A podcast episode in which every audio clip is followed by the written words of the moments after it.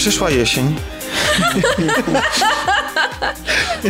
Wspaniale. A, Czyli upadek. a z nią długie jesienne E, Chciałam wieczory. powiedzieć, że Kamil kiedyś e, pisał amatorską poezję, więc może tutaj się przyszła jesień, coś zarymuje nam zaraz jeszcze. Nie no, bez, bez rymów, ale ostatnio mnie zaciekawiło. Białe wiersze bardziej wolisz. Nie, wolę właśnie takie klasyczne. Wolę klasyczne wiersze, e, które się rymują i które mają...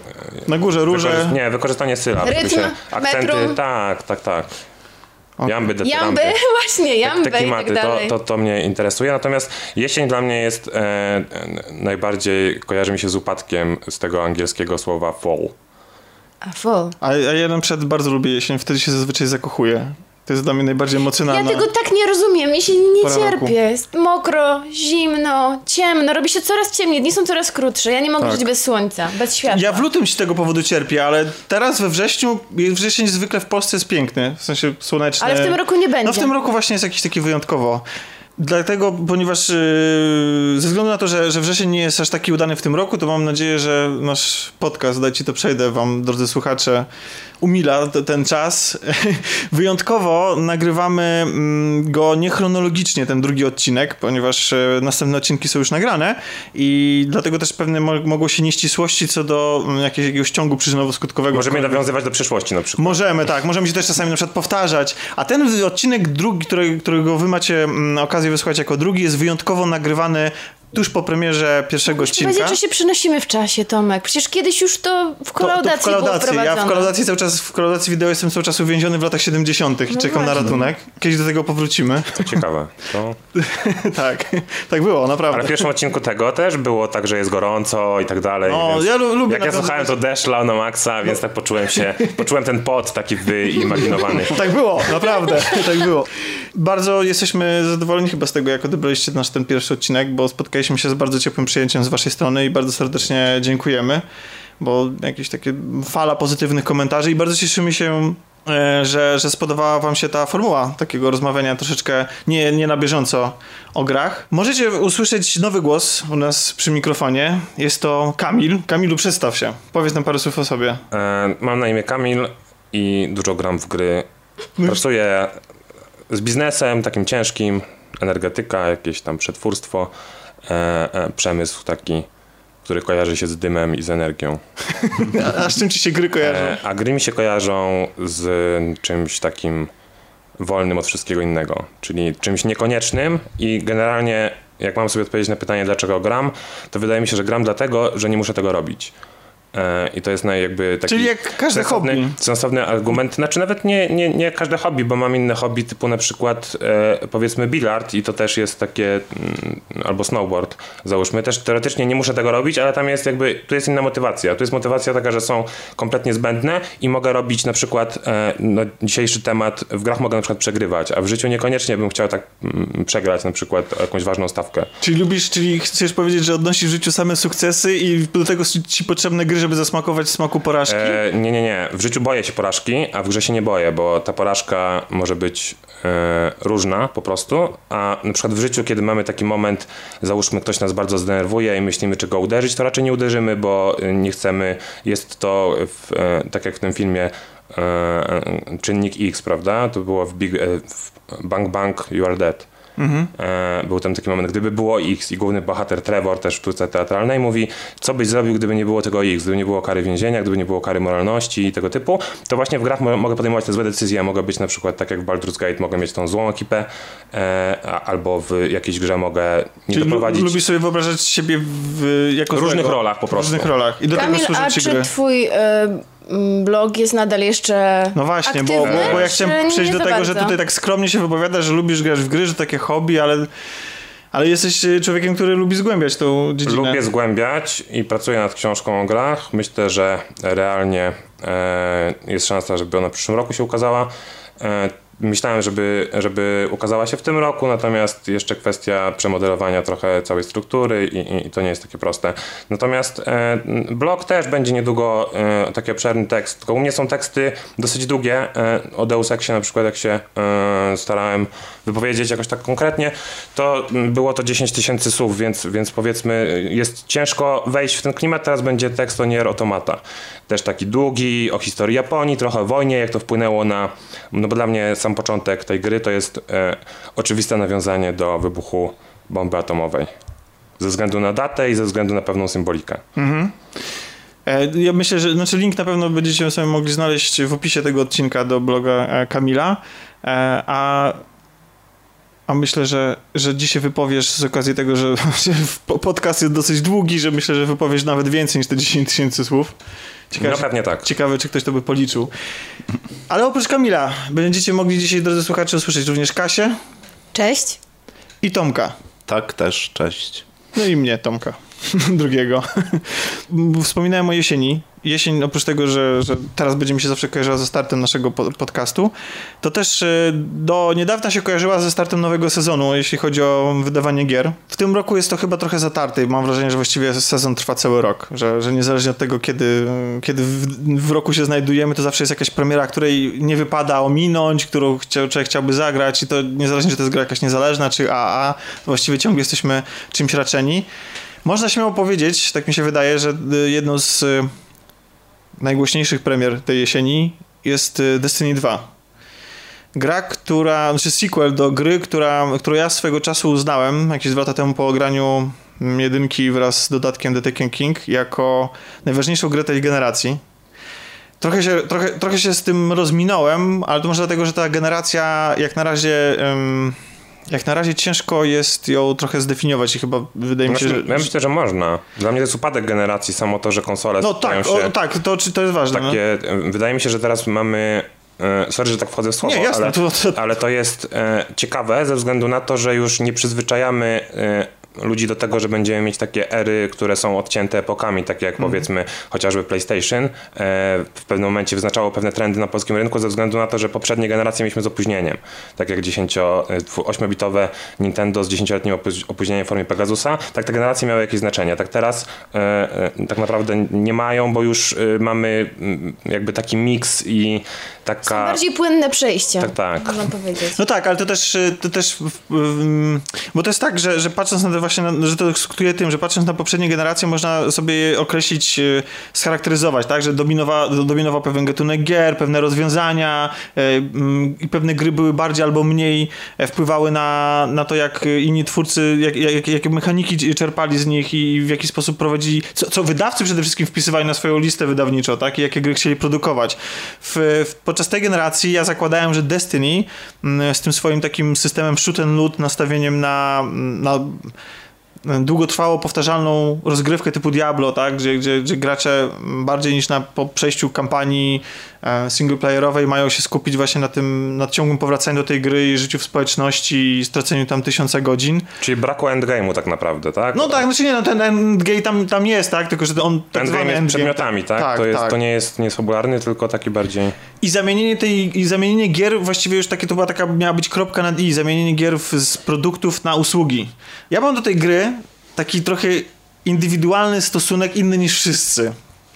Ponieważ większość ludzi narzekała, e, że ta gra została wydana w skandaliczny sposób i ja się zgadzam. To w ogóle z punktu widzenia biznesowego to był dramat, ponieważ gra została bardzo okrojona z treści, których, e, które zapowiadali i dopiero w ramach dodatków e, powiększała się, a też chyba zdaje się, że, że nie spełnili wszystkich obietnic, o których mówili na samym początku. I wyszła też ze względu na proces produkcyjny, który w pewnym momencie skutkował tym, że, że musieli zrezygnować z fabuły, którą ktoś dla nich przygotował i musieli, ma, mając te asety, mając ko- konkretne postacie, e, konkretne miejsca, musieli wszystko zmiksować i stworzyć całą e, fabułę i historię od nowa.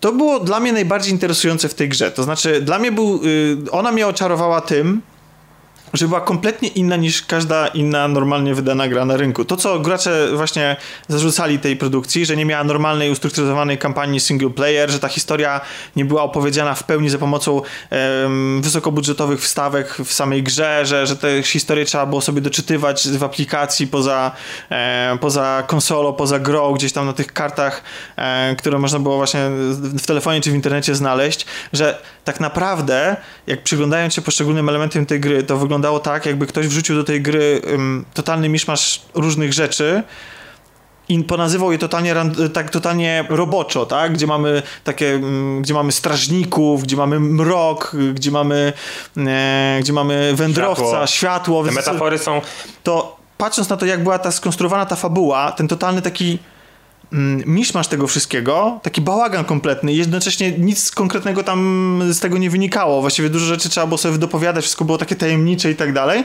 Mnie to fascynowało, dlatego zafascynowało, bo ja po prostu oczami wyobraźni sobie wyobrażałem, co oni mogą z tym zrobić. To znaczy, co, do czego to, to, to doprowadzi w przyszłości. Jak mając ten kompletny śmietnik scenariuszowy, e, i, i jakiś taki settingu i tak dalej, jak, jak oni sobie z tym poradzą, wrzucając tam, tam naprawdę było masę wątków, y, masę nawet stylów y, jakichś graficznych, styli graficznych. To wszystko było takim jednym wielkim bigosem i on mi strasznie posmakował. Ludzie mieli to, to za złe tej grze. Właśnie odbijali się od tego, że tak naprawdę ona nie miała normalnych struktury misji, tylko właściwie w każdej misji robiło się to samo. Lecisz, skanujesz, zabijasz hordę, lecisz, skanujesz, kolejny ko- kolejna horda. No i świecą ci się oczy, jak widzisz przedmioty, tak? Powiedzmy jakieś tam e, fajne. Tak, no to już mówię tutaj o endgame, o tym, co, co ludzi przyciągało y, na rajdach, na strajkach, ale właśnie, jeśli jesteśmy przy tych strajkach i przy tej, odarciu tej gry z odcięcia do sieci i zmuszenie do grania z innymi graczami, to ja się tego strasznie bałem, bo jestem graczem nastawionym na em, doświadczenie dla pojedynczego gracza, a to była dla mnie właśnie przepustka do świata gier multiplayer. Ona mnie właśnie tym oczarowała, tym, że na strajk, ponieważ ja nie miałem żadnych znajomych wtedy takich w sieci, że ja się umawiałem z nimi, że słuchajcie, teraz pójdziemy, pojedziemy sobie na strajk. Nie. Gra mi przydzielała i to, to jest super zaleta jej. Randomowych graczy, zupełnie przypadkowych graczy.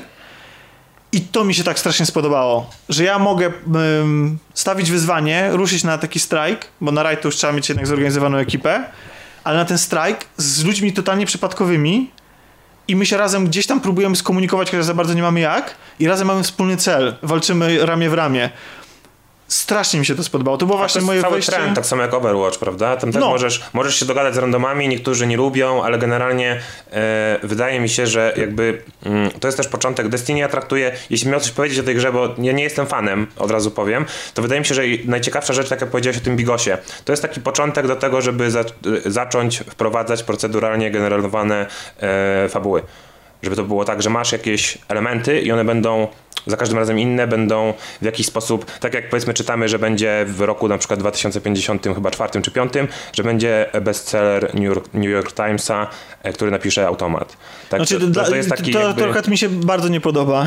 A ja ciekawy jestem, jak to będzie wyglądało. No, niekoniecznie, jasne. jakby dla mnie, mnie ciekawi sam proces, a ja w to niekoniecznie muszę grać. Znaczy, dla, dla mnie to jest odarcie jednak z, z, takiego, mm, z takiego procesu twórczego, który jest w jakiś tam sposób z, usystematyzowany i ludzie też podejmują decyzje, e, tworząc historię i konstruując gry, o czym zresztą sobie dzisiaj za chwilę powiemy, e, według jakiegoś schematu e, i, i jasne, tylko jednak jednak jest ten czynnik ludzki, jednak ktoś może postawić przecinek nie w tym miejscu, e, coś ale- zmienić, coś, nas, w jakiś sposób nas zaskoczyć. Ja wiem, że to wszystko i tak pewnie na, jakiś zas, na zasadzie jakiegoś prawdopodobieństwa i tak jest pewnie jakaś skończona ilość łączenia tych elementów, ale i tak wolę, żeby decyzję podejmował człowiek niż komputer, niż y, algorytm. A jeśli chodzi o hybrydę, jak na przykład o, chociażby no, z, innej, z innej bajki, muzyka, która jest komponowana przez urządzenie, które zawiera e, komórki żywego mózgu. Coś takiego się wydarzyło już e, i e, jakby to jest ciekawe, że te, jakby połączenie tej mocy, ktoś poza tym ktoś zaprojektował te, powiedzmy, to nawet nie jest sztuczna inteligencja w ujęciu Sarla, na razie takiej jakby nie powstała, ale hipotetycznie e, ja myślę, że jakby w Destiny załóżmy trzecim, ktoś wprowadził taki system, to mógłby być ciekawy. Typu na przykład masz zupełnie inne zakończenie, które jakby jest wygenerowane przez graczy. Od parametrów, bo to nie musi być koniecznie e, jakaś To, tam by- to, historia. to by było To by super. być ciekawe. Znaczy, wiesz, gdyby na, na zakończenie fabuły, bo oprócz tego, że ta fabuła się rozgrywała w wątku, nazwijmy to fabularnym, gdzie faktycznie miałeś jakieś tam cutscenki, ktoś do ciebie coś mówił, to oprócz tego w strajkach też była fabuła i w, e, i w rajdach. To, co się wydarzało na tych rajdach, miało konsekwencje w do, kolejnych dodatkach, gdzie, wychodziła, gdzie wychodziły kolejne misje dla pojedynczego gracza i tak dalej, więc Tam chyba nawet było tak, że rajdy czy właśnie strajki były takim e, końcowym... E, kropką na D. Tak, dokładnie. Cały Tak, ale wyobraźcie sobie zupełnie inny fabuła. scenariusz. Mamy Destiny 3 i fabularnie główny antagonista to jest najsilniejszy gracz na świecie. On się staje nagle, y, powiedzmy, tym bossem. Jeśli ma dużą bardzo przewagę, jeszcze go tam mo- jakoś podpakują deweloperzy, nawiązują kontakt z tym graczem, ten, który się wyłonił i mamy takie zamknięcie fabuły, że on jest złym charakterem i trzeba go pokonać. Super perspektywa. No, Ale wtedy każdy by Fabularnie też to czuł- takie Diablo, prawda? E, Pierwsze, Każdy ale... by też wtedy czuł, że to zakończenie i ta gra jest bardziej jego. E, W sensie, jeśli wiesz, że masz jakiś wpływ na to większy, e, to że nie odgrywasz czegoś, tylko że jesteś w tym. W Destiny jest, to jest fajnie podziel, to, to jest, ta gra jest skonstruowana wokół twojego fireteam, twoj, wokół twojej drużyny, że mm, wszystko, cała narracja i w ogóle całe przesłanie tej gry jako takie, wymowa tej gry jest taka, żebyś ty i twoja drużyna, dwóch jeszcze innych ludzi, doskonale się przy tym bawili i ty przeżywasz przygody w tym świecie. Znaczy w tym świecie. Właściwie to, mm, ten świat ci służy jak tak, jako taka jedna wielka pia- piaskownica po prostu do zabawy. To nie jest tak, że e, no tak przynajmniej było w jedynce.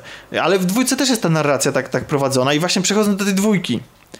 Dostaliśmy dwójkę, w której jest normalnie skonstruowana kampania, która ma normalnie cutscenki, która ma fabułę, która rozpoczyna się, ma środek i, i koniec. Tomek do niego dobrnął, ja niestety nie jeszcze. Czyli coś, na co gracze, na, na czego brak gracze narzekali bardzo w przypadku pierwszej części.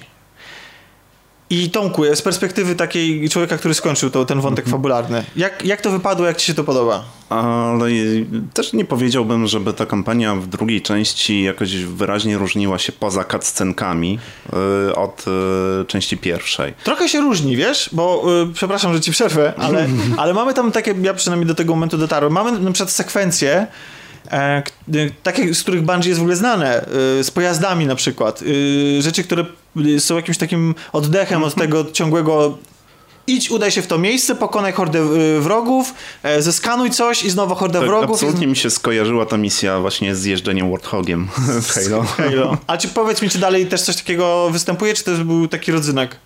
Nie, pojawia się tam, jest już taki miks. Właściwie kilka ostatnich mix, y, misji robi się już ciągiem. Nie masz możliwości chyba nawet powrotu do tych aktywności pobocznych. Czyli Mhm. już jak y, dasz krok y, w kosmos, tak powiedzmy, już nie ma powrotu, aż dojdziesz do końca Po, fabuły. punkt bez powrotu, tak? Mhm, jest coś dokładnie. takiego. E, no i jednak, wiesz, przez te cutscenki i przez to, że, że ich jest dużo więcej, no i na pewno są, mają wyższe produ- production value niż w przypadku pierwszej części, no to jednak ma się wrażenie obcowania z jakimś przemyślanym, wyreżyserowanym ciągiem zdarzeń, tak? Że, że to jest, je, jest jakaś historia, bardziej niż po prostu rando, ramo, przypadkowe jeżdżenie w w kolejne miejsca, gdzie walczysz z czymś, czego do końca nie rozumiesz, bo i tak musisz to doczytać w kartach, które ci się odblokowują po osiągnięciu jakiegoś tam poziomu i że to wszystko jest takie rozmyte i właściwie jest tu masz czarny ogród, tu masz jakieś serce, tu masz jakiś voxów, tu, nie wiesz w ogóle jak to ze sobą połączyć, nie? Tak, to jest A tutaj jest tak, fakt, że nawet jak nie znasz lore tego świata, nie, W to pierwszej się... części trzeba było sięgnąć głębiej, aby wypełnić substancją treściwą to, co się e, robi w poszczególnych misjach. E, Chyba z tego, co pamiętam, Taken King miał e, już to zrobione trochę inaczej. Miał początek zrobiony tak, że miałeś właśnie oskryptowaną, taką wyreżyserowaną sekwencję tam desantu em, i, i, i to było takie, mm, to, to, to zapowiadało, że, że gra może pod tym względem się różnić od, od y, poprzednich dodatków, czy też podstawki. Ale później właściwie robiło się dokładnie to samo i no i teraz tutaj mam jednak poczucie, że przynajmniej tyle co ja, y, możesz to potwierdzić albo nie, że, y, że tu jest jednak odrobinę inaczej przez to. Odrobinę na pewno. I pytanie tylko, czy ta gra właściwie tego potrzebowała, nie? Bo ja e, teraz mówię za siebie. Dla mnie najbardziej interesujące w e, Destiny było to, oprócz oczywiście fantastycznej mechaniki strzelania, o której tutaj w ogóle nie powiedzieliśmy, ale która właśnie, to właśnie dlatego się upiekło Activision i Bungie. em, wydanie tej gry w tak skandaliczny sposób, w ogóle ona była strasznie zabagowana do tej pory, zresztą podobno jest, em, bo, bo po prostu sama, sama walka, sama przyjemność z grania w tą grę jest, jest ogromna. Natomiast pozostawiając tą mechanikę, to, to dla, mnie, dla mnie właśnie ta inność, ta, to poszatkowanie, to niedopełnienie było dla mnie ciekawe. Po prostu wiecie, to jest tak jak oglądasz, nie wiem, filmy po prostu i każdy jeden jest skonstruowany, jest poprawnie i nagle widzisz coś, co jest inne I, i, i to było dla mnie fascynujące. A grając w tą grę, w Destiny 2, w kampanię, mam wrażenie, że przynajmniej do tego momentu, do którego ja doszedłem, że to jest po prostu sztampa. To znaczy, ja to już widziałem i ja chyba właściwie od tej gry tego nie oczekuję. To znaczy, nie, w ogóle nie jestem zaangażowany tak za bardzo w to, co się dzieje na ekranie. I dużo bardziej, dużo większą czerpię przyjemność na tym poziomie, na którym ja jestem, z uczestnictwa w publicznych eventach, czyli dokładnie w tym, co, czym mnie kupiło pierwsze Destiny, w bieganiu z przypadkowymi ludźmi, strzelaniu po prostu do, i zdobywaniu lutu, i zdobywaniu broni kolejnych i tak dalej, e, levelowaniu, przeżywaniu tych takich przygód z prawdziwymi ludźmi, niż śledzenie tej fabuły. Nie wiem, czy ty też tak y, to odbierasz. E, Nie, akurat po części masz rację. Znaczy to, że widziałeś wszystko, no to nie można dyskutować, bo jak już wielokrotnie mówiliśmy, mm, wszystko już było, tylko się zmienia sposób podania tego. I, i faktycznie, jeżeli byśmy opierali się na samych e, takich małych questach, które też są nazywane przygodami w wersji polskiej, czy tych e, eventach e, publicznych, frajda i dochodzenie do coraz mocniejszego jakby sprzętu, coraz wyższego poziomu byłoby takie same. Tutaj po zakończeniu fabuły mam wrażenie, że ona służy bardziej popchnięciu uniwersum do przodu. E, W taki sposób, którego nie dałoby rady oddać e, jednak w takich e, malutkich przygodach, questach. Zresztą nawet kończysz fabułę i- ona się nie kończy. Tam pojawiają się jeszcze, jeszcze nowe. Tak, tak, no to, już swoją drogą. Jest scena po napisach, o której wspominałem wam wczoraj, ale pojawiają się jeszcze kolejne jakby przygody, które nie wiem, no nie tyle może domykają wątki, bo też jeszcze wszystkich nie skończyłem, ale jakby wyprowadzają kolejne odnogi do tego, co się może dziać w przyszłości. jasne, czekają nas rajdy, strajki, No na kolejne pewno jeszcze dodatki. kolejne jakieś dodatki, Tak. tak. I mówiąc o tej sztampie, to, to właśnie ta sztampa mnie z, zainspirowała do dzisiejszego tematu, bo ja ją zauważyłem, tą sztampę i ona mnie tak uderzyła, że ta, że ta gra właściwie nie różni się od setek gier, które próbowałem wcześniej. W misji, w której musisz przejść i włączyć i uruchomić jakiś komunikator, przełącznik, coś tam generalnie musisz uruchomić, żeby można było się skomunikować ze światem. Po czym po dotarciu na miejsce się okazuje, że on oczywiście nie działa i musisz udać się w trzy różne miejsca po to, żeby y, uru- uruchomić po prostu e, dostarczyć prąd do tego miejsca, tak? Uruchomić jakieś generatory, kolejne trzy.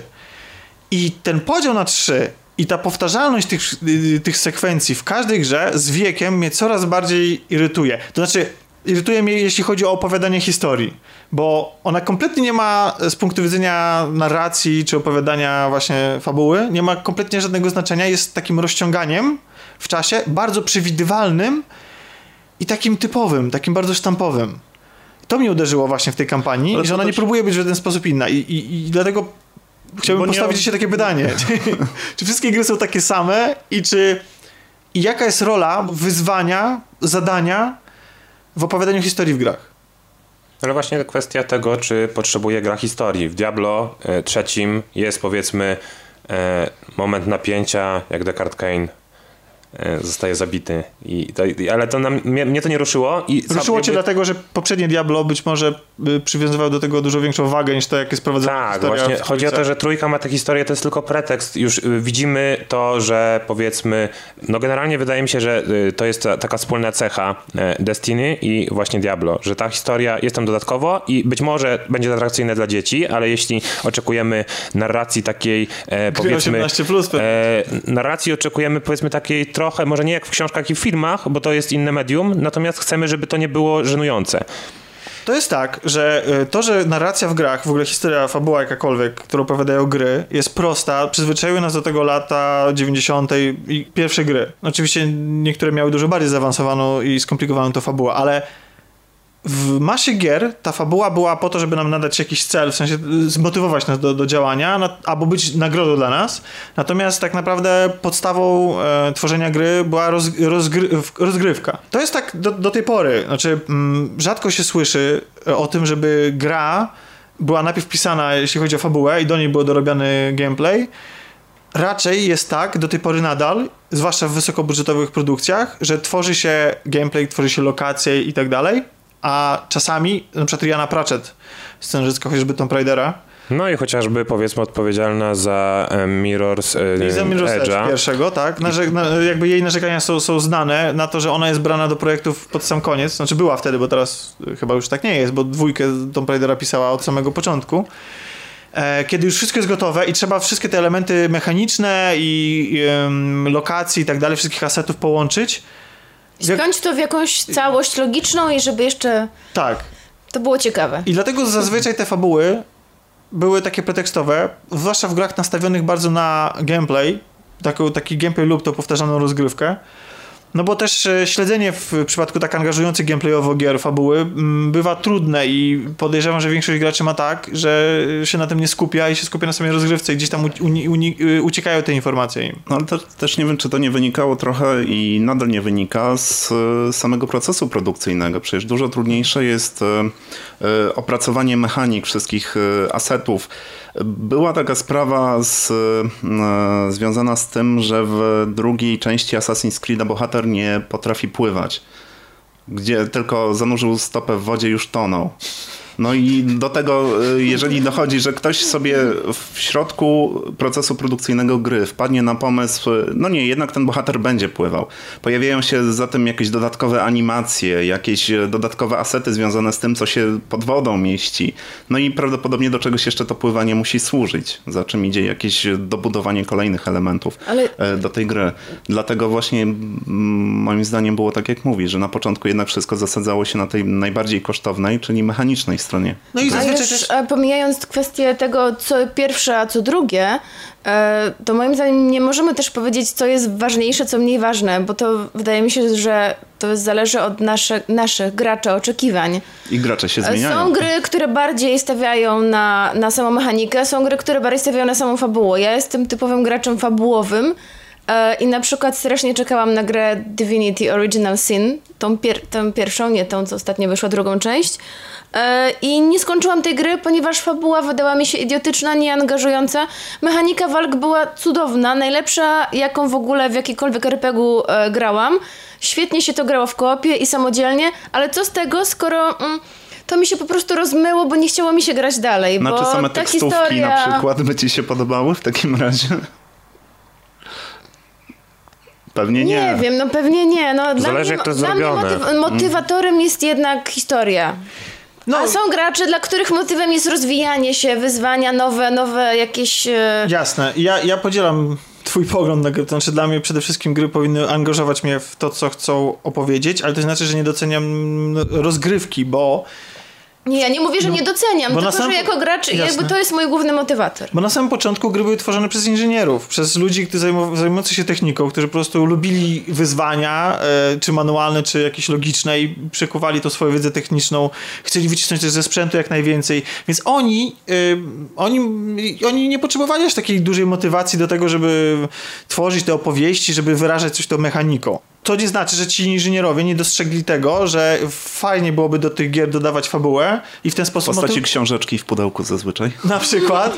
No bo wiadomo, jakby proces technologiczny... A to już później chyba trochę, to już chyba później, bo generalnie gry e, wideo i komputerowe wzięły fabułę z gier planszowych, czy z gier takich e, mm, mm ołówek, i, ołówek i papier, mhm. tak. E, to się pojawiło, sam początek tych fabuł, czyli e, korzystanie z monomitu, e, monomitu Tolkienowskiego e, był mo podkreślany. Możesz, możesz znaczy, dla słuchaczy, którzy nie, e, chodzi, o to, że, chodzi o to, że niektórzy twierdzą na przykład, że powiedzmy wszystkie historie są podobnie konstruowane, że mamy powiedzmy e, jakiś przedmiot, e, mamy jakieś zło, które się gdzieś czai, mamy jakąś drużynę, która się wybiera, e, żeby spotkać się z tym złem, tak jak jest to e, właśnie u Tolkiena. I trzeba uratować I, świat, tak? nawet nie chodzi o uratowanie świata. Ostatnio był bardzo fajny tekst, który to wyjaśnia, zareklamuję może blog Wojtka Biorońskiego, e, pisał o pierwszym Baldurze i e, chociażby e, to, że od, od zera do bohatera, później się z tego jakby rezygnuje, dlatego żeby było ten początek trzęsienia ziemi, prawda? Na przykład w Mass Effectie, że jesteśmy już osobą taką, która z jednego pieca Ojej, No teraz chyba nie, nie miałyby prawa bytu takie gry jak Baldur 1, kiedy przez pierwsze kilka godzin gry ciągle się odbywają te rzuty, a ty ciągle nie trafiasz i okładasz się kijkiem z innym bohaterem, który też jest kijkiem i to trwa 15 minut. Tak, albo ze szczurami się tam mocujesz. No tak, ale to, ale to, o, początkach, to było. o początkach mieliśmy no rozmowę. Tak, ale chodzi mi o to, że już e, w dzisiejszych czasach jednak e, chce się bardziej ściągnąć, tak jak powiedziałeś, uwagę gracza od samego początku właśnie czymś mocnym. Znaczy my się koncentrujemy, dla mnie ten wątek, żeby to krótko ująć. E, generalnie jest taki zarzut dla Tolkiena, że to jest nic innego niż mit arturiański, opakowany w inne uniwersum i tak dalej, z czym się wybitni znawcy typu na przykład Zbigniew Mikołajko nie zgadzają. Czyli uważają, że Władca Pierścieni to coś więcej niż e, mit arturiański. I I nie wiem, czy jest jakby, mamy takie historie, które znamy, tak samo jak mamy piosenki, które znamy, tylko są inaczej skonfigurowane i mamy gry, które już graliśmy, tylko y, gramy w nie jeszcze, y, jeszcze raz,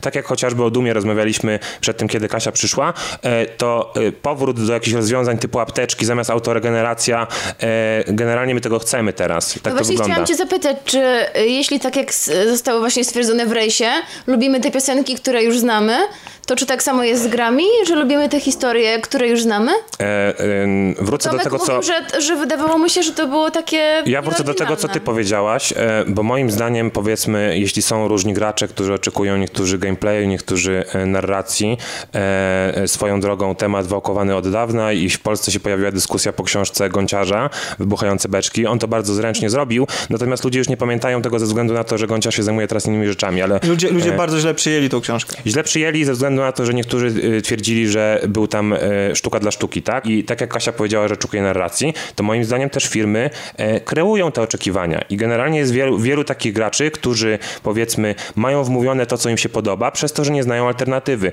Jeśli coś na przykład, nie wiem, model subskrypcyjny, który jest i w filmach, i w grach, i e, w komiksach wszędzie, e, dostajemy powiedzmy menu i jeżeli czegoś nie ma w menu, to znaczy, że tego nie ma. Tak jak tool na Spotify'u, nie ma toola, rozmawialiśmy o tym kiedyś w samochodzie, jak jechaliśmy chyba na, na rozgrywka party. Tula. E, I, no i generalnie e, ja na przykład jako osoba taka starej daty pod tym kątem Ale nie uważam... ma tula na Spotify? No nie ma Tula, bo Tur powiedział, że jego albumy są koncept albumami tak, i nie będzie jego muzyki na Spotify'u. M, nie, była taka może nie wchodźmy w ten wątek, bo my już sobie go przerobiliśmy. Tak, tak, wróćmy, wróćmy, wróćmy do naszego tematu Dobrze. głównego. Chciałem przejść od tego właśnie, że te gry wzięły się e, z, od tworów inżynierów, ludzi zafascynowanych techniką i, lu, i ludzi, którzy, wykorzy- którzy, no taka jest definicja sama gry, tak, że to jest jakiś zespół mechanik i, jego, i celem gry jest zwycięstwo, tak, wykorzystaniem i graniem według jakichś konkretnych zasad po to, żeby osiągnąć jakiś konkretny cel. Mhm. E, Z biegiem lat stało się tak, że gry stały się coraz bardziej ambitniejsze treściowo i z jednej strony mieliśmy do gier, e, które nawet wydawałoby się, że tego w ogóle nie potrzebują, doczepiane coraz bardziej ambitne treści, takie w postaci fabuły po prostu, o tym, że one o czymś opowiadają. I to jest jed, je, jeden taki przypadek nie, nie zawsze jest, nie, nie zawsze jest y, dobrze to spasowane po prostu. Mamy rozgrywkę opartą na tym gameplay loopie, na, na, na tym ciągłym powtarzaniu pewnych rzeczy, na tym, że, że, że to musi być jakiś zbiór zasad i musimy się w tych zasadach rozeznawać i, e, i wykorzystywać je i dążyć do jakiegoś konkretnego celu osiągnąć zwycięstwo. Ja mówię tutaj na przykład o, o Uncharted i do tego Uncharted jest doczepiona fabuła. Taka, która prowadzi do tego słynnego terminu e, dy- dysonans ludonarracyjny, tak? Gdzie to co, e, to, co my robimy w grze, nijak się ma do tego, o czym gra opowiada. Chociażby, nie wiem, przykład kolejny to jest Bioshock Infinite, ten słynny, tak? Gdzie w tej grze w pewnym momencie człowiek się sobie uświadamia, że ona w ogóle nie powinna być nawet strzelanką. Że najlepiej jakby, Tak. ona, w ogóle- jakby ona była Przygodówką point and click, tak. To no jest... niekoniecznie point and click, ale tak, ale to jest przygodówką, nie?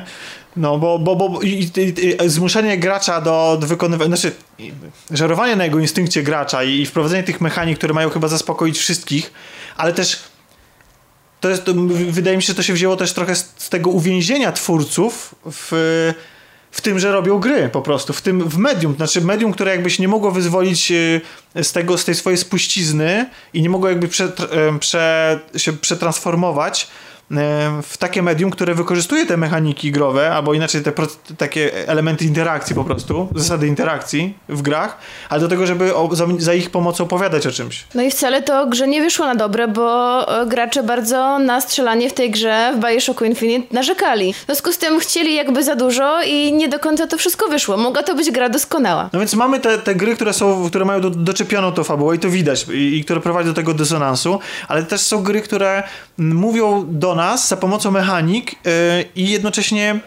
Jednocześnie to, te mechaniki są wy- wykorzystane po to, żeby, żeby nam o czymś opowiedzieć. To znaczy, że, że wykonujemy konkretnie te czynności, ponieważ one są zgodne z tym, o czym jest gra. E, I wykonujemy je dokładnie w takim rozmiarze i w takim wymiarze, w jakim potrzeba, żeby nam o czymś opowiedzieć, a nie po to, żeby dostarczyć nam, nie wiem, 20-godzinnej rozrywki po prostu i, i zapewnić ten gameplay loop. No ale jednak, gry wychodzą, wyszły, wychodzą od swoich korzeni, od, tego, od tej zadaniowości, od tego stawiania na określone zasady i od tego, że w grze musimy coś zrobić.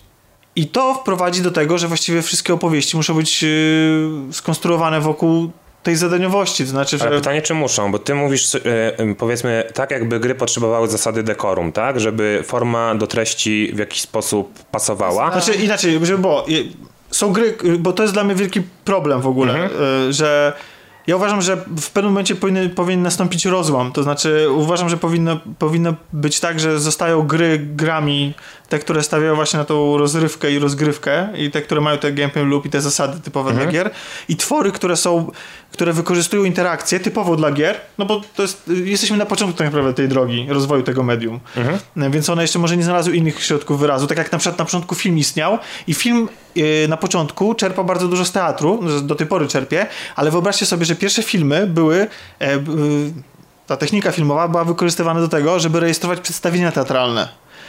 Żeby je zapisywać po prostu. I teraz wyobraźcie sobie, że największym błędem, karygodnym błędem było to, że aktor w takim przedstawieniu teatralnym zbliżył się za blisko kamery i w związku z tym mu ucinało nogi.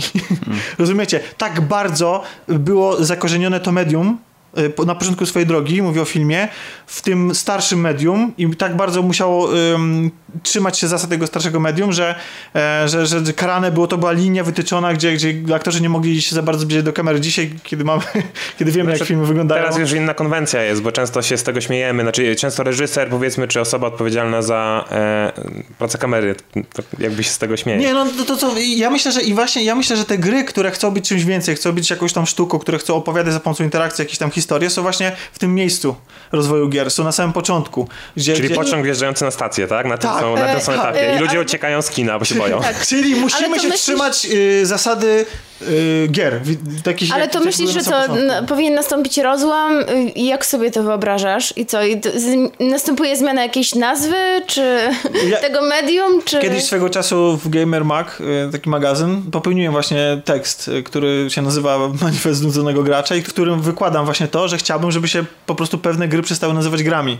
Że to szkodzi absolutnie e, rozwojowi zarówno je- jednej, e, jednej e, sfery, jak i drugiej sfery, bo te gry, takie na przykład Znaczy The Sims nie jest grą, tylko zabawą, tak? To nie Tak, jest, nie jest tak. gra, tylko y, niektórzy twierdzą, że to jest przeniesione na rynek elektroniczny, zabawa lalkami, która nie ma celu do końca. Możemy tam karierę, jakieś cele sami sobie postawić, ale gra nie stawia jako takiego. Ale i... reguły mamy, no więc Ale y, jest to... y, reguły nie definiują gry. Reguły, bo masz na przykład zabawy typu mm, powiedzmy e, no tak jak Huazinga na początku po, y, od tych psów się zaczyna. Wilki, które ze sobą się gryzą, to, to nie jest gra, to jest zabawa. E, Więc y, mają reguły, że na przykład nie gryzą się mocno w uszy. To jest taka reguła. Nie, trochę do krwi, ale jednak, żeby nie zrobić kuku. mówisz o, o zabawie y, psiaków, tak? Tak, to to jest dla mnie The Sims. Jakby my się tak bawimy. Okej, czyli, e, czyli nie, bo wydawało mi się, że różni to grę od zabawy, że jest cel i też, że są jakieś reguły. są Same reguły nie, czyli cel Niekoniecznie. Nie, być. wydaje mi się, że niekoniecznie, bo sama definicja gry, e, która jest ciężka, bo ich tych definicji jest bardzo dużo i nie ma dobrej tak naprawdę. Cały czas nam coś nie pasuje i pytanie, znaczy dla mnie na przykład Berek, powiedzmy, jest tak czy inaczej zabawą, chociaż ma jakby znamiona gry, prawda? Więc Sims, e, dla mnie no pytanie, czy Tamagotchi jest grą, no jest jakaś typu sim, e, sim, sim game, e, musimy, żeby nam nie uciekł ten zwierzak, Tamagotchi mówię o klasycznym tym rozwiązaniu, e, ale czy to jest gra? To jest doglądanie wirtualnego stworzenia. No i właśnie, i te wszystkie twory interaktywne, cyfrowe są wrzucone do jednego worka i na Steamie Stanley Parable musi walczyć o atencję z Far Cry'em y, 3 I Counter-Strike. i Counter-Strike i to są kompletnie inne, inne No dobrze, produkcje, ale które filmy kompletnie też mamy kompletnie różne. Mamy bajki dla dzieci, mamy głupie komedie, mamy filmy jakieś niszowe, artystyczne i Tak, ale- nadal to się ale- ale filmem. jest już jakąś dojrzałą jednak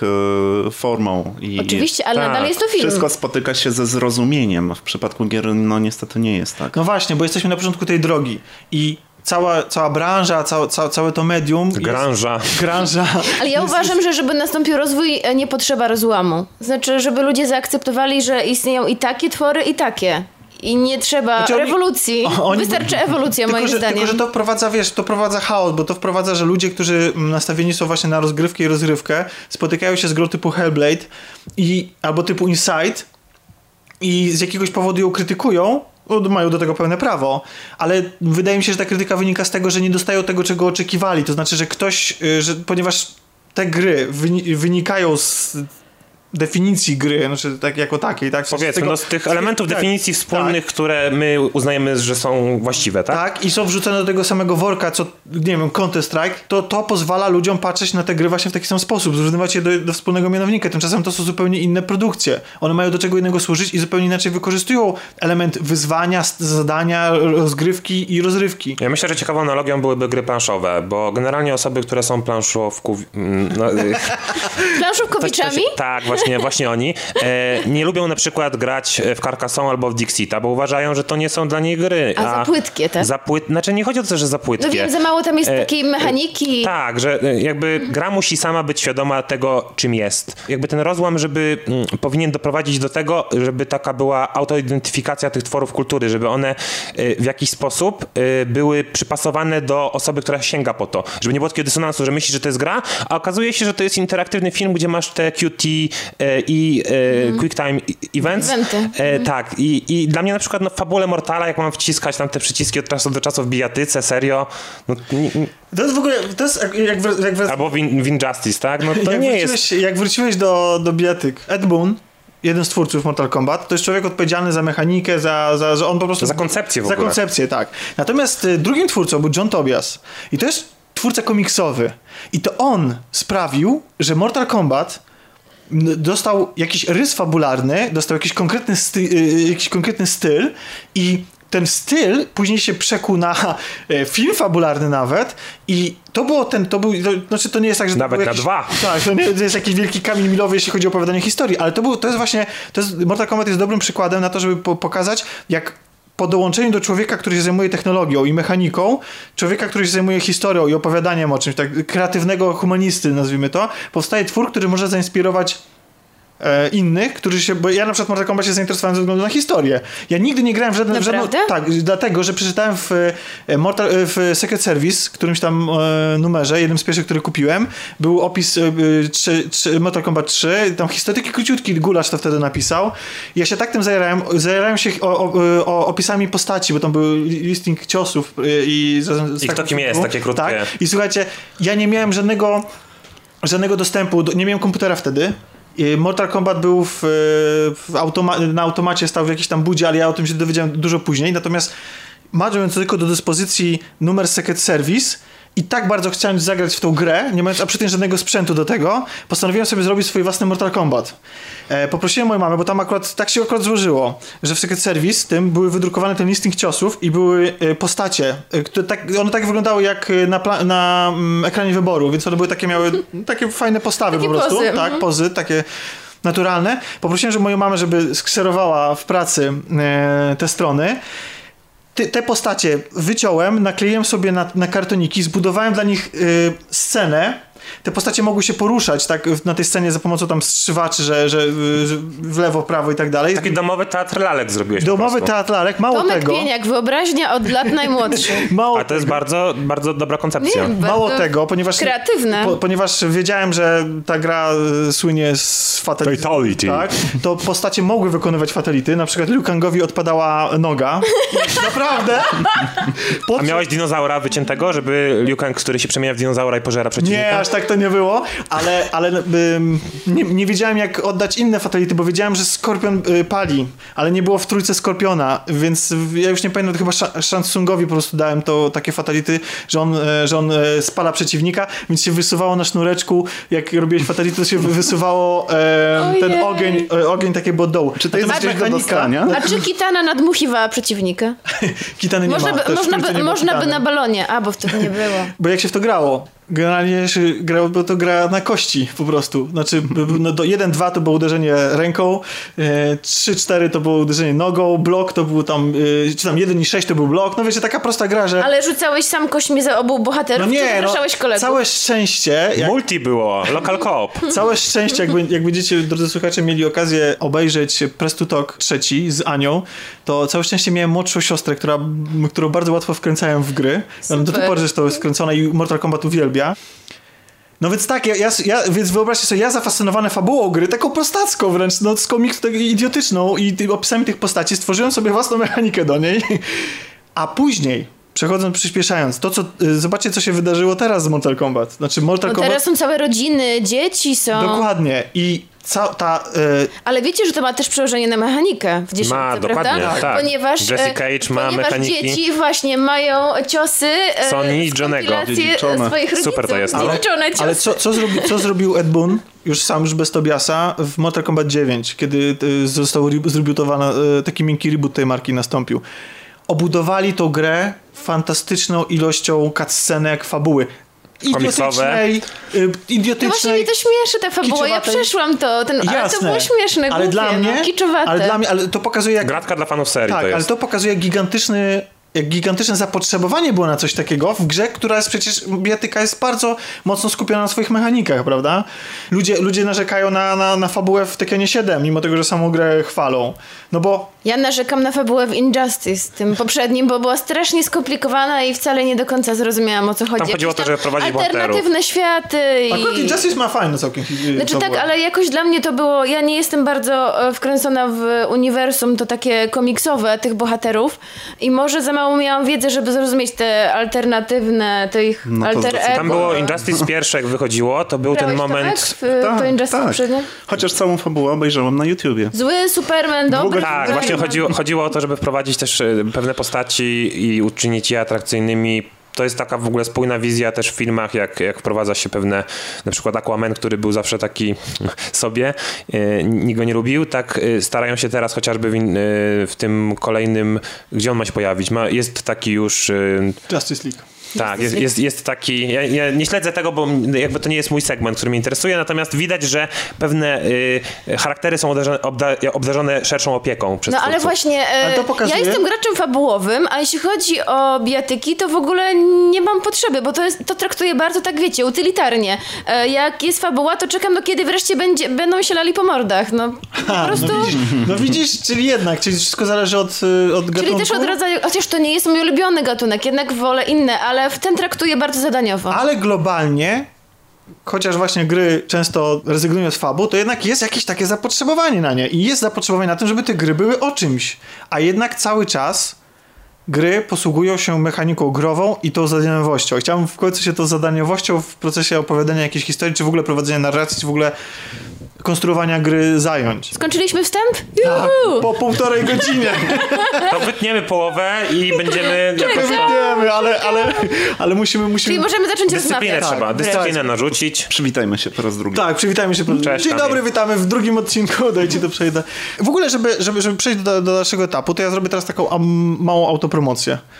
Jeżeli nie widzieliście jeszcze, to w linku pod y, opis, w opisie tego odcinka na pewno znajdziecie link do mojego skromnego felietonu na YouTubie, e, który jest takim moim zdaniem dobrym wstępem do tej naszej dalszej dyskusji i w którym poruszam e, kwestię tego, w jakich rolach gra w procesie narracji nas obsadza jako graczy. To znaczy, najłatwiej jest powiedzieć, że mm, jesteśmy głównym bohaterem po prostu, tak? No nie zawsze. Ale to nie zawsze i, i, i nawet jak niby sterujemy głównym bohaterem, to wcale nie oznacza to to samo. I my dla tej historii w grze czasami może być, możemy być na przykład y, e, narratorem, a czasami może by, możemy być zwykłym aktorem. E, W tej, tym moim felietonie trochę się bardziej w to zagłębiam, a teraz chciałbym A ten czasami temat... możemy być Bogiem, o czym będzie w następnym odcinku. Tak, może być też Bogiem, e, ale mm, po, porozmawiamy, y, porozma- rozwiniemy trochę, chciałem rozwinąć ten, ten temat trochę na, na właśnie na tej bazie tego felietonu, dlatego że jeżeli jeszcze nie mieliście okazji go e, obejrzeć, to kliknijcie i obejrzyjcie. Teraz, tak, teraz przerwa tak, przerwa, kliknijcie, obejrzyjcie i wróćcie do i nas wtedy po tym. my teraz reklamę puścimy. Tak. Kiedyś gry właściwie,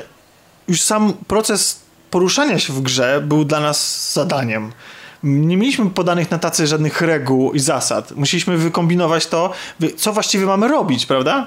No bo teraz dzisiejsze gry są opakowane znacznikami, briefingami, właściwie każda nasza czynność jest doskonale nam znana. Na no, początku jest zwykle gry tutorial, takie- tak? gry, które- Wciśnij X, wciśnij Y. Dokładnie. Więc wszystko o, o początkach sobie rozmawialiśmy. Wszystko niemalże mm, wiemy, natomiast kiedyś tak nie było.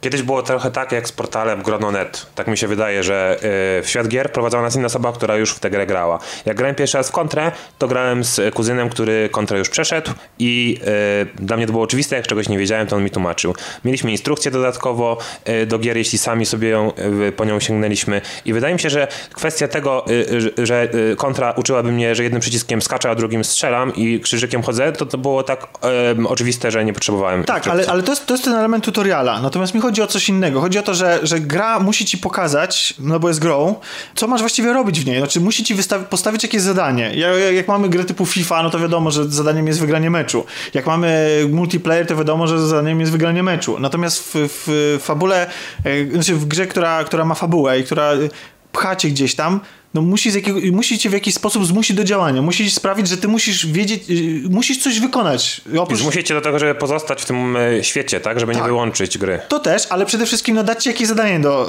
e, do, do, do roboty. pojawi się potwór, więc musisz uciekać. Na przykład. Tak, Albo z nim walczyć, tak. ale na przykład uciekać. Ale to jest właśnie charakterystyczne, że kiedyś gry, e, bo teraz często ludzie się obrażają na to, że gry są za proste, bo ci wszystko dają na tacy. W sensie wiesz, gdzie masz iść, wiesz, co, co masz zrobić i tak dalej. Mm Zwłaszcza, że mamy gry w otwartym świecie, które są usłane znacznikami i tych rzeczy do zrobienia jest po prostu cała masa. Ja na przykład nie uważam tego w ogóle za wadę. To znaczy, mm, nie uważam, że to jest wada gry, natomiast jest to dosyć dziwne z punktu widzenia narr narracyjnego. Znaczy, jak ty, jak ty się na, na, to zapatrujesz? Znaczy, jak odbierasz to, y, w jaki sposób kiedyś gry cię instruowały do tego, co masz zrobić, a, a teraz? Yy, kompletnie nie instruowały. E, ja mam jakiś taki dziwny e, zwyczaj próbowania gier od e, pierwszej edycji, pierwszej części.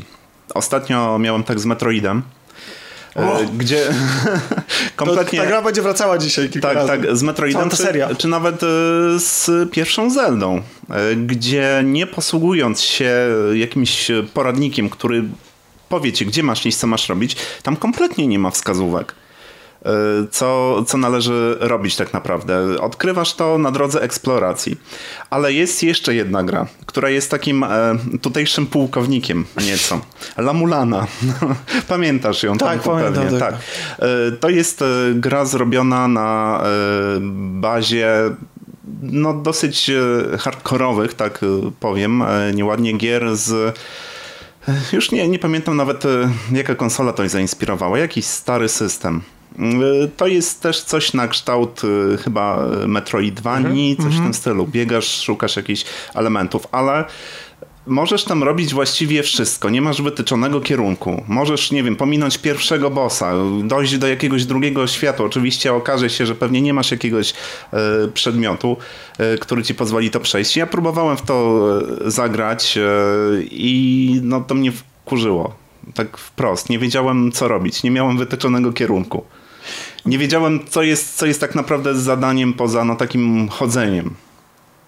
Bo to jest, bo to jest tak, że te, ta, ta niewiedza tego, co mamy zrobić, um, wynikała kiedyś z tego, że właśnie, że to, było, to był element gry, że gra y, Chciała cię, dać się odkryć. Tak, chciała dać się odkryć i ty musiałeś w nią się nauczyć grać. Na przykład przy platformówki, yy, przygotówki po ten klik kompletnie nie wiedziałeś, co masz robić właściwie, co z czym chodziłeś po omacku i do, jakaś gra ci dawała scenariuszowo, że to kogoś masz z kimś porozmawiać, coś tam odkryć, ale generalnie nie wiedziałeś kompletnie. Wszystko na wszystkim, jak było takie Są też momenty, że się klikało po prostu co popadnie, bo już człowiek był bezradny, co dalej robić. Są tak. gry, które się nie da przejść bez rozpisówek, znaczy zdrowa y, osoba nie przejdzie, typu, y, nie wiem, Różowa Pantera, a tam był taki plankton, y, który trzeba było naprawdę w piksel się tam ciemny w ogóle dół statku i Różowa Pantera musiała znaleźć kawałek planktonu, który, no nie wiem jak trzeba by było, z lupą chyba no ale to, już jest jakiś błąd w samym projekcie gry, prawda? Bo y, pojawia co jakiś czas w różnych dyskusjach przykład jakiejś takiej zagadki z y, Monkey Island, z której części już nie pamiętam, gdzie y, rozwiązania są kompletnie absurdalne. Nie masz jakiegoś najmniejszego logicznego kierunku, w którym powinieneś zmierzyć, zmierzać, kombinować. A miało to swój sens pewnie, bo znaczy... ktoś przeszedł i wtedy trzeba było dotrzeć do osoby, która to wymyśliła. Ale ktoś musiał być tą pierwszą osobą. No tylko, że, tylko, że jeżeli, jeżeli jesteś postawiony jako bohater, w takiej sytuacji, w której dla bohatera też się to jest zupełnie niewiadome, to to jest okay. dla mnie się to czyta, to jest w porządku, w sensie ty jesteś tym bohaterem i jak ten bohater odczuwasz to zagubienie w tej sytuacji. ale tak. są, ale generalnie kiedy, kiedy gry kazały ci się wcielać w kogoś na tej zasadzie, że jesteś aktorem wcielającym się w jakąś postać, e, czyli ty jesteś tą postacią i ta postać na przykład nie wie tego, jakie jest hasło do swojego komputera, nie wie, wiecie o co chodzi. Mhm. Z punktu widzenia prowadzenia opowieści to jest idiotyczne, że my nie jesteśmy, my jako gracz nie wiemy o pewnych rzeczach związanych ze światem. Jeżeli, y, jeżeli ta postać też o tym nie wie, a my mamy się w nią wcielić, to jest głupie. Dlatego dla mnie na przykład, ponieważ ja uważam, że akurat posługiwanie się interfejsem użytkownika Ym, To jest dla mnie akurat jest ułomność pewna. Ja powiedziałem wcześniej, że znaczniki mi nie przeszkadzają. Znaczy mi nie przeszkadza to, że ja wiem, gdzie mam iść. O to mi chodzi. Że, Bo ja tra- traktuję to w taki sposób, że moja postać wie. Że to nie, że, że ja muszę się dowiedzieć tego, ja jako gracz, no bo ja jestem, kim ja jestem, muszę sobie najpierw znaleźć... No jesteś Wiedźminem z doskonałym węchem, węchem, więc wiesz, gdzie masz iść, tak? Bo Dokładnie, jest dokładnie, bo, bo ja to traktuję tak jak, tak jak właśnie w swoim felietonie wspominałem, to traktuję w taki sposób, że ja się wcielam w pewną rolę, że ja ją odgrywam po to, żeby doświadczyć jej bardziej. Ja mogę ją mniej lub bardziej kreować, to znaczy, że mogę stwor- stworzyć tego akurat w Wiedźminie, że to jest Wiedźmin bardziej mój, ponieważ jest... Ponieważ... Dwojaki może być, masz Tak, opcję. tak. I, i, I ktoś mi daje szansę na wyreżyserowanie. Mam ten skrypt, tak? I sobie wybierz, czy on będzie bardziej tak grał, czy będzie tak Bardziej grał. ironiczny, czy bardziej dobroduszny? Ale, ale reszta gry polega na tym, żebym ja się w tego Wiedźmina wczuł, e, w sensie takim, żebym mm, zagrał jego, tak jak aktor gra rolę i jako kaskader pomógł mu mm, Tak, te, tak, tak. Te, te trudniejsze elementy gry pokonać, jeśli chodzi o wyzwanie zręcznościowe. Więc dla mnie fakt, że Wiedźmin wie, gdzie ma się udać i ma ten znacznik, jest, absolutnie się wpisuje to, w, dużo bardziej się w to wpisuje niż to, gdyby on nie miał zielonego pojęcia, co ma robić. Ale No. mnie też znaczniki nie przeszkadzają, a wręcz ostatnio grałam e, w taką staroszkolną grę, czy też RPG Age of Decadence i na początku po opisie myślę, o będzie świetnie, będzie świetnie, ale w tej grze tak bardzo nie wiadomo gdzie iść i co robić, że po jakichś dwóch godzinach wyłączyłam, bo miałam już po prostu czułam się zniechęcona. Czyli jednak czasami te ułatwienia nie są... Nie wybijają z tej imersji, wręcz przeciwnie. Ale wiesz, przyzwyczailiśmy się, bo y, kiedy, Może nie masz, też. kiedy nie masz tych drogowskazów, to widać chociażby, jeśli ktoś był fanem Morrowinda i sobie pogra w Skyrima. Załóżmy, że jest taka osoba, która nie grała w Skyrima, Mhm. nie wie jak to wygląda. Y, no to wydaje mi się, że po prostu też pewien trend, y, przyzwyczajamy się do niego i, i, nie chcemy na przykład, załóżmy, jak jest jakiś sposób, tak jak o ładowaniu broni mówiliśmy. Kiedyś tego nie było, przyciskiem R się przeładowywało, a teraz na przykład przyciskiem R w określonym momencie i chcemy tej mechaniki, bo ona się sprawdza, może być lepiej lub gorzej zrealizowana, coś z niej może wynikać, ale generalnie tak samo jak na przykład w Final Fantasy X, jak sobie ostatnio odświeżałem, to mi przeszkadza, że tym prawym grzybkiem nie mogę kamerą obracać. Naprawdę, to jest teraz dla mnie duży problem. Mogliby to zrobić, bo mi sama ręka chodzi, nic z tym nie robię, a gra jest tak skonstruowana na że- PlayStation no tak, 2. ale- Ale to podejrz- prawda, bo kiedy mm, po prostu takich mechanicznych przyzwyczajeń, znaczy nasze ciało po prostu przyzwyczaja się do tego, jak reagować na pewne rzeczy. A I wystarczy tak samo jedna, jak jedna e, generacja, a to już jest, być duży ból. e, grał, e, Piotrek mówił, że po tym jak grał Wiedźmina a na padzie, e, potem graliśmy razem w Horizona i mówił, że ciągle podskakiwał zamiast kucać, ponieważ dokładnie ten sam przycisk odpowiadał za Co e, innego. za co innego. Ja wspomniałem wcześniej właśnie że o tych znacznikach. Nie przeszkadza mi to, tak jak mówiłem, że wiem, co mam zrobić. Natomiast przeszkadza mi fakt, w jaki sposób jest to mi komunikowane. I są gry, które sprytnie wprowadzają to jako element narracji, czyli na przykład Assassin's Creed, gdzie mamy Animusa, który jest element, który tłumaczy nam, dlaczego widzimy e, Albo, ktoś, Hada, albo tak? ktoś może dać ci mapę do ręki i na tej mapie mówi, zaznaczyłem ci lokację. I to jest, i to jest proste, super. ale fajne moim zdaniem. Natomiast przywoływany tutaj przez nas wielokrotnie Hellblade uważam, że fenomenalnie to robi. To znaczy, nie tylko Hellblade, ale y, fenomenalnie posług- y, mówi nam, co mamy robić i jednocześnie nie wybija nas z tego, że to postać mówi i myśli, że ona wie doskonale, co ona ma robić. Mianowicie te głosy wewnętrzne. To oczywiście ta gra jest skupiona na, porusza- na, na, na temacie schizofrenii i, i, i te, te głosy są tego elementem. Natomiast y, ja nie mam nic przeciwko temu, chyba zdaje się, że w Uncharted y, post, y, Drake bardzo często do siebie coś mówi. Dla mnie super byłoby, całym, żeby całym interfejsem była ta postać, w którą się wcielam. Żeby ona na przykład komentowała to, co widzi. Ludzie, ludzie mają to za złe w Horizon, że A ona, właśnie w Horizonie, przecież to chciałam właśnie powiedzieć. Ona bardzo często mówi, o tutaj nie zejdę, muszę, e, chyba w takim razie muszę zrobić to inaczej. I to ci daje jakąś wskazówkę do tego, jak do tego podejść. I ludziom to przeszkadza, że ona się ciągle odzywa. No, a dla To mnie, przeszkadza? a dla To mnie- było super. Dla, dla mnie też jest to super i prawdę mówiąc wolałbym się pozbyć wszystkich elementów, tych y, znaczników na ekranie, jakichś opisów i tak dalej. Strzałek, kropek, taki... Tak, aczkolwiek to niestety w grze, w której jest tak bogate otoczenie, gdzie bardzo łatwo y, Trudno tego przeoczyć. uniknąć. Tak, to jest, jest to jakiś tam wymóg, nie? Ale też często pojawiają się chociażby w przywołanym Uncharted takie scenki, że wchodzimy na jakąś nową scenę i nagle wzrok właśnie postaci skupia się na jakimś elemencie. O, tam trzeba dotrzeć, albo tam, tam jest rozbity samolot. I właśnie w tamtym To jest kierunku fajne, takie, też to było w Wiedźminie, jak się w y, y, Siri w, y, po tym śniegu, jak musieliśmy biec, to było pewne, latarnia chyba tam mrugnęła, czy jakoś tak i to y, To dało taką wskazówkę, świecie. Mhm. dało fajną wskazówkę i tak powinien powinien być moim zdaniem też interfejs skonstruowany, e, który jest zakamuflowany i niekoniecznie musi być taki oczywisty. Niekoniecznie musi być tą powłoką taką, jakbyśmy mieli Google Glass na przykład Mhm. i, i mamy jakieś znaczniki zawsze. W ogóle z czasem się może okazać, że faktycznie będziemy mieli właśnie Google Glass i dla nas to będzie zupełnie naturalne, że taki HUD widzimy w, w, Tak, w tak. rzeczywistości, ale Mamy coś takiego bardzo często wprowadzane w grach, że ten HUD się właśnie pojawia No. w momencie, kiedy bohater założy jakieś okulary, maskę, cokolwiek. Albo spojrzy w mapę, tak? Jak wyciąga. Są- Były takie gry jeszcze chyba w drugim albo, kraju, że biorą mapkę i tam... Pip-Boya. Tak, tak, tak. No to jest sensowne. Natomiast y, to jest też tak, że ja sobie zdaję sprawę z tego, że gry się konsumuje na rozmaity sposób i dopóki one jeszcze są, próbują spełniać swoje dwojakie funkcje, czyli być i tą rozrywką i oferować mnogość mechanik i ten gameplay loop i tak dalej, a jednocześnie opowiadać jakąś historię, one muszą trafiać do dwóch rodzajów graczy. Znaczy i do takich, którzy z, śledzą bardzo uważnie to, co się dzieje, czy jakie postacie do nas mówią, co, kto nam co zleca i ogarniają w ogóle to, co mm, y, cał, c- całą fabułę po prostu, tak? To, to, to, to, co jest do nas przekazywane. Gracze nie niedzielni. Tak, niedzielni, ale nie, są też raczej nie niedzielni, zafokusowani na samej mechanice i tacy, którzy nie śledzą do końca mm, tego, mm, co się do nich mówi i o czym jest gra, bardziej się skupiają na przyjemności czerpania z mechaniki i oni też muszą wiedzieć, co mają zrobić. E, i, I ja rozumiem, że, że właśnie, że, że, oni, że oni potrzebują mieć tych yy, wytycznych. Poza tym do gry się wraca czasami po wielu miesiącach i ciężko się... Tak, nie- ciężko jest się w połowie gry połapać mechanicę, która cię jakby uczyłeś się przez 10 mechanice godzin. I przede wszystkim tego, co masz zrobić. Tylko właśnie dla mnie, kiedy, im bardziej te gry się skupiają na opowiadaniu historii, im bardziej chcą o czymś mi opowiedzieć, a jednocześnie trzymają się tego, te, te, tych- tych zasad tworzenia gier, tego, tej, tej, tej właśnie tej zadaniowości, to coraz częściej jakby one mm, no nie, sprost, nie same nie, nie sprostają zadaniu. W sensie ta, ta zadaniowość wy- wybija mnie z tego, tak jak w tym wspomnianym Destiny, że ja musiałem uruchomić po raz tysięczny w jakiejś kolejnej grze trzy generatory. Ja się tego spodziewałem. To było, to było strasznie schematyczne. I teraz pytanie, czy w ogóle Ktoś tego nie widział, to go nie ukuje. Tak. A ciebie ukuło.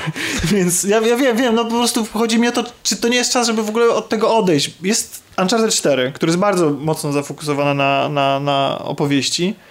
I tam na przykład jest tak, że mamy element z wciągarką. To jest taki fragment, w którym musimy wciągnąć samochód, znaleźć, e, e, znaleźć odpowiednie drzewo, zaczepić wciągarkę i wciągnąć samochód. Dla mnie raz ten element byłby super. Natomiast on się znowu powtarza w grze i ja nie wiem dlaczego. To znaczy on, y, ani to nie jest dla mnie drugi raz wow, zwłaszcza, że on nie stanowi wyzwania. Bo tutaj dochodzimy do tego, do, tego, do tego momentu, w którym gry kiedyś oparte bardzo na tej zadaniowości i na tym stawianiu wyzwania graczowi, na każdym, że one miały być po prostu wyzwaniem, miałeś sprostać, pokonać tę grę. No one mogły, im to uchodziło na, na bezkarnie, moim zdaniem, w opowiadaniu historii, że, że, że one musiały być mieć tą zadaniowość i tą, tą trudność w pokonywaniu. Tymczasem teraz jest inaczej. Teraz się od tego odchodzi. No, bo oczywiście wiadomo, że mówimy na jakimś poziomie ogólności, bo znajdzie się masę przykładów, które pewnie dzisiaj zaraz y, do nich dojdziemy, które wracają do tych starych rozwiązań, ale No, na generalnie... poziomie totalnym jest tak. Tak. Statystycznie rzecz ujmując, Tak. tak. jest jak mówisz. I częściej mamy po prostu w grze wykonać jakąś czynność, tak po prostu. Podejść, nacisnąć X, nacisnąć kwadrat, żeby coś się zadziało i to nie stanowi dla Kwadrat, nas... żeby zasalutować. Na przykład. I to, I to nie stanowi dla nas wyzwania. I teraz jak wy się na coś takiego zapatrujecie, nie? Bo dla mnie na przykład to jest akurat, to jest kontrowersyjne co powiem, ale to jest pozytywna zmiana. Bo nie wszystko musi być wyzwaniem. Ja nie muszę wiedzieć, ja nie muszę w grze non-stop y, rozwiązywać jakichś zagadek, non-stop, ym, s- że ka każda czynność, którą muszę wykonać ma być dla mnie wyzwaniem, zadaniem do, wy do Nie no, nie musi. Na przykład wystarczy dać za przykład gry Telltale, w których bardzo często po prostu trzeba e, wci- Mam wrażenie, że tam trzeba czasem coś wcisnąć, aby gra przypomniała nam, że nie tylko jesteśmy widzem, że nie tylko oglądamy. No, one są oparte na konwersacji, tam akurat No to tak, ale chodzi mi o to, że nie masz tam żadnych wyzwań. E, Czasami, czasami się oczywiście zdarzają, ale to są tylko takie dodatki. Zwykle po prostu chodzi o to, żeby uczestniczyć w tej historii, żeby się wczuć. No i właśnie I teraz tyle. jest pytanie, czy wy potrzebujecie tych wyzwań? Czy... Zależy jak to jest zrobione, bo na przykład e, pewnie też o tym gadaliście już e, Beyond Two Souls, tak? Tam jest pewien e, jest pewien problem w tej grze, no bo... Bo tam jest dużo problemów. Tak, tak. Je- Jest, jest dużo problemów. David takich Cage jest- to jest tak, tak, pierwszy tak. na liście. Jest, jest pierwszy na liście, ale czasami nie wiem, czy akurat y, jakby chciałbym drążyć w tym, czy dla mnie, tak jak powiedziałeś, jeśli w grze, załóżmy, y, analogia do gier papierowych RPG, jeśli gram krasnoludem małomównym, to ja chcę, żeby mistrz gry przyznał mi punkty doświadczenia za to, że ja się nie odezwę. to tak samo jakby, y, żeby wszystko było skorelowane w ten sposób, tak jak mówisz, czy jestem reżyserem, czy jestem powiedzmy głównym bohaterem, czy jestem, nagle może się zmieniać bohater, jak mamy na przykład dwóch bohaterów albo trzech, nie mówię tu tylko o powiedzmy GTA, y, Banner Saga 2, gdzie mamy dwie jakby historie, które się splotą, y, pomieszanie gry taktycznej, gdzie walczymy na polach kwadratowych y, i jak niemalże szachy, takie mm. rozbudowane, a jednocześnie typowy visual novel. Z Mówisz o Fire Emblem na przykład. Tak, tak, tak. Na przykład... Fire Emblem to jest w ogóle bardzo ciekawy przypadek, bo on akurat fenomenalnie łączy, ze, wplata, w, wykorzystuje mechaniki strategii do tego, żeby opowiadać też historię.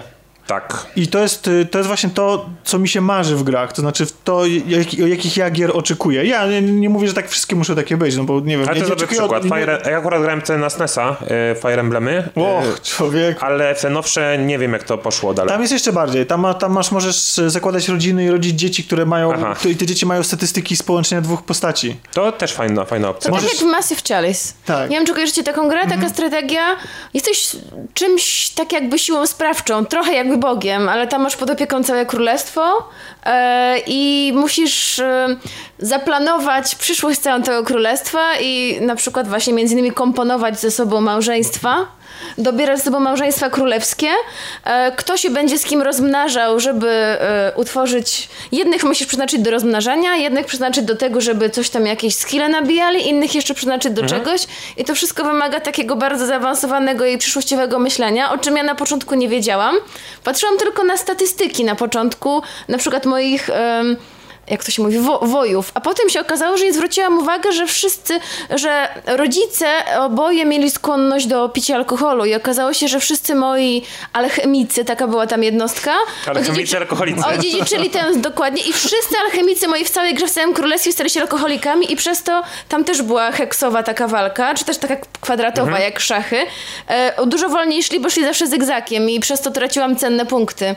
Więc e, to jest moim zdaniem też fajne zaangażowanie e, fabularne, fabuły do mechaniki i mechaniki do fabuły. Nie, to jest fajne, bo gra wie czym jest. Jeśli gra wie czym jest, tak samo jak na przykład książka wie, że jest kryminałem, a nie na przykład tak, czym tak. innym, to tak samo, nie wiem, film wie, że jest na przykład karykaturą i że jest, nie mm. wiem, horrorem, na mhm, przykład mm. jeszcze mm. jednocześnie komediohorrorem. Czyli, pe czyli pełna wy świadomość wykorzystania świadomość, tak. mechanik i do tego, co się chce opowiedzieć za pomocą. Bo na przykład weźmy na przykład Duma zeszłorocznego, -hmm. który dla mnie jest w ogóle najlepszą grą zeszłego roku, bo e, to jest gra, która bardzo świadomie mm, wie czym jest. Jest mhm. rozrywką i tam jest fabuła, tam jest lore, ale sprzedawany w taki sposób, że jak ktoś chce, to się dowie. Natomiast y, jak cię to nie obchodzi, to ci ona nie przeszkadza w niczym. ten koniec jest taki...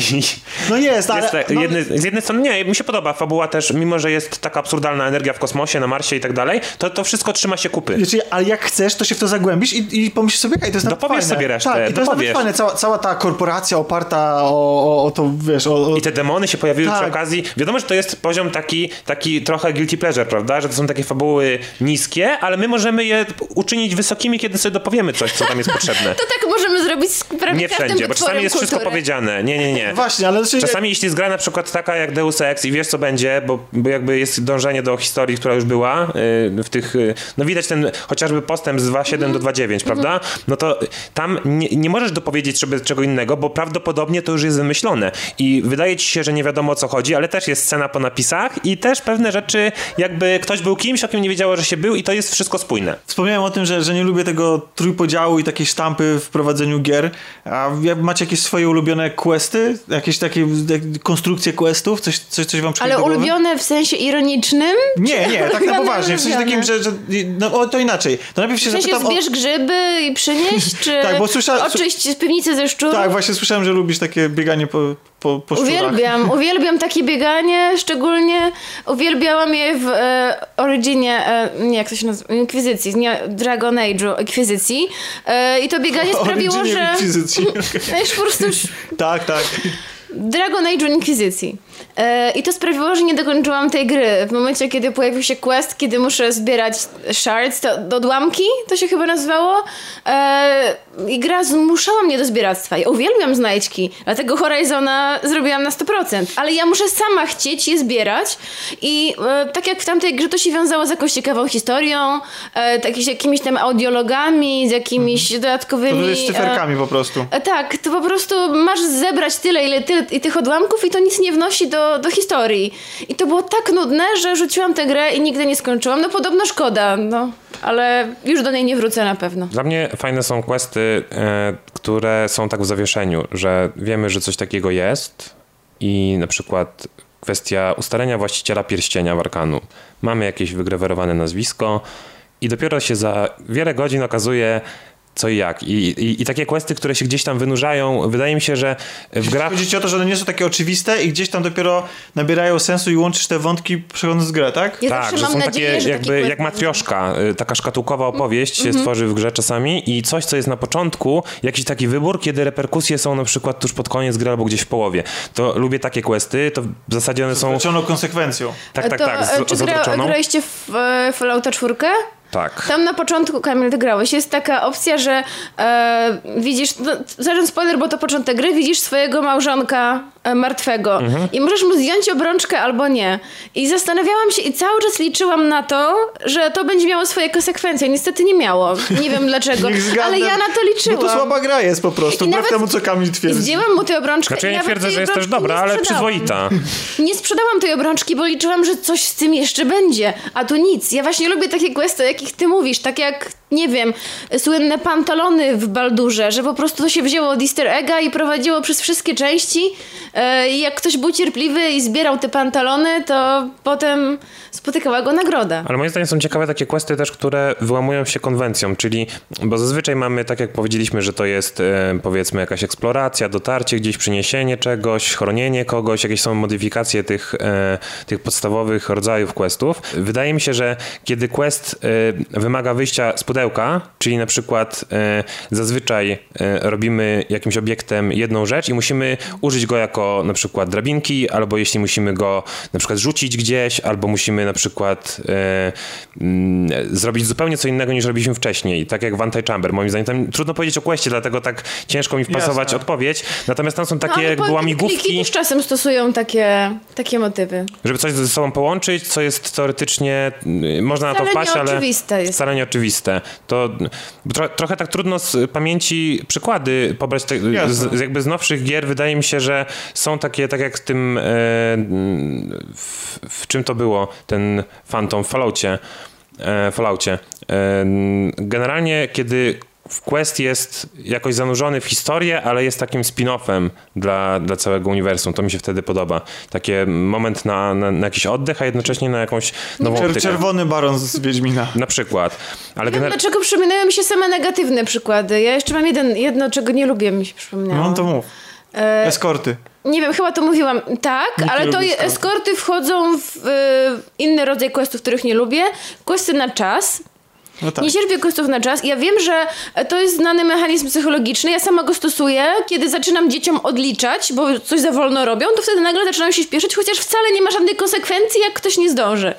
To jest normalne, że e, dodajemy emocji, kiedy mówimy, no to macie na to 30 sekund. Typowa nauczycielka, po prostu znęcasz się. No, muszę stosować jakieś, jakieś haczyki, ale oczywiście, kiedy ja to na sobie tego doświadczam, nie cierpię tego, strasznie się stresuję. E, a to jest ciekawe, kiedy się stresuję, to wtedy mi gorzej idzie. I po prostu pamiętam, że jak w L.A. Noir miałam jakieś takie pościgi właśnie na czas, że muszę kogoś gdzieś tam dogonić, to zawsze rozwalałam pół miasta, bo zapominałam jak się kieruje tym samochodem, bo tak strasznie się stresowałam. A tym. wolicie w, te, w takich misjach mieć ten czas odmierzany, czy nie? Zależy od gry, bo na przykład... Bo ja na przykład wolę nie wiedzieć. Mm, I po prostu potem się dowiedzieć w momencie, kiedy ten czas minie dopiero, tak? Tak, i następnym, jeżeli nie przyszedłem, to... to... już mam quest, już wiemy, który quest mi się podobał. Z czasem quest podobał mi się bardzo w dodatku do Wiedźmina, gdy trzeba było e, ten e, domknięcie głównego questu e, i trzeba było jakby zrezygnować z pokusy eksploracji tam było dużo skarbów, można było jakiś tam dodatkowy miecz chyba pod jakimś drzewem znaleźć, była jakaś komnata ze złotem i e, kosztownościami. Wprawny gracz pewnie jakby znał to na pamięć, to by wszystko zgarnął i jeszcze by wykonał quest, ale e, jakby adrenalina, która e, nie było tam zegarka, ale było wiadomo, że znaczy był chyba ten pasek, tak, który się kurczył. Już nie pamiętam. Mówisz o krewi, nie o krewi wino, tylko yy, serce z kamienia? Serce z kamienia, tak. No tak, tak. To, to, to, to, to, to jest ciekawe rozwiązanie. I, Albo w Baldurze. I, takie, i, takie, i, takie, i takie, takie stojące w kącie do samej gry, która cię zachęca do tego, żebyś zaglądał pod każdy kamień, prawda? Co w Tak, Baldurze? W Baldurze pierwszym, jak byliśmy zatruci, to był super quest. Też był na czas, tylko że można było się. y, y, jakby on był źle zaimplementowany, bo pierwszy raz jak grałem, to y, wcześniej jakby zabiłem te potwory, czy tam oczyściłem to miejsce, gdzie powinna być odtrutka. Ale nie wziąłem jej.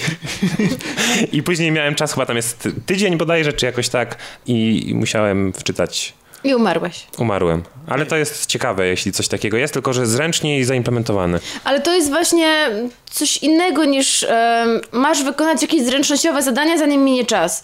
Po prostu zagadki e, Riddlera w Batman Arkham Knight, gdzie trzeba było jeździć samochodem na czas, robić te wszystkie rzeczy, a ja w samochodowe gry jestem beznadziejna, to oczywiście do Piotrka weź mi to przejdź, bo... Albo w GTA było bodajże w Vice City czy w Trójce, tam była ta, te latające czy helikoptery, czy samoloty, z nimi się bardzo trudno Jedna sterowało, a, misji, tak. a jednocześnie to słynna. ta słynna misja, która była Ojej, jeszcze w Borderlandsach też było Dziwne. jeżdżenie na czas z jakimiś przesyłkami. Rany, od razu przypomniało mi się same najgorsze rzeczy.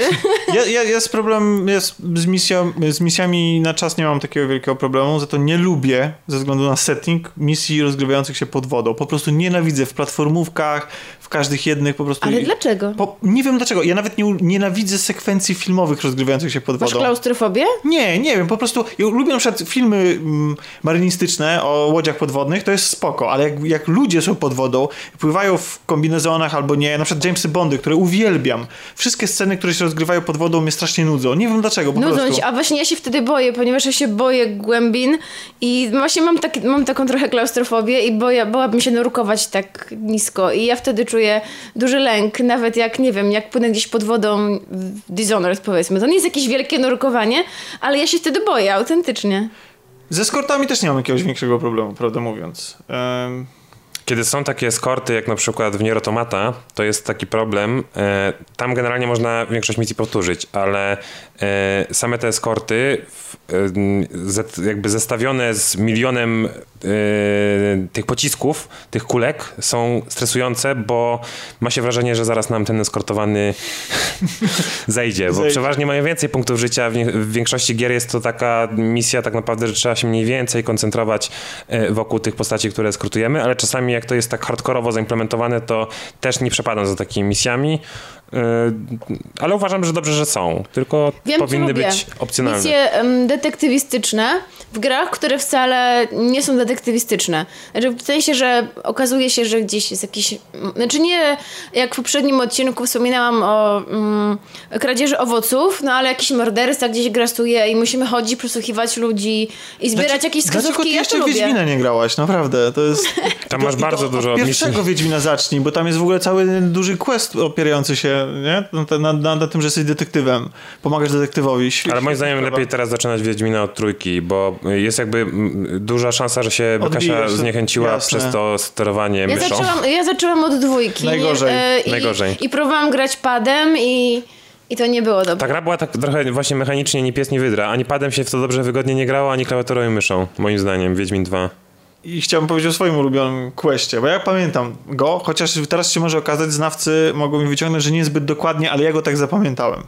To jest, uwaga, nie będę oryginalny, bo w pierwszym odcinku wynosiłem na piedestał mafię i, i tak, i to jest, to jest właśnie ta gra. Ale tutaj jak Kamil często sięga parkanu, chyba każdy z nas ma taką swoją mafię i często do niej zagląda po różne przykłady, że no, wybaczamy jej różne rzeczy, ale za to te, te, te które nam siadły strasznie, to w, wielbimy. No więc w mafii jest... jest taki ciąg zdarzeń. To, to, to nie jest tak, że tam robimy jakieś nie, niesamowite rzeczy, ale bardzo fajnie jest tam poprowadzone tempo i fabularnie fajnie jest to rozwiązane w pierwszej mafii. Wydaje mi się, że to jest taki ciąg zdarzeń, mogę coś pomylić. Jesteśmy wysłani do hotelu po to, żeby zabić prostytutkę, która tam za dużo wiedziała i tak dalej. Kiedy docieramy do hotelu, nasz bohater podejmuje decyzję, żeby tego nie robić. I być może to chodziło o prostytutkę, a być może musimy kogoś w tym hotelu zlikwidować, ale generalnie jest tak, że kończy się to tym, że oczywiście jest strzelanina w hotelu, z którego my nie możemy uciec frontowymi drzwiami, musimy uciekać y, y, na dach. Następuje zmiana w tej misji i uciekamy dachami, kiedy ściga nas policja. Więc e, cały czas jesteśmy w jednej misji. Czy to jest ta misja, która się kończy w kościele? Tak, Zajebista jest ta misja, też mi się bardzo jest podobała, też bym miał jako ulubioną, to opowiadaj dalej. Dokładnie. No więc uciekamy tymi, e, tymi dachami, gdzie gra nas zmusza do trochę innej gry, bo gramy w otwartej przestrzeni, krycia się za... Ja teraz przywołuję to z pamięci. I ostatecznie, yy, uciekając tymi dechami, lądujemy w kościele. I teraz to nie jest zwykły kościół. Znaczy, kościół jest jak kościół, ale lądujemy na mszy, ale nie zwykłej mszy. Lądujemy na pogrzebie chłopaka, którego zabiliśmy kilka misji wcześniej. O, Fenomenalne. Jeszcze tam jest motyw spowiedzi ciekawie zrobiony. no ale dobre Tak. zagranie. To jest naprawdę taka misja, którą też pamiętam, jak zaczęła się teraz opowiadać i jedna z lepszych, tak, w grach akcji, moim zdaniem wtedy, e, jak e, wyszła tam mafia, to mm, jak konkurent w formie GTA 3, to mógł jej co najwyżej całować buty. Pod tym względem, czy... W... Pod względem misji i takiego Tak, storytellingu. On, on, on, był wcześniej, on był wcześniej wydany i oczywiście to jest, to jest kamień milowy w historii gier. Ja uważam, że w ogóle GTA 3 jest jedną z najważniejszych gier w historii, bo ono właśnie wprowadziło gry w ten otwarty świat i ja mu tego nie, nie ujmuję, ale tak, jakbym miał, znaczy Mafia jest moją ulubioną grą życia, więc e, tak, tak, absolutnie. Znaczy bardziej klimatyczne, bo wiele osób, które lubi serię GTA, to stwierdza, że Vice City jest takim dla nich e, najbardziej jakby grę, którą pamiętają i te, jakby filmowość tych questów, prawda? E, radio samochodzie. Mi się takie- wydaje, że Mafia to przebija. Mafia przebija ze względu na klimacik, ze względu też na te powiedzmy... Na e, konsekwentne opowiadanie o czymś. Tam każdy, to, to tak mi się wydaje, że, że to jest, że nie bierzesz udziału w, w otwartym świecie w jakichś zaaranżowanych misjach, tylko one są pięknie wyreżyserowane, jak chociażby przykład z tą misją, gdzie zaczynasz jako od zabicia prostytutki i ta, ten wątek oczywiście wróci kiedyś, a, a, a kończysz w kościele, a nawet nie w kościele, bo później jeszcze musisz uciekać przed policją na ulicach miasta. Fantastyczny Jak quest. opowiadacie z taką pasją o mafii, to... W ogóle tak zmieniamy p- nazwę podcastu, to- zdajcie to przejdę na Mafia Podcast. Nie, nadaj ci to opowiem. To tutaj... E, to z kolei mi się przypomina dużo różnych questów z jednej z moich ulubionych nowych RPGów, czyli Fallouta New Vegas. E, I aż, aż nabrałam ochoty, żeby, żeby to przejść jeszcze raz, ponieważ było tam tak dużo świetnych misji, że nawet no nie chciałabym zanudzać opowiadając godzinami, ale nie potrafiłabym wybrać jednej. Mm, A to ciężko właśnie tak sobie napisanych, spamiętać. jedna z najlepiej napisanych odsłon tej serii to jest taka gra, tak jak dla was Mafia, która sprawiała, że tak strasznie um, nie wiem, wczułam się w te questy, bo one były inne, były ciekawe. W każdym z nich był jakiś smaczek e, i to właśnie było zupełne przeciwieństwo takiego przynosze, przynoszenia. Bardzo różne były, bardzo duż, różne były misje, było różne easter eggów czy mechaniki. Czy wyzwanie przed nami, e, które gra stawiała, było inne albo było zaskakujące? Czy tak jak w przypadku Wiedźmina 3, to było po prostu opakowanie. Niektóre gry były mm, opakowaniem, tak, prezencik, papier i kokardka, ale niektóre misje były dla mnie perełki. I to jak mogliśmy je rozwiązać i jak do tej pory się zachwycam, że to, że zupełnie przypadkiem akurat zdecydowałam się na taką postać, która ma takie perki, to pozwoliło mi na zupełnie nietypowe zakończenie jednego wątku, ponieważ okazało się, że jako postać kobieca, która ma e, perka Black Widow, e, mogę jednego z głównych antagonistów e, zaciągnąć do łóżka i go w, e, zadźgać e, w nocy i podobno tylko i wyłącznie właśnie kobieca postać z tym perkiem może coś takiego zrobić. Czasami te mechaniki są przykrywane samą fabułą, historią, w ogóle całym lore i tak dalej, settingiem, w taki sposób, że nas to na przykład y, nie nuży, nie przeszkadza nam i że to, że, że to powtarzamy. Wręcz zapominamy, że to znamy. Tak. I moim zdaniem, i dlatego, i to jest sukces w ogóle tej produkcji, to jest Wiedźmin 3. Który, w którym niemalże wszystkie zadania są skonstruowane w ten sam sposób. I to jest w ogóle powinna być ujma dla gry, mianowicie. Ja tak to odbieram. E, Podchodzisz do NPC-a, odbierasz zadanie, przytrzymujesz przycisk, e, gdzie masz wiedźmiński zmysł, po śladach docierasz do jakiegoś miejsca, pokonujesz wroga albo coś się dzieje, podejmujesz jakiś wybór moralny, moralny wracasz do NPC-a o- oddać zadanie. Ale są właśnie urozmaicenia, które czynią to. e, wydaje mi się, że w Wiedźminie jest e, ciekawie, kiedy na przykład trzeba coś zrobić, typu rozpalić jakieś ogniska. Cztery ogniska przy drzewie i w tym momencie mam wrażenie, że coś innego zapomnieliśmy, że to już było jakieś 20-30 godzin temu, bo jest to inaczej opakowane i jakiś guślarz tutaj przyjdzie, coś powie, zrobi ten nastrój i wtedy sama mechanika nie jest dla nas taka żenująca, przynieść, podaj, pozamiataj. Nie jesteśmy tym popychaczem, tylko jesteśmy aktorem. Bo właśnie, i to jest właśnie super, i że to wszystko jest obudowane, właśnie y, to, co, to, co napisałeś, i to, co napisałeś, i to, to, to, co, to, co zrobili twórcy Wiedźmina, po prostu dopisali do tego tak fantastyczne historie, tak świetne twisty, tak fajne wybory moralne, że sama ta prost, prostacka konstrukcja tych questów nam w ogóle nie przeszkadza. Czyli niczym. papierek i wstążka też się liczy, tak? A, znaczy, absolutnie, czy zwłaszcza w grze opartej o historii, tak? W grze Mhm. roleplaying. Tak, ale w pewnym momencie, jeśli zamkniesz oczy, bo to jest też tak, że ja nie wiem, czy e, jakby ja chcę, ja, ja trochę tak czasami siedzę i czekam na kosmitów, nie? Po turecku i mówię, że chcę uwierzyć. E, I w momencie, kiedy wyłączę racjonalne myślenie, można to zrobić w różny sposób, to ja, ja staję się tym dzieckiem, które patrzyło, nie wiem, załóżmy na Power Rangers i mnie to nie śmieszyło. Dla mnie to było istotne, co tam się dzieje. I chcę być graczem takim, który zapomina o tym, że jest jakieś inne otoczenie i tak dalej. No ale tylko, oczywiście jest... Tylko żeby to było tak właśnie kwestie, kwestie tego odkurzacza imersyjnego, który jest Wiedźminie ustawiony na wysokim poziomie, prawda? Tak. I Wiedźmin robi coś, e, co, e, co właśnie co się bardzo niewielu grom udaje. Mianowicie gry wraz, e, wraz z rozwojem fabuły i tak dalej w pewnym momencie nawet najbardziej zaangażowany gracz, ja no bardzo chętnie wchodzę w różne światy i w, i w, nowe opowieści i się bardzo w nie angażuję. Na przykład w GTA na początku nie przejeżdżam nikogo, jeżdżę zgodnie z przepisami. Oczywiście, jeżeli misja... A w pierwszej mapie, jak masz zielone światło, tam jeszcze no, bardziej. Tam, tam, Coś takiego bym chciał w GTA.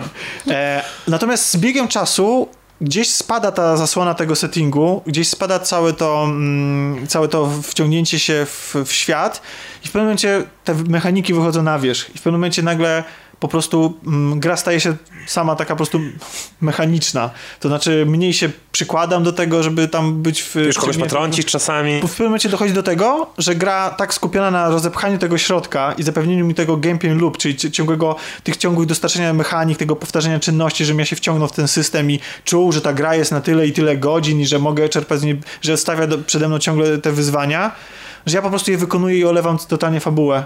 Że, że, że w pewnym momencie po prostu dla mnie to jest dla mnie zagrożenie, że nagle te postacie, które tam widzę, one nagle zaczną być dla mnie kon konkretnie celem do wypełnienia. Nie postacią, nie, nie kimś, kim ja mogę sympatyzować, ja się lubić go albo... Manekinem się stanie, po prostu tak. w pewnym I momencie... to mechanicznie robić w pewnym momencie. Tak, dlatego ja na przykład sobie w grach bardzo cenię różnorodność. Znaczy wolę, żeby gra mi dała raz coś do zrobienia, i nigdy tego nie powtórzyła, albo powtórzyła to... Żebyś nie wiedział o tym, że to powtarzasz? Tak, albo w jakiś przewrotny sposób na przykład, że myślał, że, że robię to, e, to samo, ale, ale, jednak, e, ale jednak nie.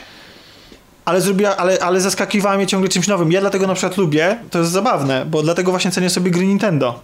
Bo gry Nintendo, mimo tego, że są oparte na tym gameplay loopie, to jednak one ciągle zaskakują czymś nowym. Ciągle dostajemy jakichś nowych doznań, jeśli chodzi o mechanikę. Mechanika z zamku, jak Mario, musisz iść tym szlaczkiem, żeby przejść ten ostatni, znaczy ostatni, żeby przejść ten y, powiedzmy etap, który wiele, wiele osób myślało, tak jak rozmawia się o Mario, jak jeszcze nie było internetu w takiej formie, jaki jest i nie każdy czytał prasę grową, no to był taki problem, że ktoś dochodził do tego zamku, gdzie trzeba było tym szlaczkiem iść, tam góra, dół i tak dalej i w tym zamku po prostu czas mu się kończył i umierał. Hmm. Ale to było fajne, bo w momencie, kiedy się to samemu odkryło, ja to samemu odkryłem, tak byłem w Mario e, wciągnięty, że już powiedzmy, znając te skróty, szybko odchodziłem do końca, bo tam można było bardzo szybko przeskoczyć te poziomy, jak się wiedziało, gdzie są te skróty poustawiane. I też samemu jakoś przez przypadek tam wlazłem nad planszę, w drugiej planszy załóżmy i tam przeszedłem do tych trzech kominów, znaczy do tych trzech rur e, i, i przeteleportowało mnie dalej, to wydaje mi się, że właśnie gry Nintendo mają coś, o, czym, o, o czym wspominasz, e, opowiadają historię, nie starając się pokazać, że my jesteśmy jak film albo książka, że jesteśmy takim medium, które już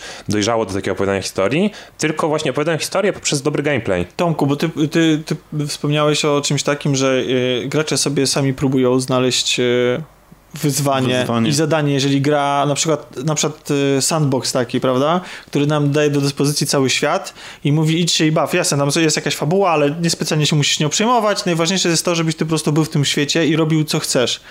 To jest, to jest taka sytuacja, w której ty jesteś trochę jak w tej właśnie w tej na samym początku gier, gdzie, gdzie nie wiesz właściwie co masz robić, masz tyle zęczników, ten, ten klęska urodzaju, gdzie masz aż za dużo mm -hmm. tych aktywności, nie wiesz za którą się złapać. E, a jednak e, sobie radzimy jakoś. Tak, to jest takie organizowanie sobie samemu e, czasu. No, chyba najbardziej znane mi coś, co pierwsze przyjdzie każdemu na myśl, to są te wszystkie speedruny które no przecież nie są jakby zaszyte w samej grze, prawda, w idei, w głównym celu, a no nie zawsze, większość... bo niektóre gry ja premiują to, że im szybciej się przejdzie. E, właśnie, tym... czytałam też, że sami twórcy urządzają sobie niektórzy takie zawody. Oni znają te różne furtki. Tak jak w Ikei masz ten szlaczek, ale możesz czasem przejść pomiędzy na wprost. Tak, robisz dziurę, jak. tak, tak robisz dziurę i przechodzisz. Da tak się. Tutaj da się. E, co i raz słyszy się właśnie o jakichś nowych osiągnięciach w takich e, i to grach wydawałoby się na masę godzin, e, które są kończone, nie wiem, w, w trzy, w dwie, może jeszcze nawet krócej. E, dodatkowo jeszcze, tak jak wspomniałeś o tych grach z otwartym światem, e, teraz już e, zupełnie nie przywołam tego tytułu. Nie wiem, czy to nie było w jakimś GTA, ale to musiało być już w opcji multi. Słyszałem o tym, że gracze sami organizują sobie wyścigi w takich światach.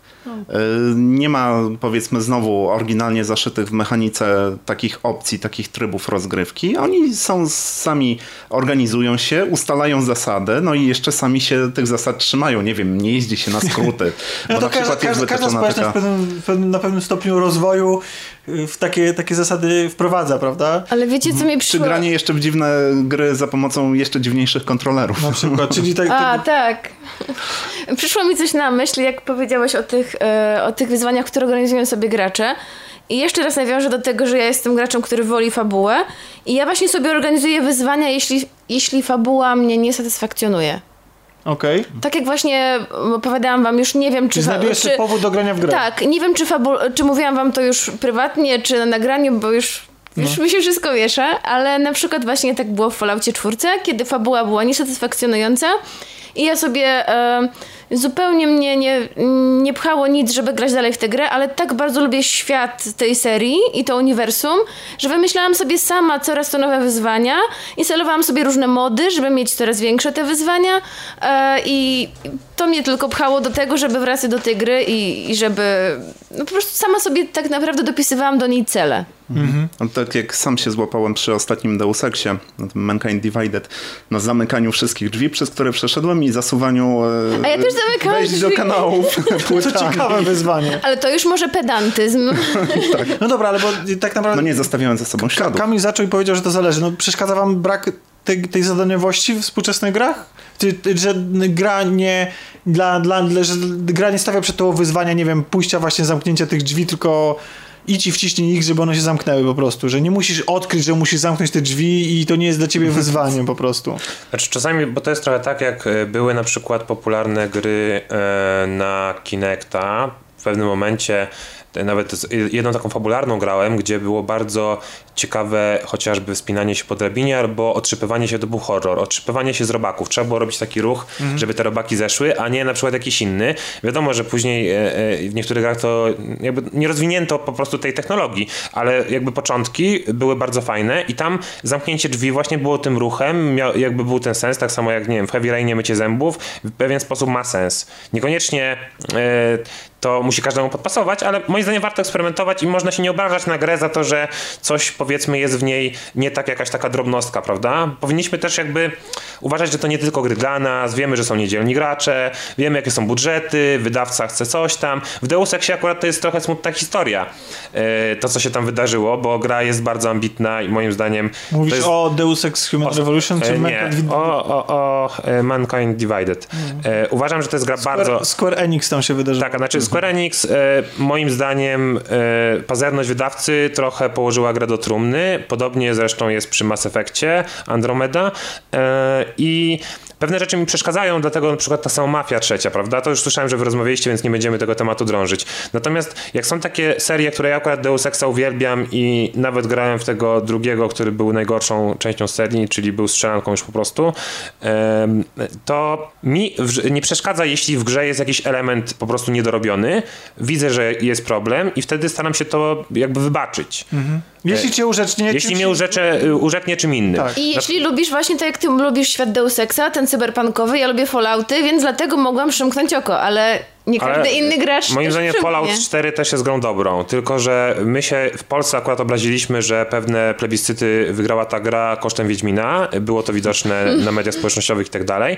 I moim zdaniem na przykład misje z tym srebrnym fantomem chociażby w Falloutie e, czwartym, to jest perełka taka, która powinny wyglądać tak gry.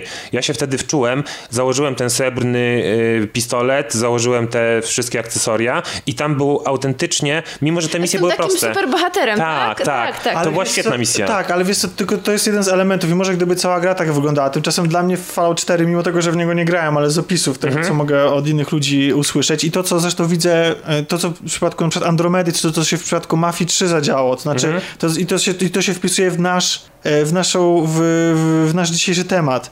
To są gry, do których e, ktoś wrzucił za dużo rzeczy do zrobienia, za dużo zadaniowości. Gdy Mafia 3 była na 20 godzin, to była świetna gra. I gdyby ona była skupiona na tym, na opowiadaniu konkretnej historii. Na Wesołe Miasteczko fenomenalne, Dokładnie. Prawda? I gdyby, gdyby to nie było, gdyby ta zadaniowość nie była rozszerzona o te wszystkie znaczniki, z, zadania poboczne. Tych bossów tyle, przynieść Dokładnie. motorówką. I to, samo, I to samo mam wrażenie, że jest z Falloutem czwartym. Gdyby gra była bardziej skupiona na historii, jasne, te wszystkie poboczne rzeczy są super, e, zresztą w ogóle misje poboczne są super, tylko gdyby one były tak jak na przykład w Wiedźminie, czyli one opowiadały nam bardzo ciekawe historie. Gdyby gra nie była tak mocno skupiona na zaspokojeniu naszej potrzeby mechanicznej, jak wykonywania jakichś mechanicznych Ale wiesz, czynności, ale do zbierania tego, jakichś dupereli, do tego nie? musi być ciekawa, angażująca fabuła. Właśnie wtedy, kiedy ona nie jest ciekawa, to, To masz my inny cel. możemy właśnie w ten sposób jakby zadowolić się No tak więc naprawdę. tak, więc z jednej strony jest tak, że niektóre gatunki, niektóre gry dostają tą historię, a z drugiej strony i to gatunki i gry, które mogłyby e, się bez tego obyć, tak? Typu właśnie gry, gry wszystkie, multiplayer. bo, Ja,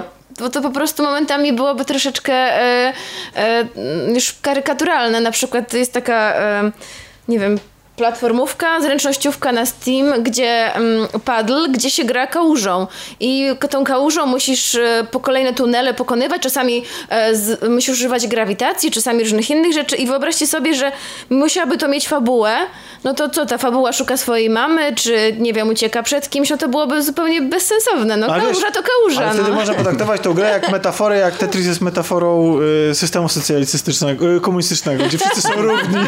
Tak. Musisz się dopasować. tak, ale nie, no, znaczy... y, Kałuża uciekałaby przed suszą, no dobra. Jasne, znaczy, wie, znaczy jak jesteśmy przy tym temacie, to, ja, dla mnie na przykład w ogóle y, gry nie muszą opowiadać fabuły z sensu stricte. To znaczy one nie muszą mieć intra, i ściany tekstu, czy jakiegoś filmu, czy rozmów między bohaterami. Insight jest taką grą. Insight jest grą, która opowiada wszystko poprzez gameplay, poprzez otoczenie, poprzez to, jakie wyzwania nam st- stawia. Ona o czymś opowiada konkretnym, ale nie opowiada nam konkretną historią, bo tak naprawdę ta historia jest dosyć dziwaczna i ciężko nawet tam sobie wyobrazić, co tam się dzieje, ale poprzez to, co właściwie w niej robimy. To jest taka gra dla mnie idealna, która właśnie wykorzystuje swój gameplay do tego, żeby powiedzieć jakąś historię. Połączeniem trochę historii i gameplayu jest idealnym, jest dla mnie Paper Please.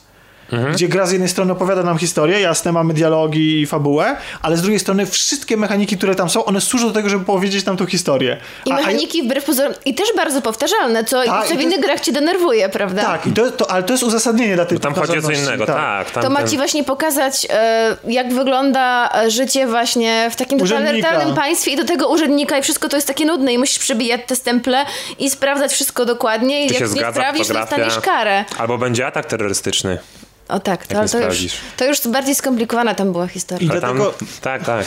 I dlatego, dlatego wydaje mi się, że często dostajemy gry, które są, w których sterujemy, wcielamy się w kogoś, e, którego praca na przykład polega na powtarzaniu czynności. To znaczy, że mamy mało gier takich obyczajowych, typu Heavy Rain, który z kolei na przykład, y, no on, on tam generalnie, tak jak tutaj przywołałeś, że mieliśmy mycie zębów, nakrywanie do stołu i tak dalej. To są czynności, które są, które się tam rzadko powtarzają, tylko że mechaniki są bardzo podobne, ale Tak, tak, tak. ale, tak, ale to trzeba Trochę jak tortury w GTA, prawda? Tam podobnie zrobili, że trzeba było tam na przykład wyrywać ten chyba ząb. Tak, za każdym razem chyba inaczej, tak? Za każdym razem trochę inaczej. I, i, to jest, i, to jest, i, I to jest fajne właśnie, to akurat trzeba oddać tej grze, że ona, że ona nie, nie próbuje ciągle powtarzać tego samego, ale na przykład, w tej, na przykład jest tam wyzwanie polegające na tym, że jako, że jako agent FBI musimy się wspiąć na y, zalane wodą y, zbocze, znaczy w sensie, że ono jest mokre, podmokłe, bo to w deszczu się dzieje akcja i to jest strasznie trudne i strasznie skomplikowane.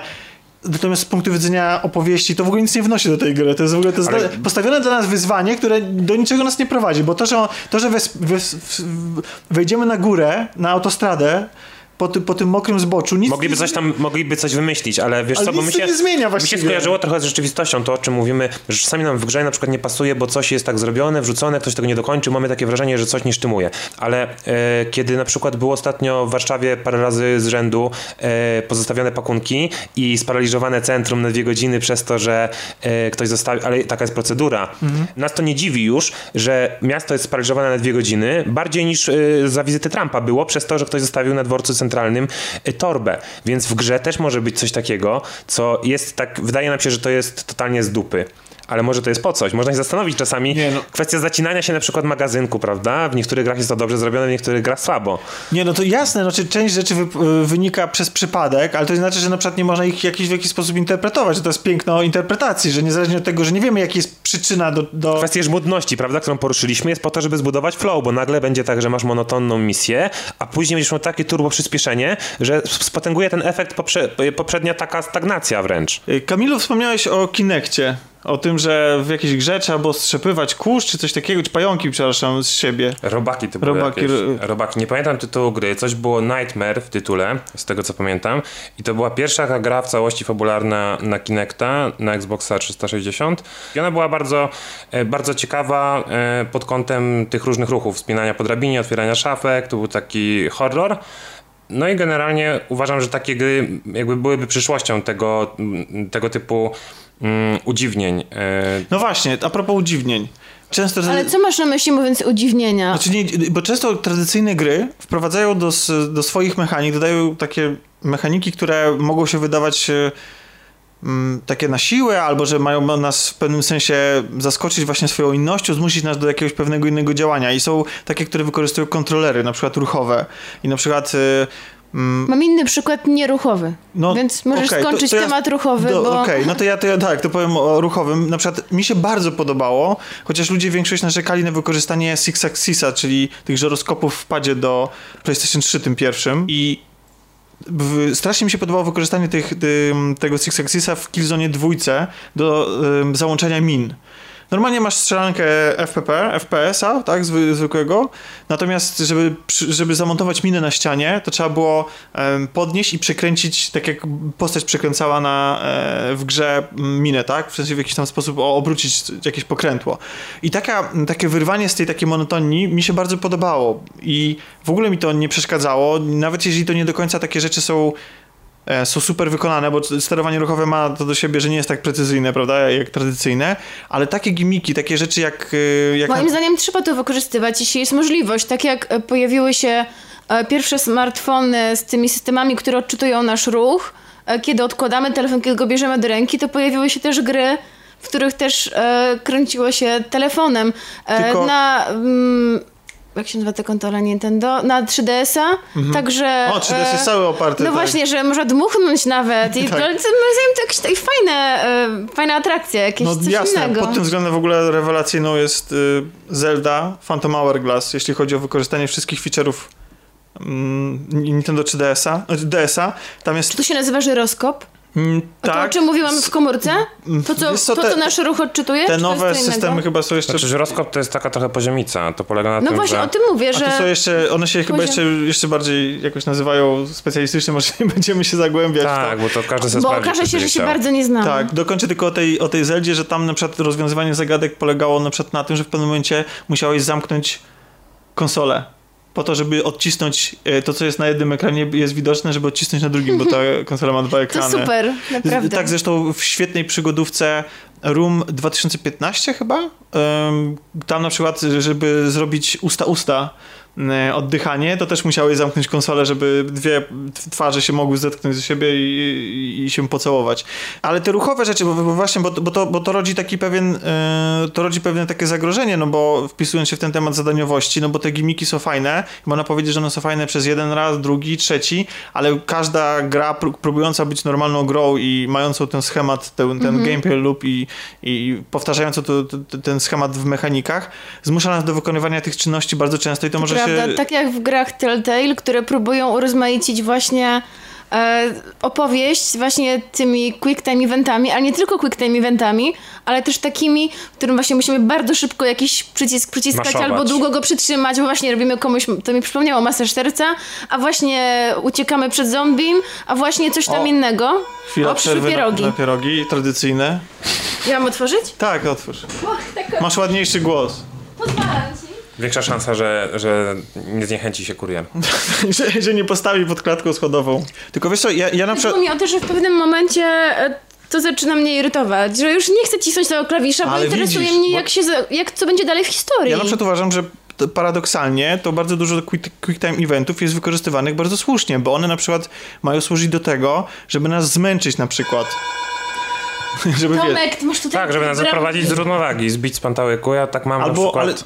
ale... E, mam tak w grach, w których em, powiedzmy są jakieś minigierki, e, ale one się na tyle zmieniają, że zaczynają być w pewnym momencie frustrujące. Tak jak na przykład w Deus Exie, czasami jak na przykład nie mamy tych pluskiew czy jakichś innych takich dodatków, e, no to generalnie jesteśmy zmuszeni do wczytania gry po prostu najczęściej. E, jeśli Bo, jakiś... to, no tak, bo faktycznie tam ten poziom trudności rośnie, ale wiesz co, akurat Deus Ex jest fajny, bo można go grać na różne sposoby i możesz na przykład odejść od swojego stylu gry, wykorzystać, kiedy już nie masz swoich narzędzi dla swojego stylu gry, to możesz wykorzystać mm, inne drogi dojścia do celu, tak? Poszukać, No to znaczy poszukać tym- drogi kanałami wentylacyjnymi. Czy, W ogóle ta, akurat- ta gra to jest tak naprawdę kanały wentylacyjne obudowane światłem. Tak, obudowany światem, ale chciałam tylko powiedzieć, że mm, wydaje mi się, że nie ma co nadinterpretować i większość takich minigierek po prostu ma sprawić, żeby coś, co robimy tysięczny raz y, w grze, Było nadal wymaga- wyzwaniem. Było nadal wyzwaniem i nie było robione przez nas mechanicznie, jak otwieranie zamka na przykład. y, Ale to bardzo- bywa bardzo irytujące, jak na przykład strasznie mnie wkurzało w Bioshocku te, ta cała gra, w to łączenie mm, tych rur, prawda? Tam były takie naczynia Było to połączone. tak, ha hakowanie całego tego systemu.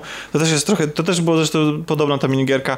No tak, ale z drugiej strony na przykład, bo ty mówisz, że, że, że tak? Właśnie chciałam, bo już przeszliśmy z tych ruchowych na te pozostałe. Tak. Jedna z najdziwniejszych, ale też nie wiem, czy w pozytywny sposób. e, Ale nie do końca o. ale mechanik e, została wrzucona do gry e, Divinity Original Sin, nie tej nowej, tylko Mhm. pierwszej części, gdzie wszelkie konflikty i rozmowy z NPC-ami oraz z osobami z naszej drużyny rozwiązywane było za pomocą e, gry papier, kamień, nożyce. E, oczywiście to Częsta zależało... mechanika w grach w ogóle. Znaczy to zależało także od naszych statystyk. Dzięki temu za każdą wygraną y, turę jakby dostawało się więcej punktów, więc nasze statystyki wpływały na to, ale no, wiem, że losowość jest obecna w grach cały czas, ale chodzi mi o to, że to było o tyle ciekawe, że rzeczywiście pojawiała się gra, teraz gramy w papier, kamień, nożyce i jeśli był spór między dwoma członkami drużyny, czy my byliśmy tymi oboma członkami, czy, e, czy graliśmy w koopie z kimś, e, jakby kończył się losowo.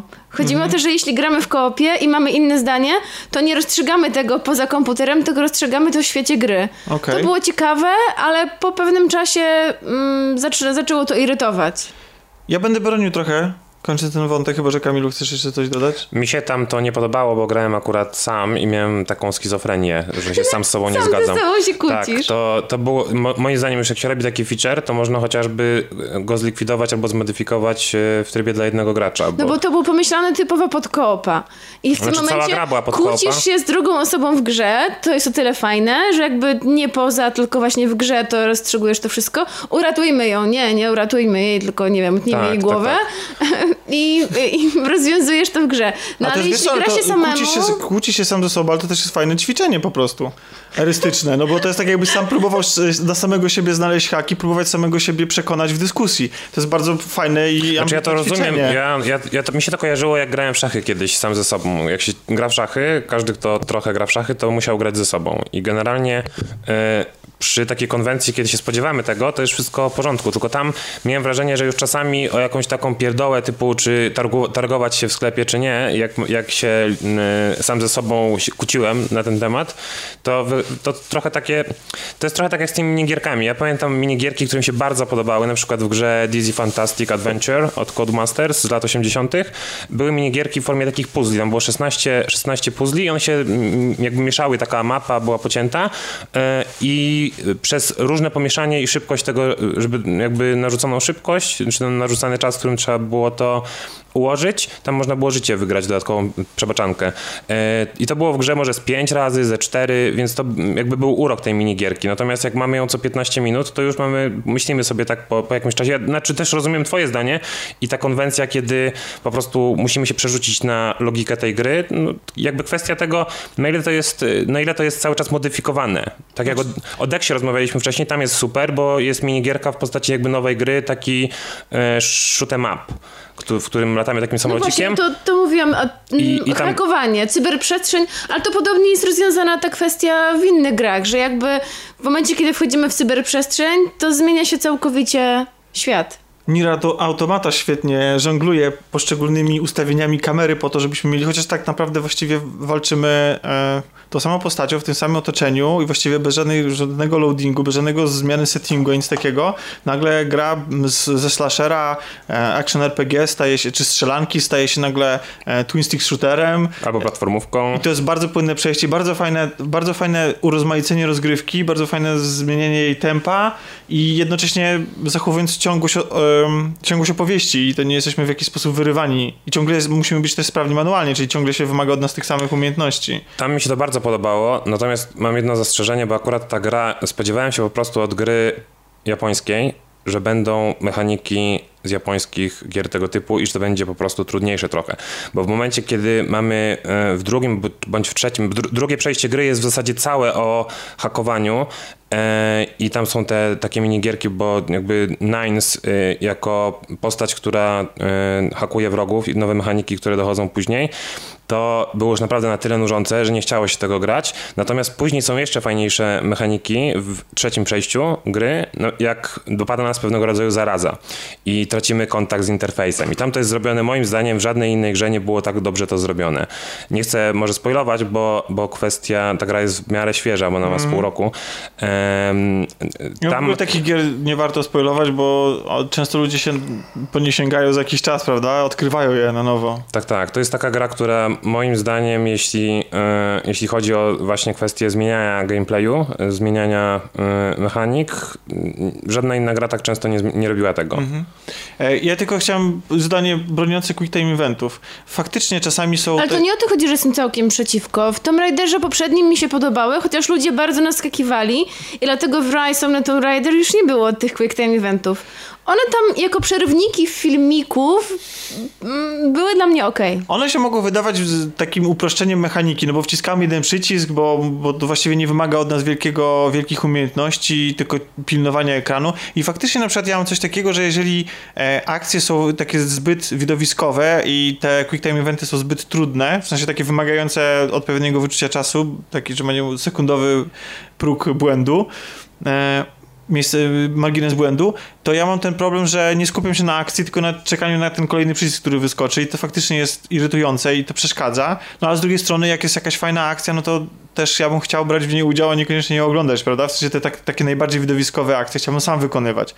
Ale są takie momenty, w których quick time eventy się sprawdzają i na przykład świetnie to zrobił w Metal Gear Solid 4 pod koniec gry, już nie będę mówił dokładnie w jakim, w jakim fragmencie rozgrywki, e, Hideo Kojima który zmusił głównego bohatera, starego już Snake'a, takiego, który, który naprawdę opadł z sił do, do, do czołgania się i my wykonujemy ten quick time event naciskając te przyciski, jakby próbując tak jak on, czołgać się, do, czołgać się do, po to, żeby wykonać jakąś tam misję, jakieś tam zadanie.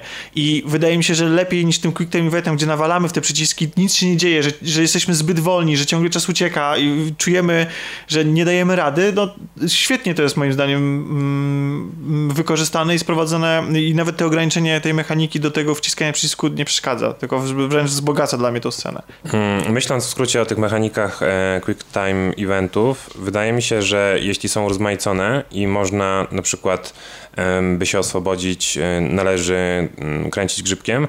Jest to o tyle ciekawsze, że wczuwamy się w postać, e, a w przypadku, gdy odpalamy jakiś super cios, też ostatnio grałem w jakąś grę, nie pamiętam gdzie to było, natomiast polegało to na tym, że jeśli mieliśmy zadać jakieś dodatkowe obrażenia krytyczne, to trzeba było bardzo szybko wciskać e, jeden przycisk i kiedyś ja na takie gry mówiłem, jak jeszcze grałem na Commodore, na jakichś starych czy konsolach, czy komputerach, to y, mówiłem o takich mechanikach, zwłaszcza w grach jakichś typu motorki czy jakieś wyścigowe, o tym, że są do zażynania joysticka, który jak się, jak się go tak. tak w prawo i w lewo e, maszowało też, to, to najczęściej w te gry po prostu nie dawaliśmy grać na przykład gościom w te gry, żeby nam nie, e, nie popsuli, popsuli kontrolera. Popsuli. W momencie, w którym gry odeszły od tej zadaniowości, znaczy w pewnym sensie nadal do niej nawiązując, ale w, nie w każdym aspekcie gry i na przykład po prostu jasno nam mówią idź wykonaj to, idź porozmawiaj z tym, idź otwórz te drzwi, e, to nie wymaga żadnego skomplikowania, nie musimy rozwiązywać zagadek, a nic takiego, po prostu idziemy i to naciskamy i to się dzieje automatycznie to moim zdaniem właśnie my jako gracze przyszliśmy od bycia głównym bohaterem w wcielanie się głównego bohatera, że nam zostało narzucone e, pewne ramy fabularne i my jej służymy do tego, żeby wykonać pewne czynności. Po to, żeby się bardziej wczuć w tą postać, po to, żeby tą historię taką liniową i na którą nie mamy za bardzo wpływu, po prostu lepiej przeżyć, mocniej, intensywniej. Tak mi się wydaje, nie wiem, czy się ze mną zgodzicie, że nagle staliśmy się właśnie tacy, takimi aktorami wraz z... Znaczy też czasami, wydaje mi się, że e, czasami stajemy się za bardzo ugodowi i na przykład w odgrywaniu, ja w Wiedźminie już później jak sobie grałem, to yy, uznałem, że będę odrzucał niektóre, nie chcesz mi zapłacić 800, moja cena była taka, nie wykonuję questa, pa. No, I, to twoja postać, masz tego I prawa. właśnie y, według, mnie ja chcę, ja chcę być, y, ja, chcę mieć realny wpływ na to, co się tam wydarzy. Nawet jak mało jest tych konfiguracji, to generalnie wydaje mi się, że y, gra powinna pozostawić jednak graczowi to, czy na przykład chce wczuwać się w postać, czy chce kreować postać, bo wiadomo, że jakieś gry czasami wymagają, tak jak Wiedźmin, czy, czy takie duże produkcje skrupulatnie zrobione, to nikt tam nie będzie robił na przykład 15 dodatkowych super długich questów, które można pominąć, bo to chce, jakby twórca chce, żeby, czy tam twórca, wydawca, ktokolwiek, kto to monetyzuje, chce, żeby to wszystko prawie było zobaczone. Tak to ma być konstruowane. Ale wydaje mi się, że dla mnie na przykład w zadaniowości nie mam problemu, dopóki nie robię takich głupich rzeczy jak Wiedźminie, na przykład te figurki, jakieś tam kapliczki czy coś w tym stylu. Nie zrobiłem tego questa, bo wiedziałem, że nic nie będzie dalej ciekawego. Domyślałem się, bo widziałem No bo to jest, bo to, bo to jest właśnie ten, ten problem tej konstrukcji zadaniowości, że musisz zrobić trzy razy coś, ponieważ jak zrobisz tylko raz, to dla graczy będzie za mało i oni nie zauważą, że grają w grę. Tak, tak, tak. To ja nie robię takich. Y, mam wrażenie, że jeśli. Czasami nawet potrafię zrezygnować z gry, jeśli widzę, że są takie questy, tak jak Mafia y, trzecia. Nie skończyłem tego i prawdopodobnie do tego nawet nie wrócę. Y, chociaż ciekawy jestem zakończeniem, bo te wstawki filmowe są, cieka- są, są, są dobrze zrobione. Tak, wydaje mi się, jak mam być tym popychaczem fabuły, bo to jest ciekawe określenie. I właśnie. Mhm. Popychacz fabuły, przepraszam tylko jeszcze, jeżeli nawiązujesz do mojego felietonu, y, to, y, to ten popychacz fabuły, ja, ja go zarezerwowałem dla gier, które nie wiedzą po co gracz służy w tej narracji. To znaczy, które się nie potrafią zdecydować na obsadzenie go w żadnej roli, ale też y, z faktu, że coś wykonujesz, nic nie wynika. To znaczy w sensie, że y, na przykład właśnie... Ja mogę bywać popychaczem fabuły, jeśli tak jak w, y, jeśli nim jestem cały czas i wykonuję coś do scenariusza i tak naprawdę, no zrób film, skoro masz ambicje zrobić film, zrób Dokładnie. film, po co mi robisz grę? Marnujesz dla mój czas. Dlatego dla mnie Virginia powinna być y, filmem animowanym, jeżeli ktoś To ja chciał- tak powiem niepopularną opinię. Ja mam takie zdanie o grze Her Story. Moim zdaniem tam y, sama opowieść, y, generalnie gameplay jest ciekawie zrobiony, ale sama opowieść mnie tak nie urzekła. Dla, ja mam pretensję, że ja bym chciał tam coś więcej w tej narracji, bo okej, no... y, Y, To ja mam zupełnie przeciwnie. Dla mnie to E, jest... Wiem właśnie, że dlatego chciałem to porzucić, to myślę, że będzie ciekawe. E, Ja tam czując, że ja przeszedłem herstory, natrafiając w sposób randomowy, wpisałem jakieś słowo i mi się objawiło zakończenie, ponieważ ten system nie był dobrze skonstruowany, nie bronił przed tym, że ja za, za wcześnie... To jest taki kryminał, jakbyś w książce się domyślił, jaki będzie koniec, na 30 stronie jest 200 i wiesz do końca, gra, czytasz już z obowiązku. To ja tak grałem w herstory. Okej, no miałeś pecha i, faktycznie, pecha. i faktycznie może system powinien przeciw, y, przeciw, Przeciwdziałać przeciwdziałać temu takiemu zabiegowi. Tak, a z drugiej strony, no hej, to jest gra i w sumie to jest super właściwie, że to zrobiłeś. To znaczy w sensie... Tak, Pokazało, że to jakby trzeba umieć w to grać. znaczy, że, ale że nawet nie, że umieć... No wiesz, to jest akurat fajne i to jest właśnie, też się wpisuje wtedy nas y, temat zadaniowości, bo przez to, że, mm, że gra nas zmusza do tego, żebyśmy wykonywali jakieś zadania, to nas obsadza w rolach y, ludzi, którzy takie zadania mają do wykonania. To znaczy, nie bawi nas to być może, gdybyśmy mieli w każdej grze, na przykład powiedzmy, że jest gra obyczajowa. I teraz wyobraź sobie, że chcesz opowiedzieć o dramacie rodzinnym, na przykład, tak jak na przykład y, tutaj rozmawialiśmy przed, y, przed nagraniem o filmie mm, o filmie Manchester by the Sea. I wyobraźmy sobie, że chcesz to teraz y, z, To może ek- inny. Wiesz, ja nie widziałem, ale film kiedyś był z. DiCaprio i z Kate, Winslet y, 10 lat po Titanicu mniej więcej wyszedł taki w lat, klimacie lat 50 Titanic. 60 Tak. Nie, Nie. Revolutionary Road, nie Tak, pamiętam to, polskiego to właśnie to, ten film był według mnie dobry i chciałbym w taką grę zagrać, bo mi się ten film O podobał. nieszczęśliwym małżeństwie. Tylko Mhm. jest pytanie, kiedy, kiedy masz właśnie, kiedy masz, mm, kiedy masz opowieść obyczajową i kiedy na przykład, no bo każdy z nas, okej, codziennie mm, się zmaga z, zadaniami dnia codziennego, czyli na przykład musimy chodzić do pracy, ale tak naprawdę, o ile to nie będzie miało znaczenia dla narracji w fabule, to ta zadaniowość w tej grze jest bez sensu, znaczy nie wiem po co robić trudność tego i kazać nam na przykład mechanicznie myć zęby. I dlatego może tak dużo jest tych, wcielamy się w te postaci typu policjant, typu e, detektyw, typu żołnierz, typu taksówkarz, typu mafiozo, który który jego życie polega, znaczy w sensie jego praca zawodowa, czyli coś, co w życiu na, na co dzień wykonujemy właśnie tak powtarzalnie, wielokrotnie i tak dalej, łatwo jest do tego napisać fabułę, bo to wynika z jego pracy. No ale to przełamują gry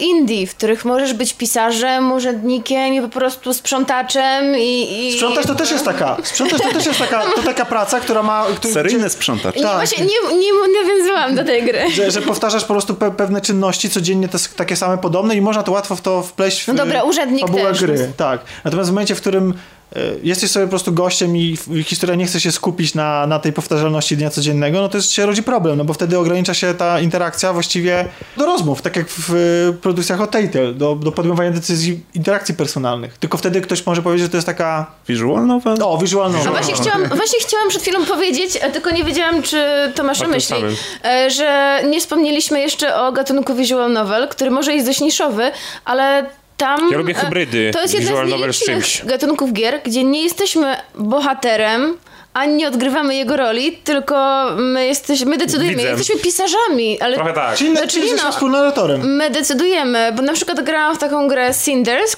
taką baśniową bardzo, e, gdzie wybieramy, e, co za chwilę się wydarzy. To jest I o tak tej naprawdę- koralinie, czy, czy to nie, nie, ta gra? nie, to taka właśnie baśniowa bardzo specyfika.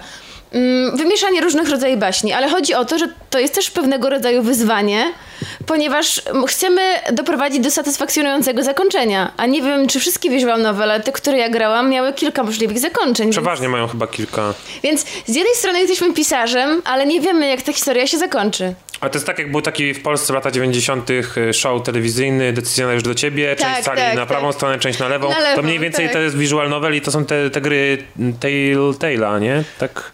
Tak, Widać tak. pewne, pewne Acz- aczkolwiek- Trochę inne, wiadomo. Tak, i to jest właśnie ten moment, kiedy właśnie kiedy dochodzimy do tego, do tego, do takiej potrzeby, moim zdaniem, usystematyzowania i zrobienia porządku z branżą, albo z tym rynkiem, albo z, tym, z tą muzą po prostu, że w pewnym momencie to trzeba zacząć ograniczać, rozgraniczać i na przykład, to ja już to wielokrotnie powtarzam i będę jeszcze raz wielo, wielokrotnie pewnie powtarzał, wpisywanie gier niezależnych, jak, traktowanie ich jako gorszych, albo na przykład robienie podpinanie pod jedną jakąś taką dziwną kategorię symulator chodzenia, jakiejś kategorii gier, które Krzyw, to jest taka krzywdząca kategoria, prawda? Tak. Symulator chodzenia to brzmi mi jak gra, w której nie bardzo wiemy jak chodzić i musimy się nauczyć Octodad. stawiać kroki. No właśnie Octodad, dokładnie. Ale to jest też fajna gra, która pokazuje, że czynności życia codziennego mogą być trudne. Mycie zębów wcale nie musi być prozaiczną, nudną czynnością. O, i widzisz, czyli wprowadzenie za, Bo zadaniowości. kiedy mamy do, 8 nóg i mamy udawać tatę, no to... Wprowadzenie mechaniki Mycie- zadaniowości do opowiedzenia o codziennym życiu. Proszę bardzo, jaki ładny przykład. No, udało się. No ale wiesz, no tak, to jest, to jest przykład o tym, że można opowiadać o problemach e, obyczajowych, o sprawach obyczajowych i gry zresztą to bardzo często robią, chociażby Papa and Yo, czy w ogóle jakby wiele gier po prostu... I Among the Sleep, o którym Among- już wspominałam już tu kilkukrotnie pewnie. Tak, więc Among the Sleep też i, i, to jest, ym, to nie jest tak, że te gry tego tematu nie podejmują, tylko one przez to, że sięgają po to zadaniowość i próbują być grami albo wywodzą się właśnie z tych gier, to to sprawia, że one uderzają i opowiadają o tych sprawach w sposób metaforyczny, w sposób groteskowy, w sposób y, właśnie taki symboliczny bardzo, tak, że ponieważ to musi być zapowiedziane za pomocą powtarzalnej mechaniki gameplayu. Albo, albo Ale ograniczyć... czy to coś złego? No nie, no to taka jest widocznie natura tego medium. Ja się pytam właśnie, y, zastanawiam się, czy jest możliwe opowiedzenia, oprócz na przykład takiego Heavy Rain, który takimi prostymi mechanikami dnia codziennego opowie nam tą historię e, obyczajową. No czy, czy, czy jest to możliwe opowiedzenie innymi metodami niż y, Life is Strange, czy przygodówki od Telltale, czy, czy Heavy Rain? Co w, kiedy gra wymusza na nas, zwłaszcza wtedy, kiedy mm, teraz na przykład współczesne gry stawiają nas bardziej w roli tego aktora, tak? Że musimy wyko- wczuć się w jakąś postać, wymusza na nas działania, które, z którymi nie jest nam po drodze światopoglądowo, którymi po prostu źle się czujemy, że musimy je wykonać. Jak, jak, się, jak się wy na to zapatrujecie? Bo dla mnie właśnie tą, mm, tym właśnie mm, pomocą w tym, żeby to wykonać, mimo tego, że na przykład, że tego nie chcę, jest właśnie ta... E, po pierwsze zastanawiam się, dlaczego gra mnie do tego zmusza, tak? Ale też właśnie to zastanawiam się, w jakiej roli ja wtedy występuję, bo tak samo jak aktor nie musi lubić swojego bohatera, którego gra, e, żeby odgrywać pewne, pewne rzeczy i przy, widzą my tutaj jako gracz występujemy wtedy podwójnej roli, bo sami siebie oglądamy, swoje, swoje, swoje poczynania. Mm, nie wiem, lu- lubicie takie sytuacje, kiedy gra was zmusza do zachowania niezgodnie z waszymi przekonaniami, niezgodnie z No, waszym oczywiście, sumieniem? na pewno odpowiedź brzmi nie. Znaczy, tak jak powiedziałam w pierwszej chwili, bo budzi się ten dysonans, ale jak to?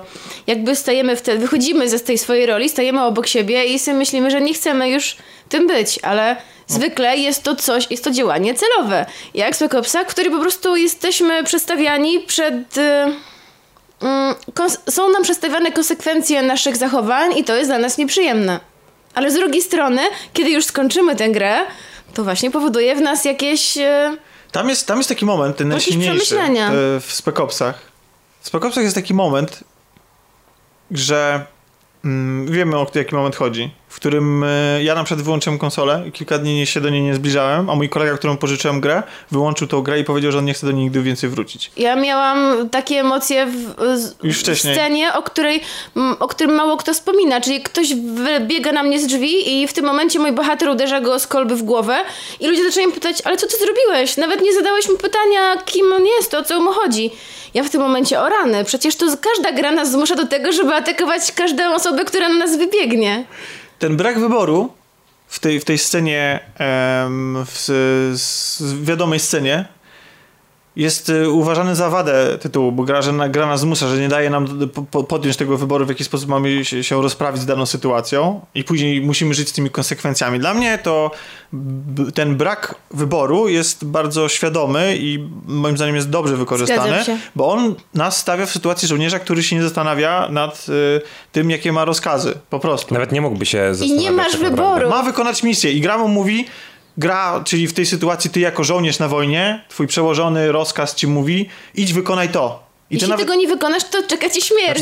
I, czeka cię i, I nie zawsze jesteś kara. świadomy konsekwencji swoich działań. Oczywiście. Nigdy nie wiesz, jakiej broni używasz, nigdy nie wiesz, jak, do kogo nawet mierzysz czasami. I nie wiesz, czy to faktycznie mierzysz do wroga. I to jest dla mnie właśnie to, to, e, to zetknięcie, to pokazanie tego, e, tej traumy wojennej właśnie w ten sposób, że ty zostałeś zmuszony nawet nieświadomie do wykonania pewnej rzeczy. To jest właśnie ten, ten, ten dysonans między ta, ta walka e, wśród graczy, że gracze chcą mieć ciągle kontrolę i podejmować własne wybory, versus to, że niektóre gry nas w tym ograniczają i każą nam robić pewne rzeczy, bo, bo chcą nam o czymś Polecamy powiedzieć. pierwszy, pierw, poprzedni felieton Tomka. Ja, jeśli kontroli. chodzi, ja się też bym wypowiedział na ten temat, jeszcze zahaczając o ten achievement z, tego, z tych pilarsów. Jakby, wydaje mi się, ja jestem zawsze za tym, żeby był taki eksperyment. Lubię nie mieć wyboru, lubię czuć się źle, że powiedzmy konwencja mnie w takie coś, w takie tarapaty e, jakoś wprowadza. I uważam, że takie achievementy, nawet jak ktoś bierze udział na przykład w beta testach i ma za to achievement, to jest bardzo fajna sprawa, bo jest to jakieś, jakaś pamiątka i pokazuje, że ten achievement nie jest tylko wykonaniem jakiegoś zadania, jeszcze powiedzmy w rozpisówce i każdy, kto chce, może go mieć, tylko że trzeba przyłożyć się w jakiś inny, niekonwencjonalny sposób. Natomiast jeśli chodzi o Spec Opsy i jeśli chodzi o też mam koszulkę na sobie GTA, tam też musimy torturować, nie możemy tej misji e, mm, Ja, pominąć. ja się bardzo źle z tym czułem. Nie chciałem robić tego. Czułem się źle, ale wydaje mi się, że sama narracja, e, kiedy. Mm, tak jak e, chociażby w filmach, kiedy pokazane są tortury bez takiej cenzury, e, na przykład ten e, waterboarding, chociażby, jak, jak to jest tak pokazane dokładnie, ze szczegółami, to wydaje mi się, że ten film wtedy też nasze oko, podobna jest taka teoria w filmie, że nasze oko rozpoznaje, na przykład jak jest mózg komputerowo jakoś roztrzaskany, to mm, przez, przez pewne niuanse jesteśmy w stanie na to patrzeć, a jeśli byśmy widzieli nagranie, tak jak japońskie filmy e, starsze miały... Snuff movies. Tak, tak, tak. Jak miały, miały, mm, miały takie e, założenia, że tam gwałt będzie gwałtem, no to wtedy to się ogląda bardzo nieprzyjemnie. I ludzkie oko, mimo że. Kiedy masz e, świadomość, że, że to jest prawdziwe. ale to nawet nie chodzi o świadomość. Podobno jesteśmy w stanie, większość osób jest w stanie to po prostu gołym okiem zobaczyć. Że jeśli jest Ale, efekt ale to jakoś podświadomie rozumiem, bo myślę, że świadomie nie. Podświadomie, ale y, czytałem Znaczy, taki. Chodzi ci o to, że, że efekty specjalne w filmach są celowo trochę gorsze w tych sytuacjach, po to, żeby nie być zbyt realistycznymi, żebyśmy Tak. my nie, nie poczuli się zbyt źle. Tak, e, był taki artykuł na ten temat przy okazji takiego słabego filmu e, Hostel 2. Tam było obcięcie penisa bodajże. I tamta scena była tak zrobiona, żeby powiedzmy zawiesić swoją niewiarę na własne życzenie. Tak to było zrobione. No tak, bo to ma nas bawić, a nie nas w dyskomfort wprowadzać yy, w takim No horrorze dokładnie. slasherze, I w, prawda? a wydaje mi się, że kiedy jest coś takiego, co jest prawie że realne, na przykład e, w, jak się ten film nazywał? Wszystko za życie z Kevinem Spacey. Na koniec tam jest taki e, zwrot akcji, wszystko jest domknięte, to ja się czułem po tym filmie bardzo źle i lubię coś takiego też w grach. E, No więc właśnie, skoro filmy stosują e, tą metodę od bardzo dawna, wprowadzają nas w jakiś stan dyskomfortu e, i odczuwamy w tym momencie nieprzyjemność, to dlaczego gry Miałoby tego nie robić. Miałoby tego nie Ja- robić, Ja, ja, też, ja też, ja, zmuszenie mnie do robienia rzeczy, których ja nie lubię, po to, żebym ja się mógł skonfrontować z własną postawą raz jeszcze, jeszcze raz spróbował przemyśleć coś, jest dla mnie okej. Okay. To jest bardzo dla mnie Zawsze bardzo jest zabieg. opcja naciśnij przycisk wyłącz i śpi spokojnie. I... Tak jak zrobił mój kolega, który wyłączył Spec Opsy i oddał mi tą grę i powiedział, że nigdy więcej w nią nie chce zagrać. Dla niego już wystarczy. Dla niego to jest tak obciążenie I- emocjonalne, że on już więcej... I- I, I mało tego, paradok... I mało tego, paradoksalnie, on wygrał tą grę. On jako jedyny... Jako jedyny wygrał. Jako nie, jedyny nie, wygrał. nie kończąc, ale ja podobnie, na przykład moja mama dostała kiedyś ode mnie książkę, y, to był taki kryminał szwedzki, Lizy Marklund, po polsku to się nazywa bodajże Rewanż y, i tam na początku jest taka scena, kiedy jest roztrzaskanie jakimś narzędziem chyba głowy, coś tam jeszcze z aborcją bodajże i moja mama po piątej stronie uznała, że książka nie dla niej i, y, i jej nie czytała. I uważam, że w grach też jak powiedzmy jest taki moment na początku, to, to tym lepiej dla gry, jeśli nie, nie jest dla każdego. A ja mam do was pytanie. Tak mi się teraz osunęło, bo mówisz teraz, że coraz e, mniej jest wyzwań na rzecz właśnie opowiadania tej historii. Nie, nie, ja chciałem, bo ja nie skończyłem tego wątku. Chodziło mi o to, że z jedne gatunki gier, które były bardzo oparte Mhm. na przykład na fabule, typu właśnie mm, RPG, action RPG, e, one idą w tą w stronę kierunku zadaniowości bardziej Mhm. i, i coraz mniejszego znaczenia fabuły, że tych powtarzania ciągle, bo to jest łatwo wyprodukować taką grę, no bo to jest, to jest jednak Mhm. pewne pójście na łatwiznę. Z, zrób, zbierz 10 razy, razy 10, razy 10 coś tam, tak? Jakiś crafting. E, to są bardzo angażujące i wciągające mechaniki, które Ciekawie twórcy to komentują. Jak jesteśmy przy tym temacie, to twórca cywilizacji stwierdził na przykład, że jest skuteczna metoda wyrębu i wszyscy tak grają, którzy chcą e, po prostu ułatwić sobie grę. Dla mnie na przykład tak jak w mafii, na przykład zażynanie nożem przy drzwiach w trzeciej mafii, to możesz wszystkie misje tak przejść tak naprawdę, ale jeśli jesteś graczem takim, który chce poczuć tę grę, jeśli uważasz, że mo może sens jest taki, to nie stosuj tej techniki, nie, nie używaj tej przewagi. sam sobie ograniczaj. Sam to. sobie ograniczaj, tak. Zmień sobie taką grę, żeby jeśli... Tylko widzisz, gracz jest też w pewnym momencie, rezygn- tak jak wspominałem, w pewnym momencie spada ta zasłona całego tego mm, wczucie się w tą grę i po Ale mamy winowajców, mamy winowajców w postaci achievementów, chociażby No tak. tej, tej, tej sytuacji. Jakby analizując Znaczy, całość, winowajców, no ludzie to lubią. Znaczy, właśnie chodzi o to, że, że część ludzie ludzi- zostali nauczeni, żeby to lubić. Niekoniecznie wszyscy to lubią. Niektórzy jak maksują jakieś gry, przechodzić trzy razy taką samą grę, która jest średnia dla achievementu, niektórzy to robią, ale robią Ja i nie lubią przechodzę to. kilka razy. Do tego stopnia nie jestem w stanie się poświęcić. Jeśli chcę zagrać w grę raz, to gram raz. Jeśli chcę, to gram drugi raz. Ale bardzo lubię achievementy i szczerze mówiąc, to mnie też bardzo... Ale to jest ciekawe, że powiedziałam, że kieruję się fabułą, ale A lubisz achievementy, lubisz zadania. Chodzi z ciebie to zło. Tak, Chodzi więc ciebie, ten w dualizm. jakimś sensie jestem i strasznie mnie to cieszy i czasami czytam jakieś poradniki, jak w jakiś dziwny sposób zrobić jakiś achievement, który jest jakoś super ukryty, no więc... No ale to jest też kwestia dobrze skonstruowanych, dobrze przygotowanych achievementów, bo one też stanowią e, wyzwanie, o czym tutaj Ale cały przecież czas takie to same wpadają. Nie, no właśnie nie, No bo właśnie, są, e, są takie gry, nie wiem czy kojarzycie, e, dość duża taka afera wybuchła, że są takie gry na Steamie, jakiś ZUP, coś takiego, że się zdobywa po No, 2000 na Steamie achievement- achievementy, kto na to Po patrzy? 2000 achievementów, no ale one, no właśnie... Ale warto zagrać, ja grałem te gry że ludzie i- mówią, co to są achievementy na Steamie, a dokładnie sprawdzałam sobie, są za to samo, co na Nie, PS4. Tak, tak, tak. Tylko na Steamie nie, ma rozumiem jakoś tego. się tym Ale chodzi Tam o jest to, tego za dużo po prostu. że są takie gry, które właśnie służą do tego, że grasz w nią i jak skończysz bez żadnego problemu zdobywasz 2000 achievementów. Dla mnie to jest wypaczenie tej idei, bo ja właśnie tak jak powiedziałeś Kamilo, dopaminie.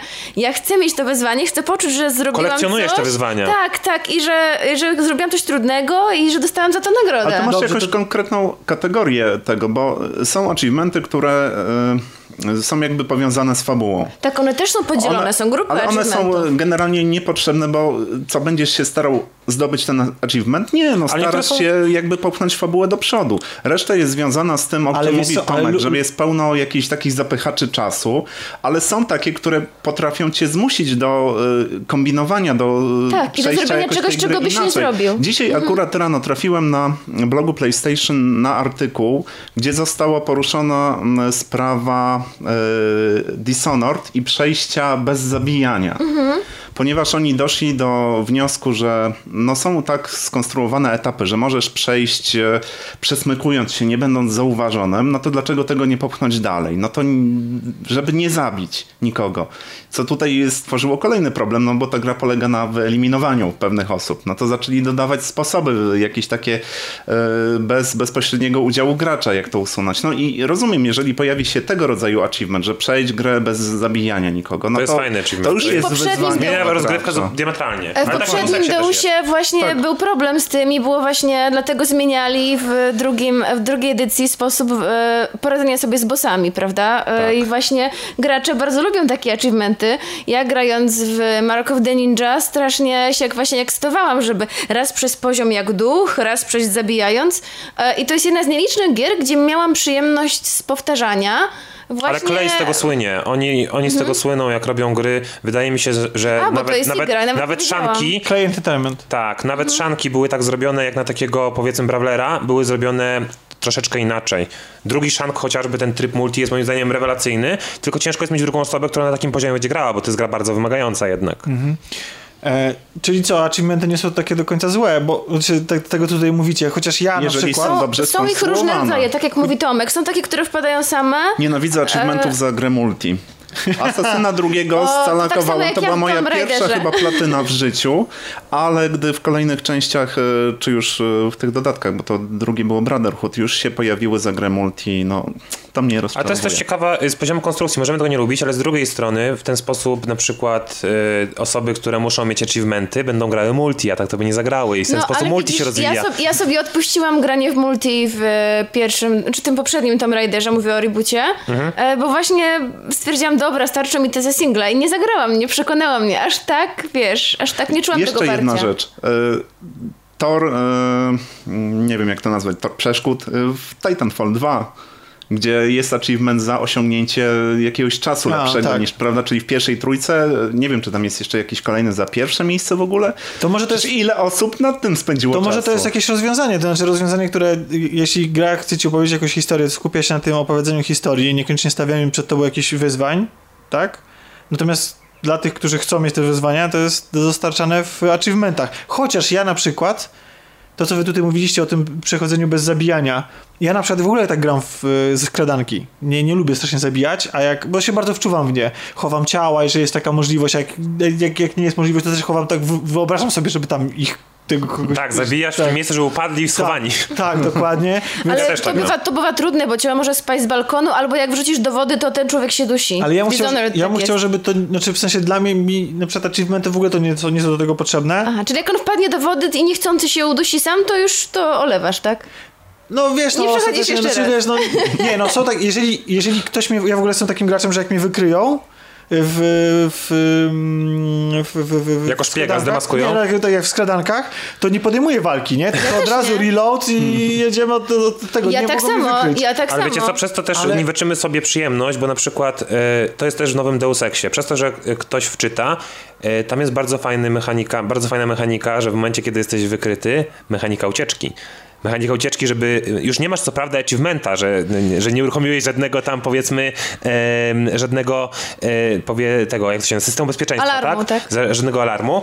E, I moim zdaniem ten moment ucieczki, gdzie nagle cię jakieś drony gonią i tak dalej, jest taki zaszczuty, to, to jest fajne. Jak sobie zrobisz load, no to sobie po prostu niszczysz to, co fajnego twórcy przygotowali dla ciebie. E, tak, ale ja po prostu chciałbym, żeby moja, żeby być takim super skrytym zabójcą, którego nikt nie zauważy, bo mi to sprawia, sprawia przyjemność i bardzo fajnie Splinter Cell Blacklist to rozwiązał, który nagradzał każdy kolejny styl, to znaczy konsekwencje grania w pewnym stylu. Jeśli byłeś totalnie niewykryty, duchem byłeś, to dostawałeś odpowiednie punkty doświadczenia e, za bycie duchem. Jeśli chciałeś przechodzić na Rambo, okej, gra ci na to pozwalała, e, dawała odpowiednie wyzwanie do tego i dostarczała odpowiednich y, punktów po, w, w nagrodę za to. No to właśnie jak jesteśmy przy Ale tych... to czekaj, tylko Mhm, jeszcze jedna, jedna myśl. To, co Kamil powiedział, że to jest to wychodzi na to, że są momenty po prostu, gdzie wyzwanie bardzo fajnie współgra z opowieścią. Takie niepisane, prawda? Bo Tak. nie musimy tak grać. Jest jakaś opcja, nawet promują te tryby, tak jak w Deus Exie chociażby promowali te tryby, że coraz to nowe zabawki uśmiercające i nimi się też super gra. Tylko, że trzeba zagrać dwa razy, bo jak masz taką koncepcję, no to dostaniesz nową zabawkę i co, zniweczysz całą koncepcję? Pół gry grałeś w ten sposób, że nikogo nie zabijasz i teraz masz super zabawkę do zabijania i zabijesz? Nie zrobisz tego. E, To wiecie co, ja lubię też jak e, achievementy premiują jakieś nietypowe i kreatywne zachowania i ja nie sprawdzam tej listy achievementów od razu, tylko dopiero pod koniec No gry, jak już wiem, że chcę ją... No właśnie, ale na przykład pamiętam, że w którejś części Shadowruna był, było coś takiego, że trzeba było w pewnym momencie wysadzić samochód. Ale miałeś wystarczająco dużo narzędzi, żeby wysadzić wszystkie samochody na parkingu. Ja myślę, a wysadzę. I A okazało się, że, okazało się, że wpadł achievement, ale chodzi o to, że i wtedy to jest takie miłe zaskoczenie, że gra tak. premiuje taką twoją ciekawość świata. A co będzie, jak nie potrzebuję tego zrobić, a i tak to zrobię? Ale wiesz co, Kasiu, to jest właśnie ciekawe, bo ty mówisz, że ty nie lubisz gier trudnych. Jednak zadaniowość wiąże się z tym, że chcemy mieć jakąś trudność w pokonaniu tej, tego czegoś. Znaczy, jeżeli gra jest za łatwa, No to nie ma przyjemności. To nie ma No dobrze, ale e, ja, z kole- ja też nie mam przyjemności, kiedy jest za trudna i właśnie stąd moje pytanie do Kamila. Dlaczego Kamil, jeśli e, kupiliśmy sobie pilarce, akceptowaliśmy się oboje e, i ja przeszłam na tym normalu i momentami było trudno, momentami było średnio, przeszłam, skończyłam, a ty sobie wzi- dałeś sam taki jakby punkt miałem- honoru, że zagrać na najtrudniejszym poziomie i pamiętam, że byłeś tym już zirytowany. Że Tak, ale to jest nie moja po wina. To jest wina y, w momencie, kiedy zidentyfikujesz, kto jest winowajcą tego stanu. Tutaj winowajcą jest twórca gry. E, Ja wpadłem w Pilarsach do miejsca, gdzie powinno się pójść na samym końcu. Do, Mhm. do tego miejsca, gdzie my, coraz trudniejsze potworki są i do, do, dostęp do tego tych był... podziemiach Tak, takich, ja tak? tam doszedłem postaciami na szóstym levelu bodajże, doszedłem tam do 15 poziomu na dole, gdzie tam już było tak hardkorowo, że po przejściu gry niektórzy nie potrafili tego zrobić na normalu, to ja, mi to naprawdę z precyzją chirurga stawałem, y, każdy, y, wszystko tam powiedzmy używałem. Mechanika jest też taka, że nie do końca ona jest taka, jak obiecuję, że jest, bo tam problem z synchronizacją jest taki e, skill, który nazywa się wspomnienie bólu bodajże e, i wtedy jak ja uderzam krytyka mieczem dwuręcznym, to druga osoba, tam ta matka, czy jak ona tam się nazywała, robi Cierpiąca wspomnienie bólu. matka. Cierpiąca matka. I to była super mechanika, tylko że ona była nie, nie, niedopracowana. Nieprecyzyjne. Pamiętam, rozmawialiśmy kiedyś I to mi tym. bardzo przeszkadzało i dla mnie na przykład Pilarsy, tak jak Tyranii, było lepiej zrobione pod tym kątem, tylko też było trochę kiepsko na przykład z momentem... No dobrze, ale w momencie, Mm. kiedy zaczynasz się denerwować, że jest trudno, gram w to już 15 czy którąś godzinę, a ugrzęzłem gdzieś tutaj, ale sam sobie narzuciłeś ten poziom trudności, to w Tak. takim razie dlaczego sobie go narzucasz? Narzucam sobie go dlatego, że nie chcę, żeby ta gra była dla mnie za łatwa, bo dla mnie tam są poważne wątki poruszane i chcę dyrektować się ym, wczuwając w bohaterów, którzy, e, tak jak mówiłem e, Tomkowi, e, na przykład jak jest smok, które darzę szacunkiem, to nie może być trywialny przeciwnik. No nie no, ja, ja smoka I- w tych podziemiach w ogóle nie bo zabiłam, to jest, bo to, zrezygnowałam to, to, jest, tego. to jest fatalne, jeżeli Nawet Wiedźmini nie zabijają smoków, bo smoki są mądre. Ja nie byłam w stanie zabić smoka w tej części bez dodatków, ale, Ale- chodzi mi o to... E, jeśli cię to zaczyna irytować, to jak w jakiś sposób dostarcza ci to jednocześnie Bo w momencie, kiedy mi się coś uda, to mam z tego taki fan. To jest trochę tak jak wszyscy, powiedzmy, gra, grający. to jest kwestia dopaminy, właśnie jak są te. Bo generalnie e, wróćmy do tego, y, y, powiedzmy, jakie są rodzaje przyjemności, i bo mamy cztery rodzaje graczy. E, i są graczy, gracze, którzy są nastawieni na narrację, na fabułę, na to, żeby jakaś taka opowieść ich e, do świata przyciągnęła. Są gracze, którzy lubią się z przeciwnościami losu mierzyć, czyli wiatr w oczy i k- sól na rany i generalnie wszystko jest ciężko. Ja lubię tak i wtedy, e, kiedy coś mi się uda, to mam wrażenie, że dokonałem czegoś ważnego, na przykład, że uratowałem świata było bardzo trudno, a kiedy bardzo łatwo jest uratować ten świat, no to po co ratować ten świat? Ale no, może być każdy tak może go uratować. średnio ciężko. Może być Tak średnio, właśnie szukanie tego, ale jest ten typ graczy, których e, nazywamy poszukiwaczami tych trudności. Są jeszcze gracze, którzy nastawieni są na community, czyli em, cieszą się, kiedy mogą pograć sobie w kilka osób i tak Mhm. Dalej. E, I są bodajże e, gracze, którzy szukają alternatywnych trybów, czyli gracze, którzy na przykład wymyślili w Quake'u, że można z rakiety y, strzelić w podłoże i w ten sposób skaczemy. To są jakby cztery rodzaje tych graczy i każdy czego innego szuka. Speedrunnerzy na przykład są właśnie tym rodzajem gracza, który uważa, że przejście jak najszybciej. e, Czyli dla nich gra to jest piaskownica. Łamanie systemu Znaczy, to jest dla nich jakby- zabaw.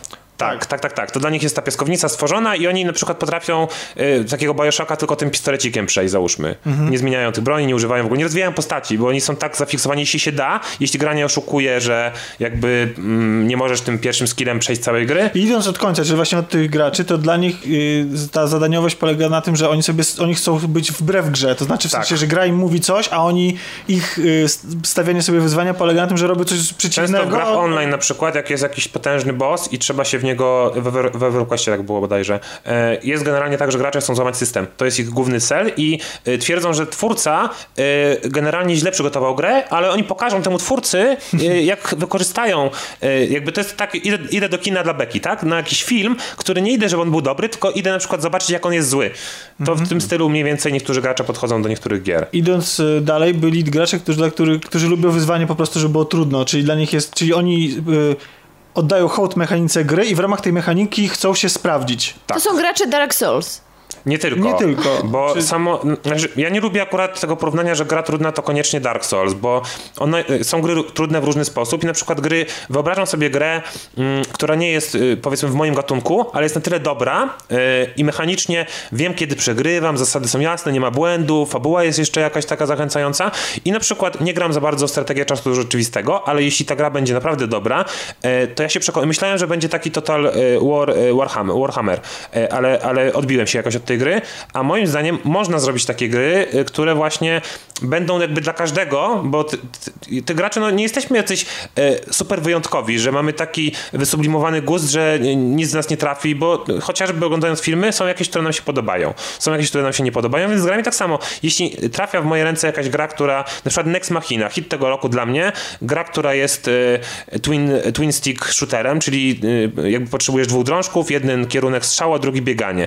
I gra jest zrobiona, moim zdaniem to jest naprawdę arcydzieło i jeśli by było, chociaż chcą tam mikropłatności wprowadzić na zasadzie, żeby wrócić do tego, do maszyn na żetony, chcą coś takiego zrobić w formie, że y, płaci się ćwierć dolara za próbę przejścia i w ten sposób jakiś system rankingowy, ja w to pójdę, bo ja wspieram ten rodzaj gameplayu i on jest unikalny. Tak samo jak Vanquish na przykład był kiedyś. Tak. to stary dostaniesz ich w najbliższym czasie zatrzęsienie. No, Ale ten jest zrobiony naprawdę dobrze. Tam jest tak wszystko co do sekundy, jakby grając w tę grę, ja jeszcze nie przeszedłem na najtrudniejszym poziomie, bo jest naprawdę, to jest hardcore. Tam przejść w ogóle pierwszy świat, jeśli ktoś nie jest w takich grach zaprawiony, e, to, to jest wyzwanie naprawdę duże.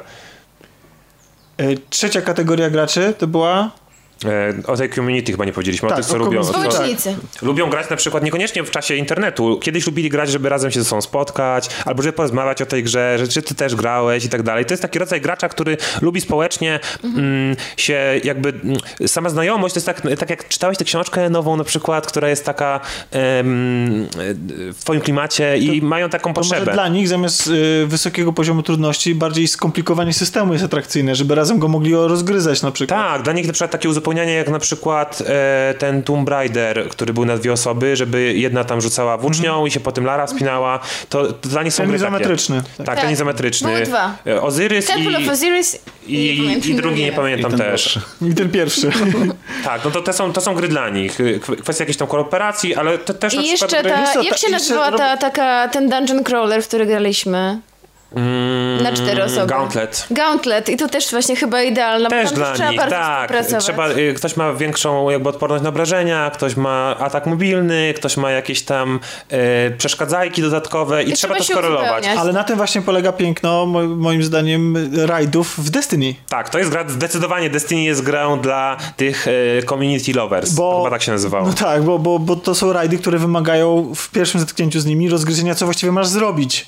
Jak właściwie masz pokonać kogoś. To nie jest tak, że po prostu idziesz napakowaną postacią i po prostu ładujecie mm, ile macie w No i właśnie- To też, ale też po prostu y, te rajdy przynajmniej w pierwszej części były tak skonstruowane. Nie wszystkie oczywiście, ale, ale że miały sekcje skradankowe, gdzie miały jakieś zagadki środowiskowe, gdzie trzeba było y, wiedzieć jak podróżować pomiędzy różnymi wymiarami. Więc to, to było rozgryzienie tego wszystkiego przez to community było atrakcyjne. No i też tej korelacji, synchronizacji takiej, e, wydaje mi się, że tak jak gry na przykład rywalizacyjne, teraz się kojarzą głównie z bijatykami i jakoś tam powiedzmy jakieś tam MOBA, strzelanki, ale kiedyś pamiętam była ta, taka fajna gra na Nintendo, pewnie na innych platformach też, nazywała się Spy vs. Spy. E, biały i czarny e, taki charakter i można było wrzucić na przykład jakąś sprężynę pod drzwi i taka gra jakby wyszła, na przykład może wyszła, ale ja o tym nie wiem, e, w jakiejś nowoczesnej formie, na, nawet dla czterech graczy, to to się, by było... Ship chyba się nazywało, czy coś takiego, prawda? Że na statku... Y, Tak, The Ship.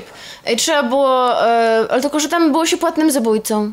I trzeba było zabić konkretnych że pasażerów. To, ale to nie jest tak, że się polowało na, na siebie? No, Tam z jeden z graczy Tak, chyba był, tak, to trochę tak. tak jak ten, y, jeszcze była taka gra Valve'a, tylko nie pamiętam już jak się nazywała, bo ten, nie, nie podeszła mi akurat, ale też tam było jakby zasadzenie tego, że jedna osoba jest y, kimś innym i trzeba tam się o, rozmaskować, to zdemaskować. I właśnie tam chodziło też o to właśnie, że nie wiadomo było, który z graczy jest tym zabójcą. A tak jak mamy gry karciane, na przykład Mafie, albo jakieś takie bardzo popularne y, gry osadzone na tym, że nie wiadomo kto kim jest, są dobrzy i źli, albo y, jakaś gra I tam Cyloni. jest... Tak, tak, tak. E, to moim zdaniem takie gry mogą być jakby w multi, e, one powinny zyskiwać w pewnym momencie nową jakość, czyli na przykład w Destiny, ja bym sobie życzył, gdybym był takim rodzajem gracza, być może mogę być takim e, rodzajem gracza, kiedy na przykład bym chciał pograć ze znajomymi, których lubię. Mhm. Że umawiamy się na przykład na godzinę 18 dzisiaj, że będziemy sobie coś tam robić, naszym celem jest to, ale przy okazji możemy zrobić coś innego. To wtedy jestem w stanie na przykład zmienić rolę, moje, moją rolę jako gracza już, na to, żeby stać się innym graczem i na przykład poziom trudności zupełnie będzie mi zwisał tam, y, czy jest za łatwo, czy za trudno, nie będzie mnie to interesowało, bo celem nie będzie nawet ani wygranie, ani przegranie, tylko celem będzie kooperacja i Ale kontakt. właśnie jeszcze a propos grania z innymi i community i stopnia trudności też.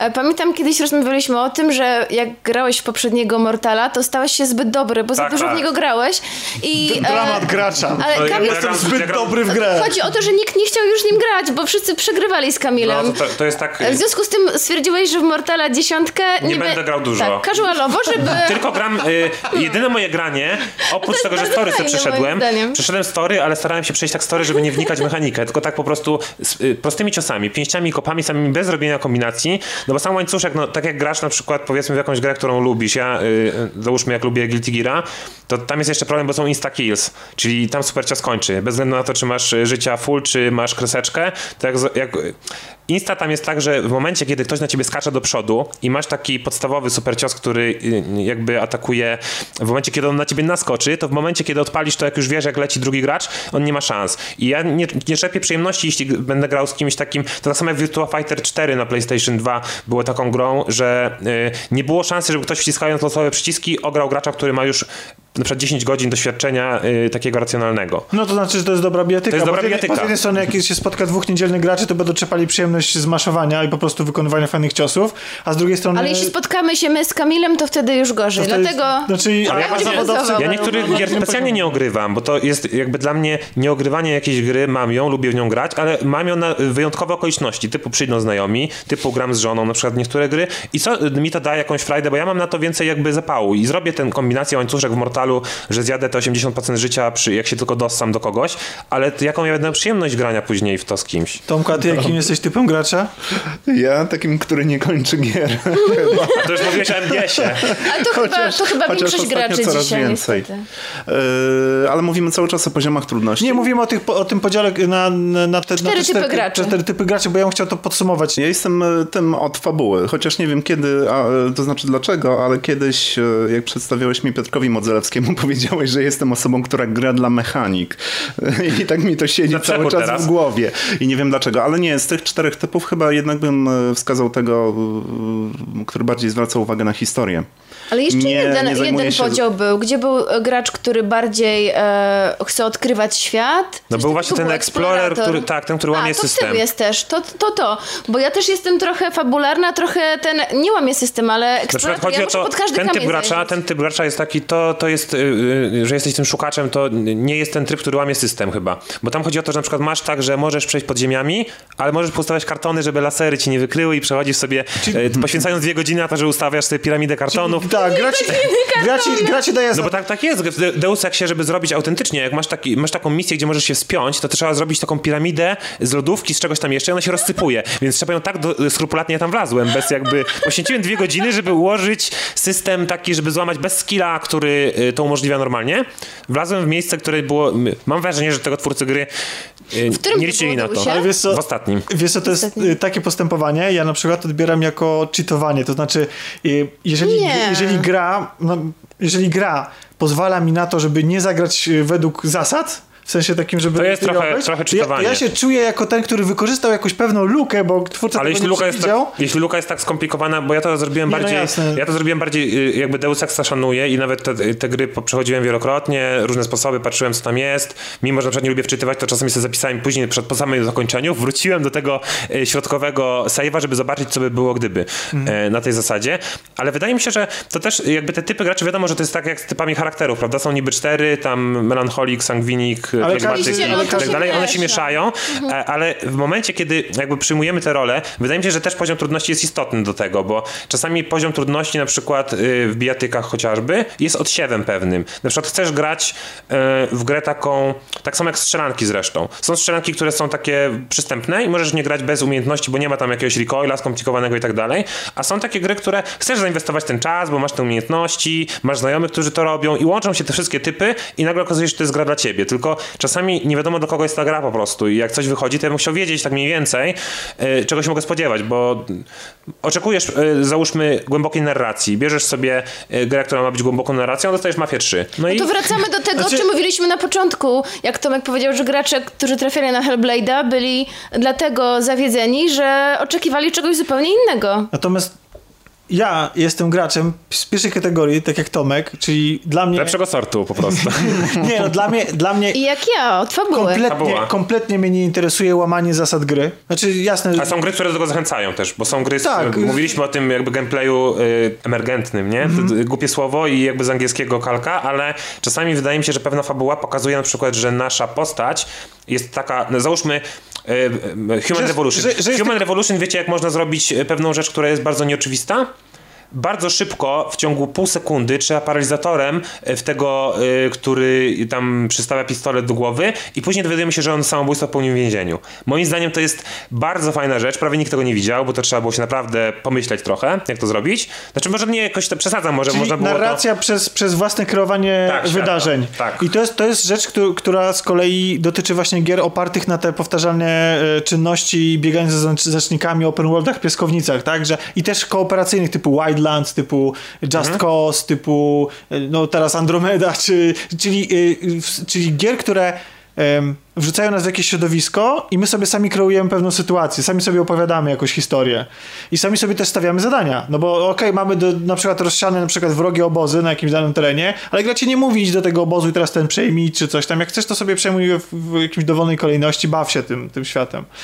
Ja takim graczem nie jestem, rzadko bywam. Kompletnie nie jestem właśnie takim, który łamie jakieś zasady. Jestem graczem, który oczekuje od gry konkretnej przygody albo że gra mi o czymś opowie. Tak, yy, niekoniecznie fabułą, A jakby ale... fabularnie to y, jakby zachęcili ci do łamania systemu, to co byś wtedy zrobił? No i właśnie, te, tak, wtedy, tak do, i właśnie do tego zmierzałem. To znaczy do takiego podsumowania tego, gdzie w tym wszystkim jest poziom trudności i w ogóle cała zadaniowość.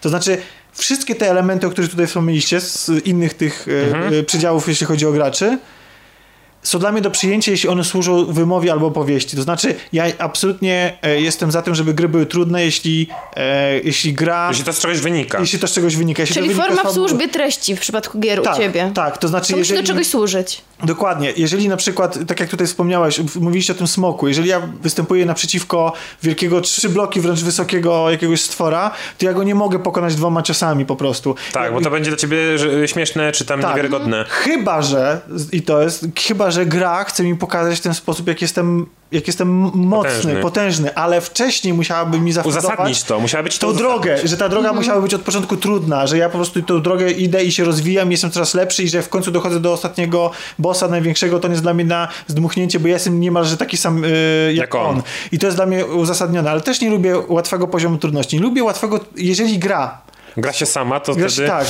I jeżeli, zwłaszcza, bo ja nie mam na przykład, nie, nie, nie, mam, nie, nie mam problemu z tym, że gra, która opiera się na tym, że ja muszę pewną czynność wykonać, ale ona nie jest dla mnie wyzwaniem, ponieważ chodzi raczej o to, żebym ja się wczuł w tą sytuację. Czyli podjął, na przykład zabicie kogoś jest quick time eventem, że ja na, muszę nacisnąć spust po prostu w odpowiednim momencie, bo to służy temu, żeby opowiedzieć o tym, Podczas dialogu załóżmy, prawda? tak, i, ale też y, to służy temu, żeby powiedzieć, e, co czuje ten bohater, żeby podjąć tę decyzję, o zabi- żeby po, pociągnąć samemu za spust, a nie, na ty- a nie temu, żeby mi, y, że przede mną postawić wyzwanie. I ja się nie obrażam na to, że gry coś takiego robią. Mi się też to podoba. To Tak ja się na jestem... przykład kończy z y, The Order 1886.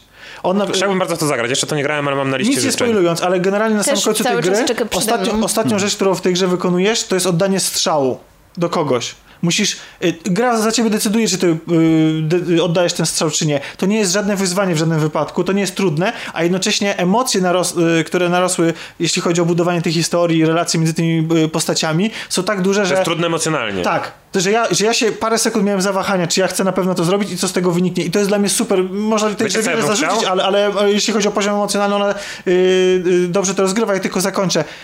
Natomiast gry, które e, wrzucają, y, które y, opakowują ten gameplay loop, to ciągłe powtarzanie pewnych czynności, tą taką czystą mechanikę fabułę, jeżeli są za łatwe, to mnie nudzą. I ja na przykład mam to do zarzucenia do zarzucenia serii Uncharted które świetnie mi się obcuje z tymi bohaterami. Uwielbiam te historie. E, też mam do nich pewne zastrzeżenia, ale nie o to teraz mi chodzi. Natomiast w, w czwartej części, gdzie skakanie po półkach właściwie jest tak mechaniczne, jest tak nieangażujące, nic nie wnoszące, a jednocześnie jest jego tak dużo, mnie to po prostu nudzi. To znaczy, ani to nie jest wyzwanie, ani to nie jest emocjonujące w czwartej części, kiedy już wiesz właściwie, wiesz doskonale, kiedy się obsypie ten murek, kiedy... To jest element tej gry, znaczy te, tego, tego, mm, tej marki. Kompletnie dla mnie zbędny, bo albo powinien być trudny, albo powinno być go dużo, dużo mniej. Ale przez to, że gra musi być odpowiedniej długości, przez to, że musi być zapewniony właśnie ten tryb, że a teraz graczu musisz grać w grę, wykonać pewne zadania, bo my ci to nakażemy, to to jest dla mnie po prostu nudne. I, i, i zataczając koło... Wiesz co, to jest też twoja, y, w cudzysłowie, wina, bo e, generalnie jak zdajesz sobie sprawę z pewnych rodzaju, rodzajów typów konstrukcji, tak jak w filmie, jak oglądamy film reżyserski, widzimy sceny, które są usunięte po coś y, też, e, nie wnoszą nic nowego i nawet komentarz, powiedzmy, jak ty jesteś z tym jakby ozn- y, zdajesz sobie sprawę z tego, jak to, jak to wygląda, to pewne rzeczy y, są dla ciebie problemem, prawda? Y, Ja też tak mam czasami w filmach, jak sobie na przykład poczytam o jakimś filmie, który oglądam drugi raz y, i pewne na przykład niekonsekwencje wcześniej, które mi się wydawały nieistotne, to tak samo w grach. I myślę, że tylko gry stają się czymś takim, że chcą być takie niewybaczalne, bo te całe dramy, jakby przez to, że gry są adresowane do jednak cały czas, y, mimo że średnia odbiorcy cały czas wzrasta wieku, tak so, y, entuzjazm tych y, ludzi, którzy najbardziej angażują w to wszystko, w filmach tego nie ma, bo jest jednak film adresowany, cały czas to jest grupa wiekowa jest, jest, jest ustawiona wyżej i mam Nie wrażenie, no, że są szukanie... różne grupy wiekowe. No, ale powiedzmy, że y, Ale są generalnie... konkretne, łatwo, w, łatwo Tak, łatwo, a nie wiadomo czasami, która gra jest dla kogo, bo sam jakby poziom przemocy albo poziom skomplikowania fabuły, według mnie to nie jest taki odsiew, bo może być bardzo ambitny na przykład nastolatek, który jeszcze nie ma pewnych problemów takich życiowych, żeby zrozumieć coś, co jest w grze, która jest stworzona przez 40-latka załóżmy, który nie adresuje tej gry do nastolatków i cały czas się poruszamy w tym, że moim zdaniem jakby sam ten poziom trudności i porażka, ja y, tak jak ta książka Sztuka Przegrywania, No polecam, to- to- polecam, żeby każdy sobie y, nawet zerknął, jeśli to jest króciutkie na jeden wieczór, można sobie to przeczytać w jeden wieczór albo w tramwaju powiedzmy. E, generalnie wydaje się, że samo przegrywanie jest czymś cennym, ale y, jesteśmy na to ślepi często, że chcemy na przykład, są gry, tak jak słyszałem, jak rozmawialiście, chociażby nowy Torment. Tam przegrywanie wnosi nową jakość i samo przegrywanie uczy, że może przegrywanie może być czymś dobrym. W ogóle y, są... Tak, tam e, skończyłeś e, tego E, tormentu. tak, skończyłem, Bardzo tylko- mi się spodobało, że w tej grze śmierć nie jest przegraną, tylko w momencie, kiedy twój bohater umiera, Czasami to jest mechanika, musimy się napić czegoś trującego na przykład. w jakieś tam miejsce, które teoretycznie jest nazwane przestrzenią jakąś tam w twoim mózgu i czegoś nowego się uczysz o grze, o jakichś postaciach, czasami y, dostajesz kolejne skille. Chodzi o to, że to, że przegrałeś walkę, czy z jakiegoś powodu coś ci się stało, wzbogaca cię. Jako tego bohatera w tej grze. No właśnie, no bo To skoro... jest bardzo I ciekawe. same, bo, bo my nie chcemy przegrywać, w- wręcz y, jakby boimy się tej porażki i moim zdaniem to jest bardzo fajnie y, do gier y, ym, Ale przedstawić ludowe przysłowie, tego. że y, sukces ma wielu ojców, a porażka jest sierotą. I ja właśnie, dla mnie ta sierota jest atrakcyjna. Ja, ja ją chcę zaadoptować. I y, podchodząc, czytając tę książkę, bo ona jest zupełnie o czym innym, ona jest w tak wielu rzeczach związanych z porażką, że wręcz się wydaje czasami, że to jest książka kulturoznawcza, a nie o grach. Y, Tam oczywiście są przykłady i oprócz tego, że porównuje się porażkę do tragedii takiej w y, rozumieniu teatralnym y, i pokazuje się pewne korelacje, to jest jakby taka przestrzeń, która pozwala nam inaczej patrzeć na gry i być może jakby problem jest czasami w graczu, że gra jest słabo przyjęta, ona jest dobrze zrobiona, są gry niedocenione, mówimy o tych grach. Dla mnie dużo mam takich gier na swojej liście, które uważam, że jakby był na przykład, nie druga część Arkanum, jeśli to nie, nie robiłaby tego Bethesda, bo ona by się do tego nie, nie, nie nadawała, nie oszukujmy się, Nie, nie. to ja bym to kupił, naprawdę zainwestowałbym w to, no jakby był Kickstarter, Kickstarter to na bym przykład. rzuciłbym na przykład 2000 zł czy 3000 zł na, na tę grę. Bo dla mnie to jest tak dobra gra, jeśli to by lubili ludzie, którzy robili faktycznie Arkanum.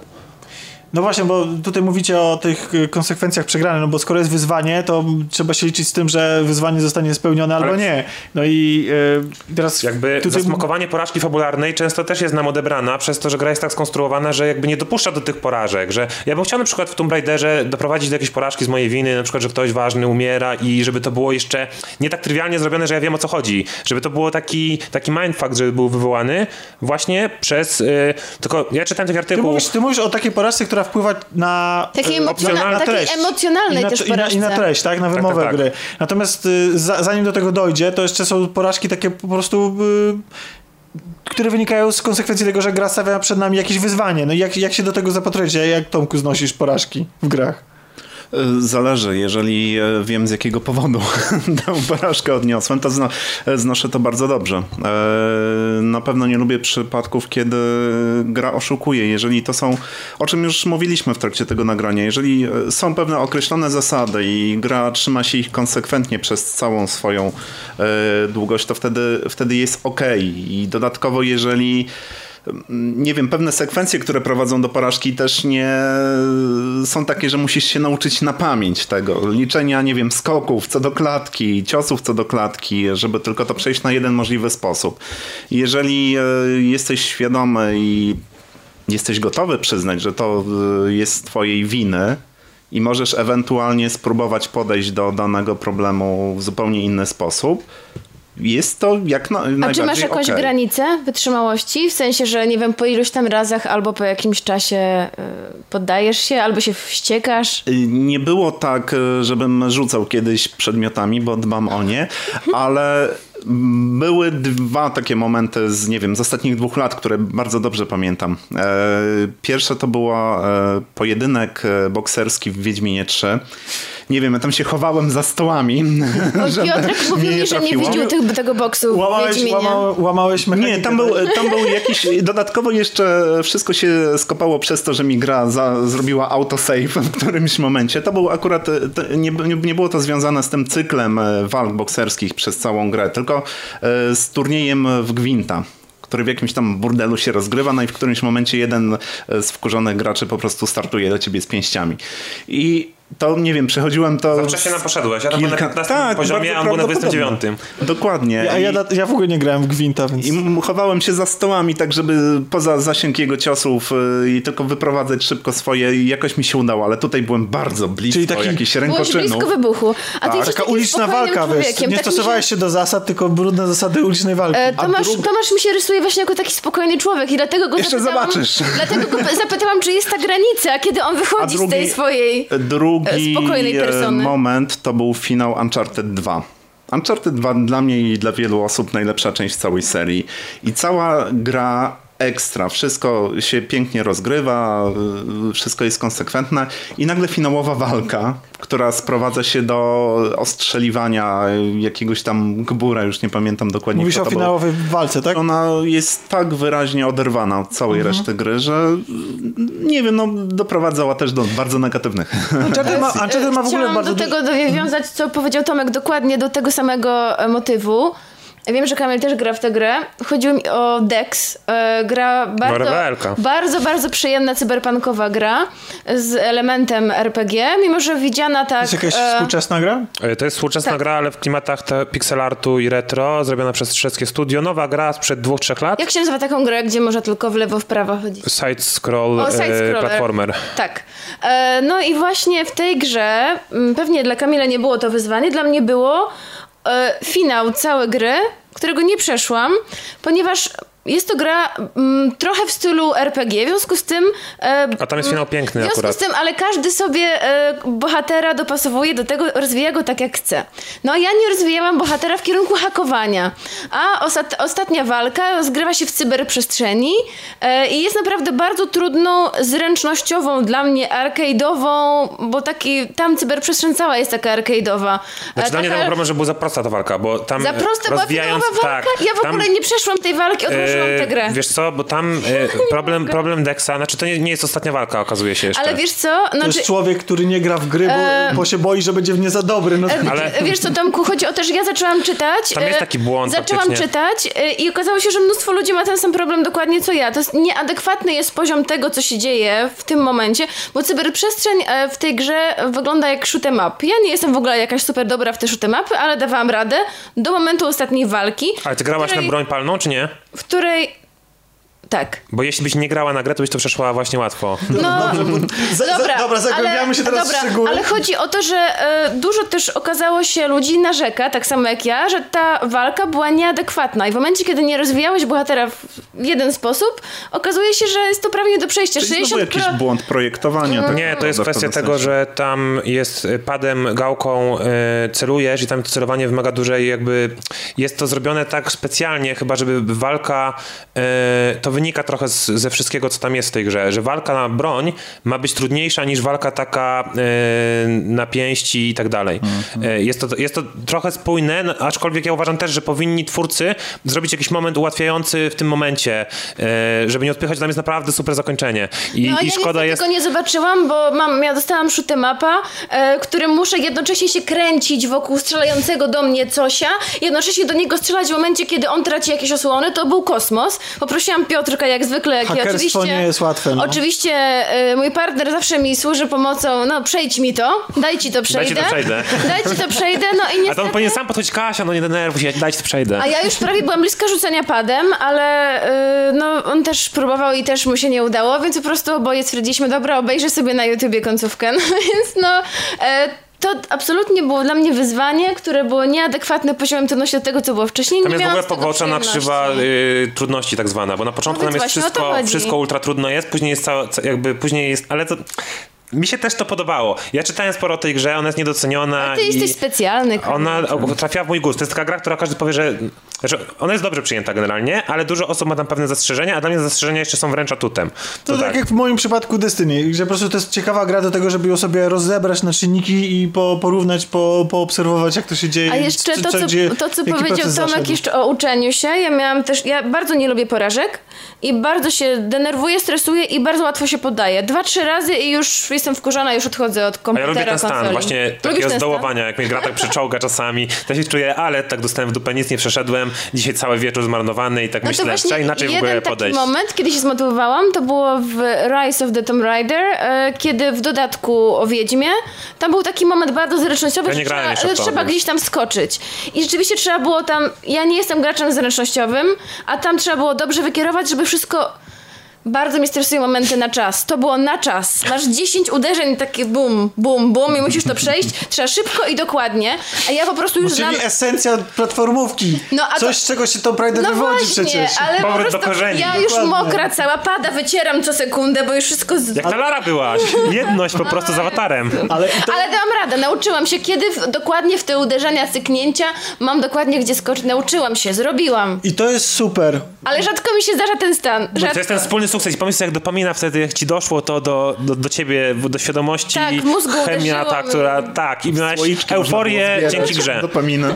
Tak, no ja z kolei na przykład nie mam Kiedy to przeżyłeś, Tomek? Kiedy to przeżyłem? No chociażby Tak. w Hellblade tak jest, bo Hellblade z kolei właśnie tą obietnicą, że każda twoja śmierć przybliża cię do permanentnej śmierci, czyli skasowania twojego save'a, plus to otoczenie mm, jak z horroru, em, gra na czas, gdzie musisz uciekać jeszcze, nie dość, że ci ucieka czas, jeszcze masz to zagrożenie śmiercią i tak dalej. Po prostu Musisz- psychoza fabularna z psychozą mechaniczną Dokładnie. I to jest właśnie po to zrobione. Ja, ja nie mam absolutnie z tym żadnego problemu. Ja nie mam też problemu, na przykład tam jest taka sekwencja, gdzie jest bardzo, y, jest taka dosyć trudna, ponieważ jest bardzo długa, a po prostu każda walka, no ona nie jest dla mnie, nie była zbyt skomplikowana, ale okej, może być jakimś tam wyzwaniem, ona jest bardzo długa i ludzie na to narzekają, że ona męczy, a dla mnie to było fascynujące, bo to była też opowieść dla mnie y, służąca narracji, że ja mam, miałem być taki przeczołgany, ja miałem mieć dosyć tych walk, ja miałem mieć y, o, o, spocone dłonie o, i, i mieć, mieć dosyć wszystkiego i dla mnie, i to jest... Walące serce, tak. Tak. I ja kiedy przegrywam coś takiego... Rozchwiany wzrok. Kiedy ja, widzę, kiedy ja widzę, że to służy tej opowieści, ja nie mam absolutnie żadnego problemu z tym, żeby przegrywać i podejmować to wyzwanie jeszcze raz, bo wiem, że to temu służy. Ale jeszcze właśnie y, dlaczego ja nie lubię y,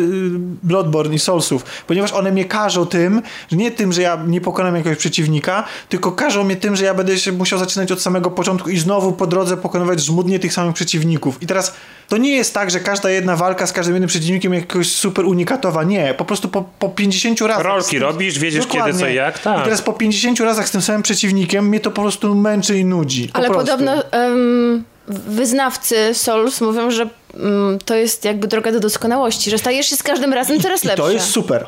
To jest super. Ja tylko bym chciał, żeby gra była, zaskakiwała mnie czymś nowym, ciągłym, a nie, że ja w drodze powrotnej i tak muszę walczyć z tymi samymi potworami, z którymi już walczyłem, bo to dla mnie... Bo one się odradzają, to jest takie głupie trochę, bo zachęca na przykład do e, grindu. Zachęca cię do tego, żeby w pewnych momentach, gdzie jest tak e, łatwo te potwory w miarę poubijać, zbierasz te dusze i rozwijasz sobie postać. I powtarzasz to, aż będzie późniejsza, później- późniejszy element gry będzie ci łatwiejszy. I dla mnie też na przykład gra, którą jakby trudność opiera się na tym, że ja muszę spędzić dodatkowy czas i robić to samo przez 3 godziny, żeby sobie natrzaskać na przykład, bo ta, ta, tak niestety jest skonstruowana ta seria, tak bym powiedział. Dużo nie wiem, nie wiem jest tak skonstruowanych. E, no w finale nie możesz przejść ostatniego bossa, jeśli nie, nie, zro- prawie wszystkiego nie zrobisz, prawda? Bo jest No nie, wtedy to- ta nie, jest y, nie do przejścia. Nie tylko finale, mm, pe- pełno japońskich gier, typu na przykład Xenoblade Chronicles, gdzie przez całą grę możesz iść jak przecinak, ostatni boss Pokazuje ci, że jeżeli nie przejdziesz przez całą grę skrupulatnie, to Tak. mm, po prostu zabraknie ci czyli robiąc wszystkie te z pełnym expem powiedzmy, no tak. Tak.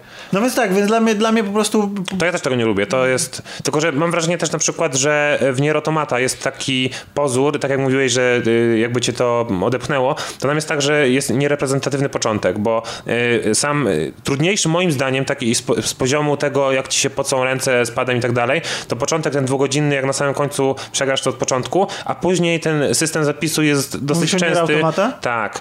Znaczy, wiesz tylko... y, Tam jest początek trochę taki, który. Początek jest super, bo on jest w ogóle taki slasherowy, zmienia się często perspektywa, jakby gra ci od razu później jest to samo- daje- No właśnie nie, bo później cię wypuszcza na przestrzeń, a to jest w ogóle Pozornie. to jest temat na, na, inno, na inną dyskusję, że po prostu ja na przestrzeń, gdzie ja pokonuję kilometry biegając w kółko i żeby porozmawiać z kimś, zamienić dwa zdania, albo żeby zebrać trzy części czegoś tam i Tam to jest nie też uzasadnione. Tam jest też uzasadnione, więc jakby to jest. Zapewne, tylko możemy, prostu- się, możemy się tam póź- później spierać, tylko dla mnie w momencie, kiedy przy trzecim przejściu gry, czy przy drugim powstają tam nowe mechaniki, są super pokazane na przykład zaraza taka jakby, y, żeby nie spoilować, zaraza y, polegająca na.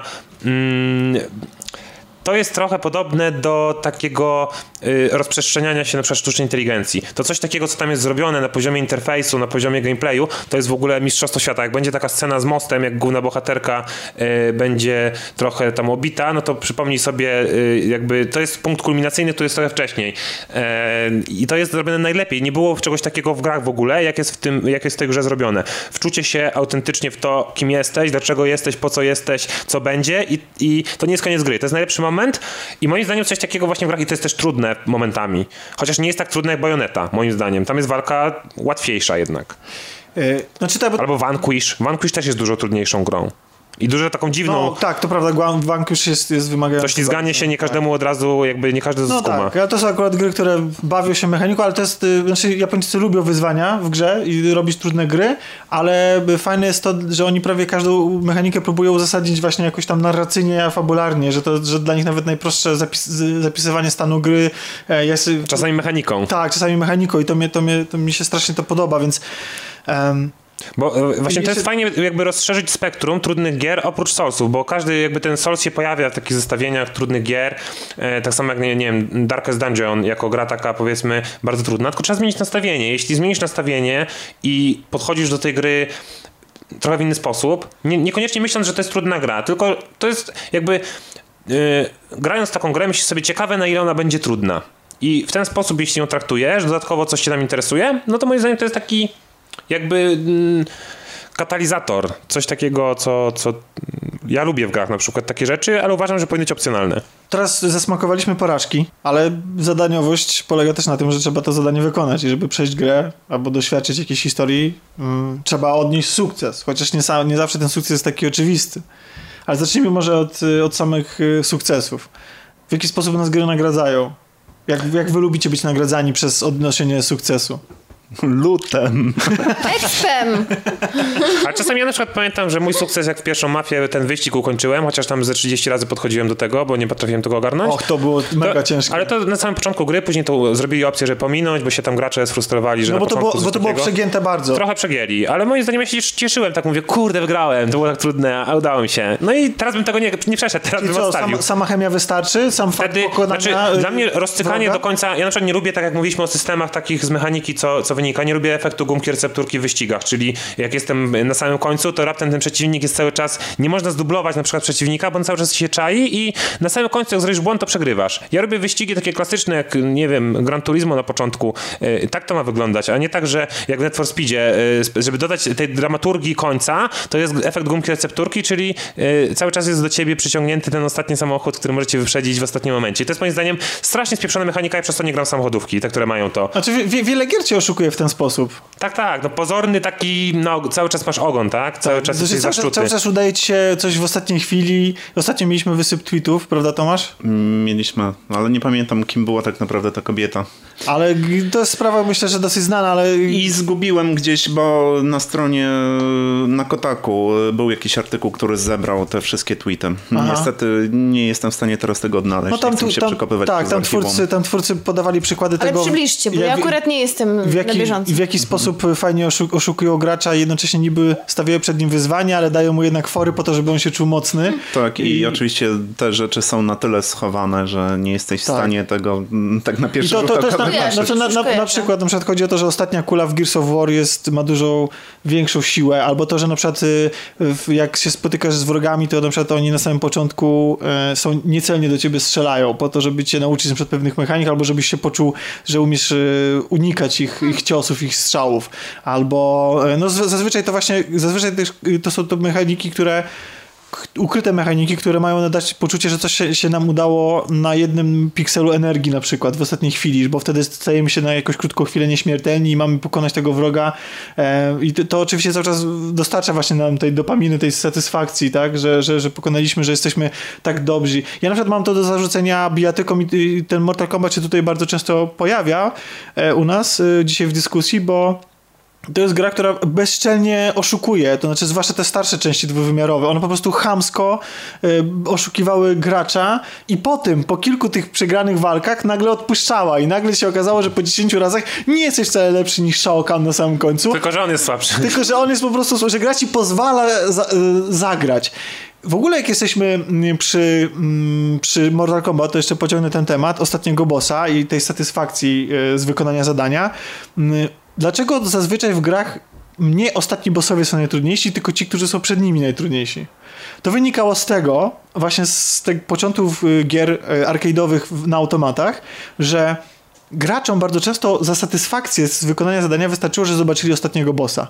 Bo tutaj dochodzimy do, e, do tej sytuacji, w której, e, który, o której Kamil tutaj na samym początku mówił, że, że my nie, nie znaliśmy gier i my je odkrywaliśmy i dla nas frajdy było to, że chcieliśmy się dowiedzieć, jak coś wygląda dalej, bo ktoś nam tą prawdę przekazywał, ponieważ zazwyczaj y, w danym salonie gier jakiś czas musiał upłynąć, żeby ktoś zobaczył po prostu tego Koniec, ostatniego. tak. Tak, to ludziom wystarczyło fakt zobaczenia ostatniego bossa, i dlatego on nie, mógł, nie musiał być aż taki trudny, natomiast żeby do niego dojść, trzeba było pokonać tego bossa y, tego niżej. Tych, w Teraz przypadku sentymentu czasami jest ta mechanika zostawiona, tak, prawda? tak. W przypadku, w przypadku Mortal Kombat to był Goro, na przykład, bo chodziło o to, żeby po prostu gracze wrzucali coraz więcej tych monet, prawda? Pod sam koniec, jak już tak daleko zaszli, żeby, żeby tylko tego ostatniego bossa zobaczyć, a już ten ostatni już nie był aż taki ważny, nie? I Już później im się dało wygrać. Tak, Jak już tak. to przeszedłeś, to, to masz. tak. Ja, macie jakieś swoje ulubione, satysfakcjonujące jakieś nagrody za wykonanie danego zadania? To nie musi być koniec gry. Może być jakieś wykonanie jakiegoś questa, który w jakiś sposób fajnie zamknął historię i was y, nagrodził jakąś nagrodą. Zanim o tych najciekawszych, to ja jeszcze tylko chcę powiedzieć o tym, mm, jak zapytałeś, co, e, co jest dla nas najlepszą nagrodą. No to ja, ponieważ zaczynałam od RPGów, moje granie, od, od Baldura i Fallouta, to uzależniłam się od właśnie od tego expa i od tego levelowania i to jest straszne, bo czasami zdarza mi się, że kiedy osiągnę ten górny limit doświadczenia, no bo oczywiście jestem graczem, który lubi wszystkie questy poboczne, więc dość wcześnie Czasami nawet ze dwie godziny, czy nawet więcej przed zakończeniem gry go osiągam. i przestaję mieć wtedy satysfakcję czasem z grania. Naprawdę. Rzadko kiedy zdarza się, że jest odwrotnie. Na przykład na szczęście Torment był na tyle ciekawą fabularnie grą, ten ostatni, że e, nie popsuł mi to satysfakcji. Ale niestety często się zdarza, że potem już macham ręką i no to już kończę, ale to już jest takie... Ja może no, jedno wtrącenie jeszcze o. Tormencie, bo to jest też ciekawe. Któryś z dużych serwisów w recenzji wyśmiewał się z tego, że Torment jest przegadaną grą. Ja bardzo nie lubię teraz tych komentarzy, że gry typu Pilarsy albo e, Tyrani, albo właśnie Torment, że są przegadane. To nie jest po prostu gra dla ciebie, wtedy mówię takiej osobie, bo zarzut był trywialny. Był, y, że odbijają się jakby y, od światła wodospadu y, w ciągu dnia y, jakieś odgłosy. I y, jakby chcąc wyśmiać się z tego, że to jest intelektualna bzdura, recenzent chyba gry online, stwierdził, że inaczej by to brzmiało w nocy, tak ośmieszył Inaczej, jak ktoś by widział Niagarę na żywo, same zwierzęta, które się poruszają w ciągu dnia, a których nie ma w nocy, to inaczej się dźwięk odbija od wodos- od wodospadu w nocy. I jeśli się nie przemyśli pewnej odpowiedzi, można to zrobić tak, jak robią komity czasami, że robić taką próbę em, oszustwa pod publiczkę. I moim zdaniem tak w recenzjach, jeśli ktoś twierdzi, że takie gry, no y, powiedzmy, okej, Pilarsy, dużo tekstu. Czy przeczytałeś ten tekst, żeby go krytykować? Cały ten tekst naprawdę zajmuje bardzo dużo czasu. E, I nie wierzę, że ci wszyscy hejterzy takich powiedzmy tego typu gier, ja nie twierdzę, że to jest dobry, dobry styl robienia gier, bo czasami można przesadzić, tylko w pewnym jakby dialog trudności fabuły na przykład, czyli tego, że grasz Wiedźmina i czytasz każdą książkę, załóżmy. To jest pewna tru- trudność w konsekwencji. To jest poziom trudności, który nie, nie jest zręcznościowy, tylko y, jakby uwaga. Tak jak na przykład czytamy książkę, to żeby nie zajrzeć w telefon, tylko żeby czytać ją przez 8 godzin, całą noc. Tak jak się kiedyś czytało. To jest już trudne, ale jeżeli fabuła jest dobra, to czemu nie? Jak ja mam dobrą, dobrą książkę taką, która czekam na nią i, i okaże się, że coś jest takiego fajnego, to tak samo myślał z grami, że gra nie wypuszcza cię w ogóle do rzeczywistości. Jest tak wciągająca. Y, Ja tak kiedyś podchodziłem do gier na zeszłej generacji, na przykład robiłem sobie maratony z, z ukochanymi grami, typu wszedł Max Payne 3. To przechodziłeś wszystko, nie? Słuchaj, przygotowałem sobie y, warzywa na całą noc, nie, żeby nie siedzieć o chipsach i tak dalej. Przygotowałem sobie i po prostu zasiadałem, mówię, tak, ty 8-10 godzin, dawaj. To jest masakra, nie polecam tak grać. Znaczy w sensie, ja, pod, zwłaszcza gry, które tak cię angażują, mają angażować w fabułę. To jest prawda jest taka, że jak kończysz grę o 5 nad ranem, To już nie wiesz w ogóle o czym było. to, to jest Ale dlaczego masakra? Ja tak gram w bardzo dużo gier. Zaczynam, włączam grę około 18, a wyłączam ją o 6 rano. To, jest 12 tak, godzin. ale to jest, i co, to jest za jednym zamachem? Tak. W sensie, tak? Naprawdę. Przerwy na jedzenie, okej. siku i tak dalej. To ja, nie, to ja tak nie pod... Ja tak zrobiłem z kilkoma grami, Uncharted, y, Max, takie wiecie, no liniowymi doś, doświadczeniami fabularnymi, gdzie, no, Bioshocka tak Bywa, że zamykam no. grę w momencie, kiedy już mi się tak rozmazuje przed oczami, że już trochę mm, To ja już nie jednak widzę. Ja za tylko pamię, pa- pamiętam, jak Ja skończyłem, czasami też tak robię. jak skończyłem Bioshocka Infinite, y, właśnie tak, tak, y, to było jakoś świtało już, piąta, coś takiego. No właśnie o to chodzi. Nagle słyszysz ptaki a, i widzisz jakoś tak podejrzanie jasno. Ale U ciebie to może tak, bo ale ty masz cięż, cien, e, rolety w ciemnym kolorze, to może nie widać tego świtu, to nawet gorzej jeszcze. Skończyłem go właśnie nad ranem i nie poszedłem spać, tylko siedziałem w fotelu mówię kurwa, co ja właściwie przeżyłem?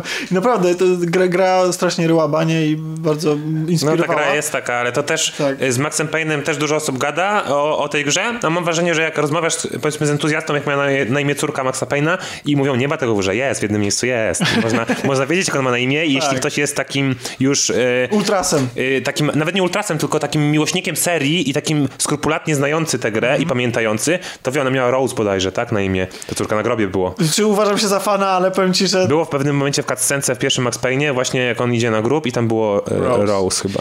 No dobrze, ale mamy te, to Satysfakcja, satysfakcję. tak, no więc satysfakcja. y, Infinite akurat usatysfakcjonująco się skończył o, o piąty nad ranem. To, to jest, zapamiętam na pewno to, to zakończenie. E, A wy mieliście jakieś takie właśnie ulubione zakończenie? Jakieś takie satysfakcjonujące was? Moje zakończenie, które mi się w ciągu ostatnich 10 lat w grach, e, w grze The Talos Principle. Moim zdaniem zakończenie, które ma różne parametry i jest dodatkowa taka jeszcze gratka dla... Bo gra uczy w pewnym momencie, że trzeba wychodzić z pudełka. Tak jak jest powiedzmy gra podobna, tylko dużo Znaczy, prostsza. chodzi o to, że myśleć mniej standardowo. Tak, tak, tak. tak. E, To na przykład, że coś zawsze używamy jako e, przedłużenie odbicia kilosera, a w pewnym momencie musimy użyć tego jako na przykład drabinki, czy czegoś takiego. To jest taki jakby prosty przykład. Jest gra podobna, y, lepiej zrobiona pod kątem wizualnym i w kosmosie ten e, The Turing Test, czy jakoś tak. To to jest fajna gra, ale tylko ostatnia, ostatnia zagadka jest taka wyzywająca. Tak w The Talos Principle grę na 40 godzin, gdzie są głównie zagadki przestrzenne i fabularnie taka filozofia egzystencjalna na wysokim poziomie, naprawdę to się broni, e, to końcówka była dla mnie taką, ostatnia misja, ta muzyka, nawet soundtrack później yy, pobrałem, żeby go sobie słuchać, żeby do mnie dochodziły te emocje.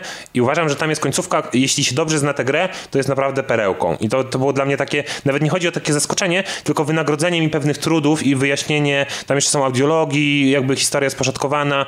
Yy, polecam, jeśli ktoś ma trochę czasu, bo to jest gra, która jest obciążająca tak myślowo, że jak rozwiążesz przez dwie godziny zagadki, to ci mózg paruje i już nie wiesz, tak myślisz, kurde, czy ja to zrobiłem, czy w ten sposób próbowałem, czy coś tam. Jest, jest naprawdę taką grą. Teraz ma być dwójka w ogóle i też jak ta gra wyszła na konsolę, jakoś nie, nie było sukcesu, dlatego że z opóźnieniem na PlayStation 4 to wyszło w stosunku do PC-ta, a to jest gra twórców Serious Sama. A czy uważasz, że, a czy Więc... uważasz, że te zagadki są trudniejsze niż w portalu?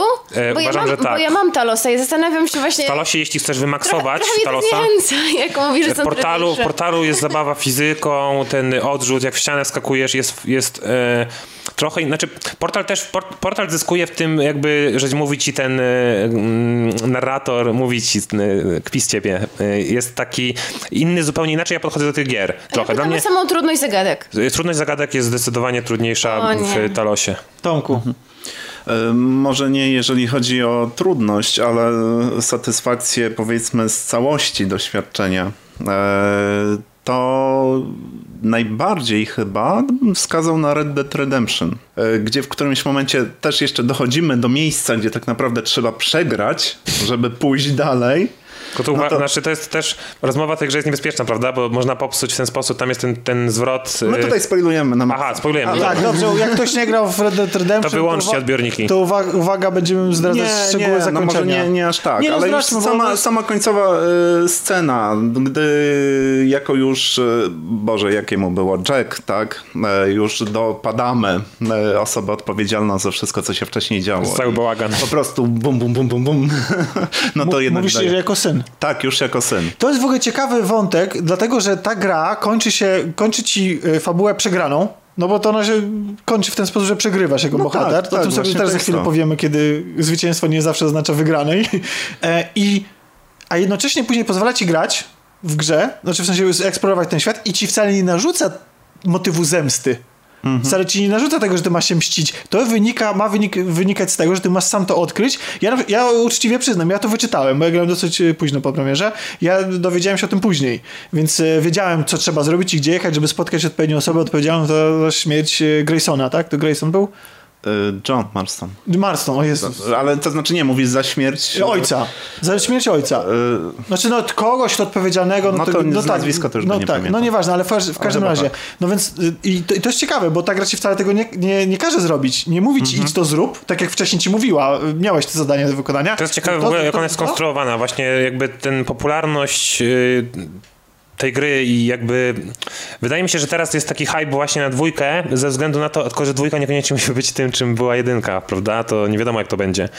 E, no tak, znaczy znaczy podejrzewam, że nie będzie kontynuowała tych wątków, no bo dwójka... One są domknięte, no tam nie ma co... Tak, zwłaszcza właśnie przez ten wątek zemsty. I ten wątek zemsty ma wynikać z tego, sam sobie graczu narzuć tą zemstę. Nie gra ma ci powiedzieć, że ma się zemścić, tylko sam sobie wybierz, czy chcesz się w ogóle zemścić. Poczuj to. I to jest, i, i to, i to jeszcze takie właśnie nie, nie narzucające ci się sposób.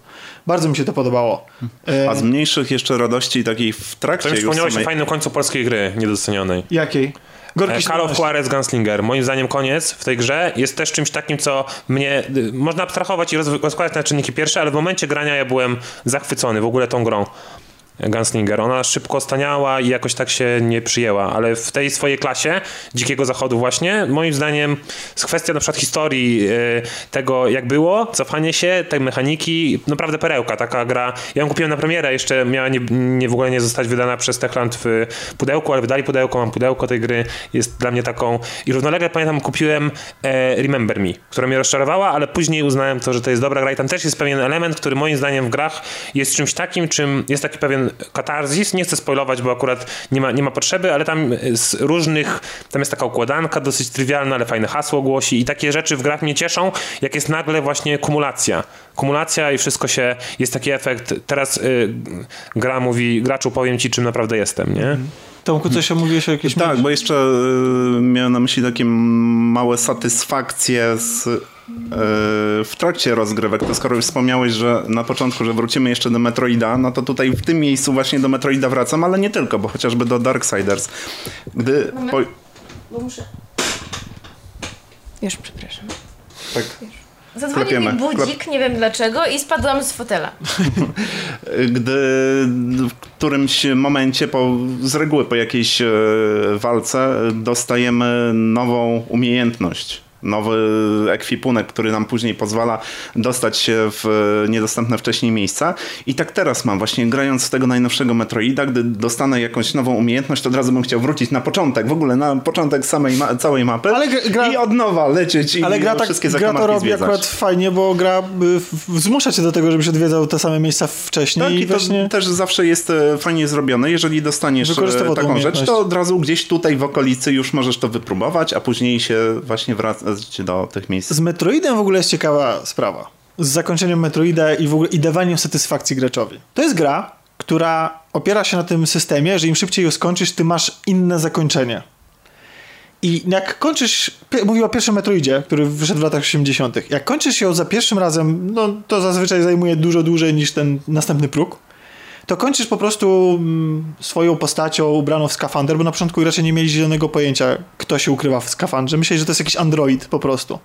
I okej, i tam galaktyka jest uratowana i, i koniec gry. Jak skończysz ją szybciej, to się okazuje, że twoja postać zdejmuje hełm. I teraz nastąpiła pewna dziwna rzecz, e, miała miejsce. Zresztą będzie miała akurat w przypadku tej gry jeszcze tego zakończenia kilka razy. Okazało się, że pod hełmem znajduje się kobieca postać. Coś, co miało być nagrodą dla ciebie za szybsze przejście, jest tak naprawdę odkryciem tożsamości twojego bohatera, co w latach 80. dzieciakom wcale się nie musiało podobać.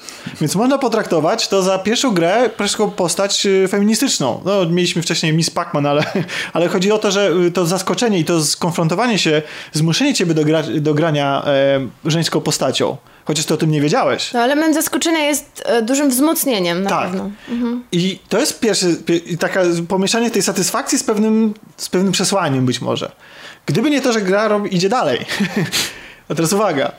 Mianowicie, to jest ciekawe, jak przyjdziesz jeszcze szybciej tą grę, to jeszcze bardziej możesz rozebrać naszą postać Właśnie z chciałam zapytać, czy się rozbiera ta kobieta. Tak, nawet nie rozbiera się, nie rozbiera się do naga, ponieważ jest to gra Nintendo, ale możesz ją zobaczyć w stroju, no w bikini, znaczy w sensie w bieliźnie powiedzmy, w sensie bez tego skafandra. I teraz zobaczcie, nagle mm, feministyczny przekaz tej gry został zamieniony z powrotem w... E, Tak, o 180 Szowinistyczny. stopni się o odwraca. 180 stopni i w taką pewną satysfakcję, że rozebrałeś tą kobietę, r- kobietę niczym w strip pokerze, prawda? Niczym po prostu w jakimś w jakiejś grze na tym polegającej, więc e, jest to zastanawiające zakończenie i takie bardzo ciekawe do analizy, jeśli chodzi o dawanie satysfakcji. Ja na przykład zauważyłem u siebie, a Kasiu, jeszcze ty może powiesz, co? No właśnie, mm, jak próbuję sobie przypomnieć, to mm, nie wyróżniłabym żadnej gry, która dała mi satysfakcję ze zwycięstwa, z zakończenia walki z bossem. E, ale gry, których zakończenia najlepiej pamiętam, to są te gry, które najsilniej zadziałały na moje emocje w sensie fabularnym. E, I to są gry, w które właśnie nie było takich właśnie typowych mechanik growych, jak na przykład mm, pierwszy sezon The Walking Dead. E, Na samym końcu, w ostatnim odcinku, musimy dokonać takiego wyboru, który po prostu zlasował mi mózg i, i to była pierwsza gra, którą tak przeżyłam. Naprawdę bardzo mocno. Czyli ona, ona, ona, wiesz co, prawdę mówiąc, to jest pokonanie ostatniego bossa, bo ta gra uczy... Demona. Znaczy nie demona, ona, cię uczy, ona cię uczy relacji, ona polega na tym, że buduje przez całą grę, przez pięć odcinków relacje z dziewczynką. I na samym końcu musisz podjąć, to ta gra opiera się na wyborach, nie na wyzwaniu, że tam są jakieś, ale tu mówmy się, to było zbędne. Symboliczne. Tak, i, ale więc wyzwanie w tej grze polega na tym, na właśnie na tych konwersacjach i podejmowaniu dywo- wyborów emocjonalnych. I to jest wyzwanie na samym końcu, jaki wybór podjąć. No jest, oczywiście. Emocjonalny hazard. To jest ta porażka, kiedy dokonasz wyboru, który nie będzie taki, jak chciałabyś, żeby był. A najgorsze jest to, że w tej grze nie wiesz, jaki wybór wybrać. Bo Tak, tam jest- Gra, tak, gra ci, gra ci pozwala W zdecydować. pewnym sensie, żeby pomóc swojemu zgodnie z twoim bohaterowi. sumieniem, filozofią życiową, ale nie wiesz, jaki, jaki wybór będzie dobry, nie? No więc właśnie, A i żeby tak pomóc też tej- mówił, żeby grać w jego gry jeden raz, tak? Ale żeby pomóc, w e, żeby pomóc swojej postaci, musimy zmusić małą dziewczynkę do zrobienia czegoś, czego małe dziecko nigdy nie powinno robić. E, I to było dla mnie tak straszne, że bardzo przeżywałam tę grę. E, I to... Myślę, że dlatego tak bardzo ją przeżyłam, bo to była pierwsza, która właśnie we mnie coś takiego wzbudziła. I nie Potem spodziewałaś się inne. tego, bo tak, jakbyś się spodziewała, tak. to jest też często, tak jak o tym Metroidzie mówimy, jak ktoś by się spodziewał, no to co to za frajda, że mam szybko przejść, ale ktoś przez przypadek przeszedł szybko, bo chciał po prostu przejść szybko i miał dodatkowo coś takiego, nie wiedząc, że to będzie, no to wtedy to jest efekt wow, to jest, mam Czyli wrażenie, dodatko, dodatkowa satysfakcja z tego. z tego, że masz wrażenie, że jesteś pionierem, że odkrywasz Amerykę. Mnie satysfakcjonują też bardziej nagrody fabularne niż to, że tam zdobędę coś, jakąś broń, exp i tak dalej. I dla mnie to się bardziej liczy. I dlatego mam pewien problem z, z grami, ponieważ gry, zwłaszcza te, które nie przywiązują specjalnej uwagi do fabuły, kończą się tak jak filmy, bo filmy mają tu e, moment kulminacji i Że zakończenia. napisy są końcowe? tak. Nie, chodzi, chodzi mi o to, że w filmach po momencie kulminacji następuje bardzo krótki finał i koniec, bo nie potrzebujemy więcej, ponieważ jesteśmy świadkami Jest taki czegoś epilog, fajnego. pożegnanie się tak, z widzem. ale taki króciutki. Zazwyczaj, chyba że to jest Władca Pierścieni. E, natomiast w przypadku gier mi to strasznie przeszkadzało, bo dla mnie nagrodą była ten ostatni filmik. Wiecie, to, to, to, to wyjaśnienie, co On się powinien stało. być dobry. Tak, on powinien być dobry i powinien być długi, znaczy taki satysfakcjonujący, a zazwyczaj w grach y, kiedyś po prostu był króciutki. Po prostu to, to jest zwykle dużo krótszy niż y, na przykład intro, czy... Tak jak w kontrze, ten helikopter odlatuje, światło ratowany, Dokładnie nara. i bardzo często coś takiego jest, nawet w grach bardzo mocno stawiających na fabułę. Nie ma czegoś takiego, że ja po prostu po, o, o, po, o ostatnim wykonaniu interaktywnej czynności mogę odłożyć pada i nacieszyć się konkluzją. Znaczy, oczywiście są gry, które to robią, natomiast jest masa gier, które mnie pod tym względem nie satysfakcjonują. Zapominają o tym, żeby się z tobą dobrze pożegnać. Tak. Nie thanks for playing, tylko coś więcej. Co ciekawe, są gry, które się kończą bardzo szybko, gwałtownie i wcale nie kontynuują, nie kontynuują swojej historii, albo kontynuują, ale ona mnie już nie obchodzi i jestem w pełni usatysfakcjonowany. I to dotyczy gier, które jednocześnie prowadzą fabułę dwutorowo na skalę globalną, gdzie mamy ratować świat, załóżmy, i na skalę bardzo osobistą, gdzie dla mnie interesujące są te relacje między ludźmi. I są dwie gry, które się kończą, które y, mają to swoją, te tło takie, wiecie, światowe, wszechświatowe wręcz nawet, bo jeden z nich to jest StarCraft 2. Gra, która się kończy w, i nie mówię, o, y, mówię tutaj o dodatku Heart of the Swarm. On się kończy w ten sposób. Uwaga, spoiler do, do tego dodatku. Mm, Co prawda zagrożenie największe dopiero przyjdzie, ale dla mnie najbardziej interesujący wątek w, całej, w całym StarCraft 2 to jest wątek e, romansowy pomiędzy mm, głównym bohaterem e, i Kerrigan. I ich relacja, ich wzajemny nieudany powrót do siebie, ich taki ostatni uśmiech Kerrigan, kiedy oni się żegnają, kiedy wiedzą, że i tak nic z tego nie będzie, kiedy ona musiała się poświęcić po to, żeby no, wypełnić swoje przeznaczenie, kiedy się żegnają, był dla mnie absolutnym zakończeniem StarCrafta 2. W ogóle mnie nie interesuje, co jest dalej. W ogóle nie chcę, nie, nie, ja nawet próbowałem wrócić do, do ostatniego dodatku, żeby się tam dokończyć tą historię, ale mam bez tego wątku, nie jest to mi w ogóle do niczego ta, ta gra potrzebna dla mnie to niedopowiedzenie, to urwanie tego wątku, to zakończenie tego wątku, to jest dla mnie smutna historia ich e, relacji i dla mnie o tym jest StarCraft 2. I dlatego uwielbiam The Last of Us. Uwaga, będzie spoiler do zakończenia The Last of Us. I znowu to zakończenie skupia się na osobistej relacji między bohaterami. Najważniejsze jest to, czy ktoś kogoś oszukał, czy, czy kto kogoś, kto, jakie będą konsekwencje tego, um, tego kłamstwa. To mnie strasznie ujmuje w grach. Ja się wtedy czuję usatysfakcjonowany, usatysfakcjonowany, usatysfakcjonowany i kompletnie nie potrzebuję tego zakończenia fabularnego całości, takiej wiecie, wielkiej nadbudówki. Więc to jest takie, gdzie Mafia 2 się tak kończy. Mafia, kończy, Mafia 2 się kończy świetnie.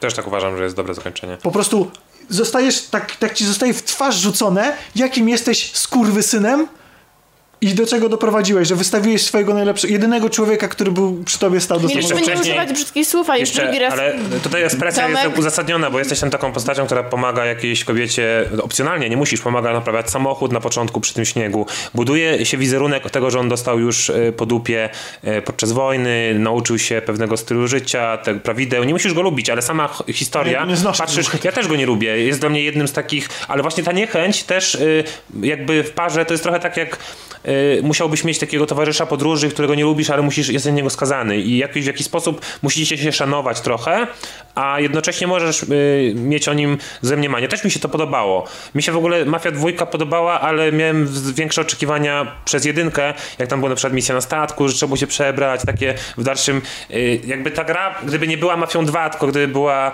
czym innym, to bym uważał ją za dużo lepszą po Mafii pierwszej. Tak, tak. E, no dobrze, ale to mamy tę sytuację, kiedy coś, coś doprowadzamy do konkluzji, znaczy do, e, do jakiegoś tam finału, który nas satysfakcjonuje, a co sytuacji, w której wygrana jest tak naprawdę przegraną, kiedy, albo kiedy inaczej przegrana jest wygraną, czyli kiedy musimy przegrać, albo kiedy przegrywamy i w ten sposób kończymy grę. Jak się na coś takiego zapatrujecie? Nie wiem, czy to można e, pociągnąć pod przegraną, ale w RPGach e, pojawia się taki motyw, że czasami e, jedną z opcji na zakończenie gry jest poświęcenie się bohatera na rzecz innych. Mm, można było wybrać takie zakończenie między innymi w Dragon Age'u, jedynce. Mm, I to się pojawia dość często właśnie w RPGach. E, szczerze mówiąc, nigdy nie wybrałam tej opcji. Naprawdę. W pierwszym Dragon Age'u niech się ten zły poświęci. Porażka generalnie trochę tak jest e, właśnie w grze, o której powiedziałem, The Talos, Talos Principle, no bo tam generalnie jest bardzo wątek biblijny poruszony, wieża, na którą masz nie wchodzić i tak dalej, wąż, Milton, te klimaty. Jak ktoś, jak ktoś chce przeżyć właśnie taki moment, bo ta gra ma różne zakończenia, jest wcześniejsze zakończenie i generalnie tam jest porażka bardzo taka, na zasadzie czasami można splunąć w twarz do Boga, po to, żeby ta porażka pokazała człowieczeństwo. I w jakiś sposób gry nie, niekiedy to pokazują.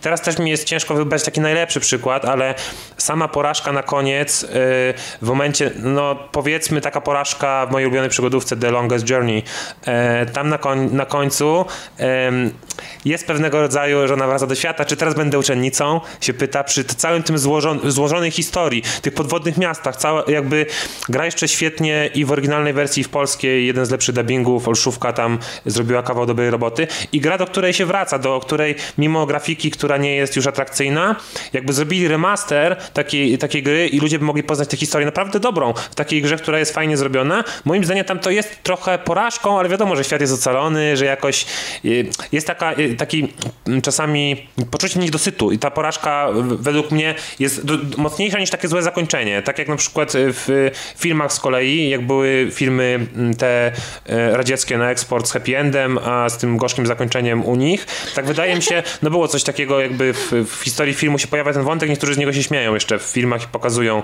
alternatywne zakończenia, chociażby w efekcie motyla, te trzy dodatkowe zakończenia mm. w pierwszym to też daje jakiś obraz tego, co, czym ten film mógłby być. Jest, jest, jest, jest zakończenie do Terminatora 2, które absolutnie niszczy ten film. E, pozytywne, dobre zakończenie, autentycznie. Znaczy, ja nie widziałem chyba. To nie jest tak, że ten film się, bo tak naprawdę Terminator 2 się kończy bardzo pozytywnie, bo całe, cała sprawa zostaje zażegnany.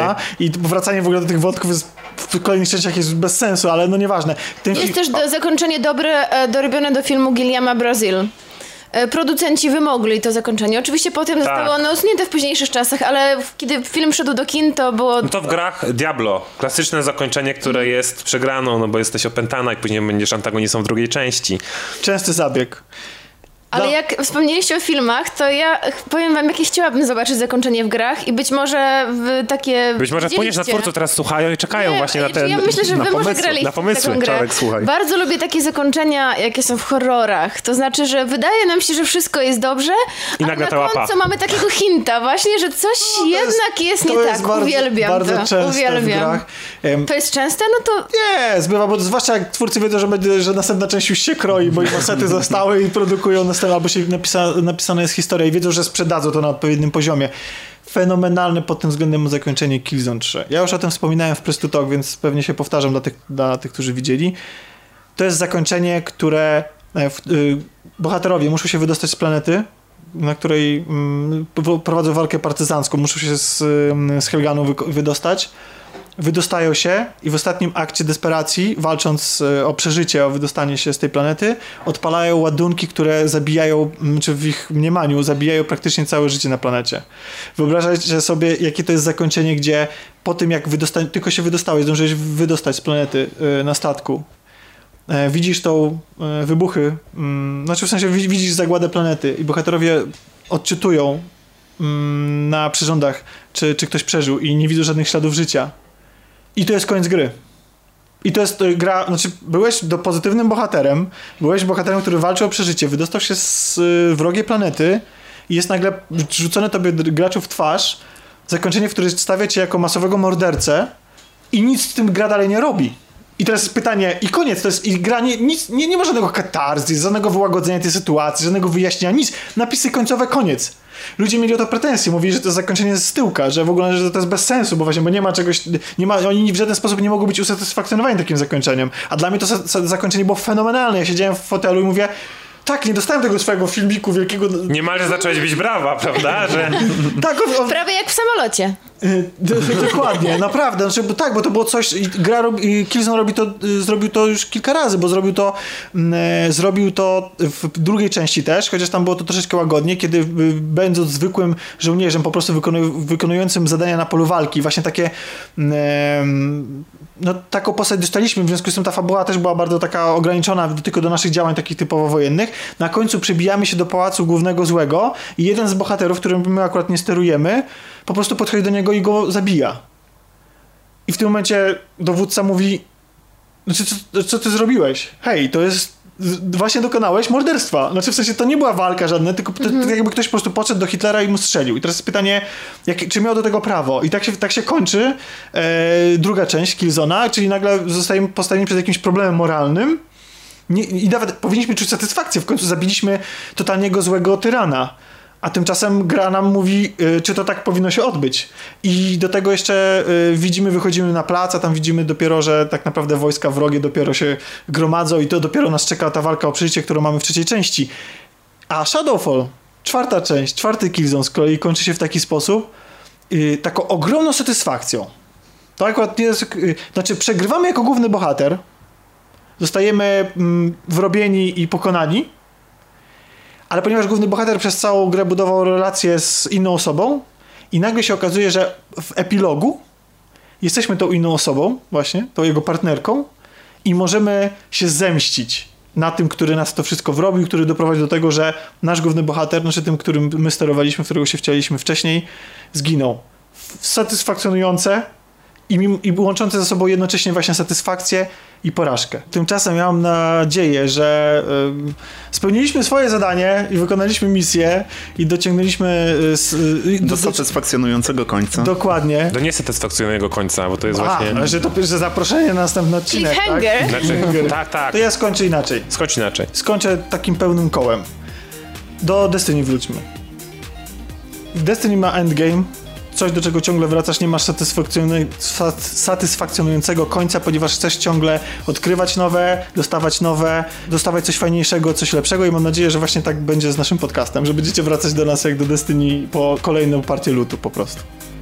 I exp. Tak. Dziękujemy za e, wysłuchanie tego odcinka. Zapraszamy na naszą stronę wszystkogra.tv. Zapraszamy też na nasz kanał e, Wszystko Gra em, TV na YouTubie, gdzie znajdziecie e, materiały wideo, e, które korespondują bardzo z tym, o którym, e, o, z tymi rzeczami, o których mówiliśmy i mówimy i będziemy mówić na naszym podcaście. Dajcie to przejdę. M, e, Zapraszamy na, mm, na bloga Kamila. Który, którego adres możecie znaleźć w opisie tego odcinka. Niedogłonna notka Nier Automata. A powiedzmy jeszcze ten adres. Grotatnik.pl A my zapraszamy na następny odcinek. Yy, mówili dla Państwa Kasia, Papa. Tomek, Cześć. Kamil Na razie. i ja Tomek. Cześć, do usłyszenia za tydzień. Yy, Fu, nie za tydzień, w następnym odcinku. A bo tak przyzwyczajony tak, kolaudacyjnie. kolaudacja. A i zapraszamy oczywiście na kolaudację. Yy, jutro. Zapraszamy wszędzie. Tak, zapraszamy wszędzie.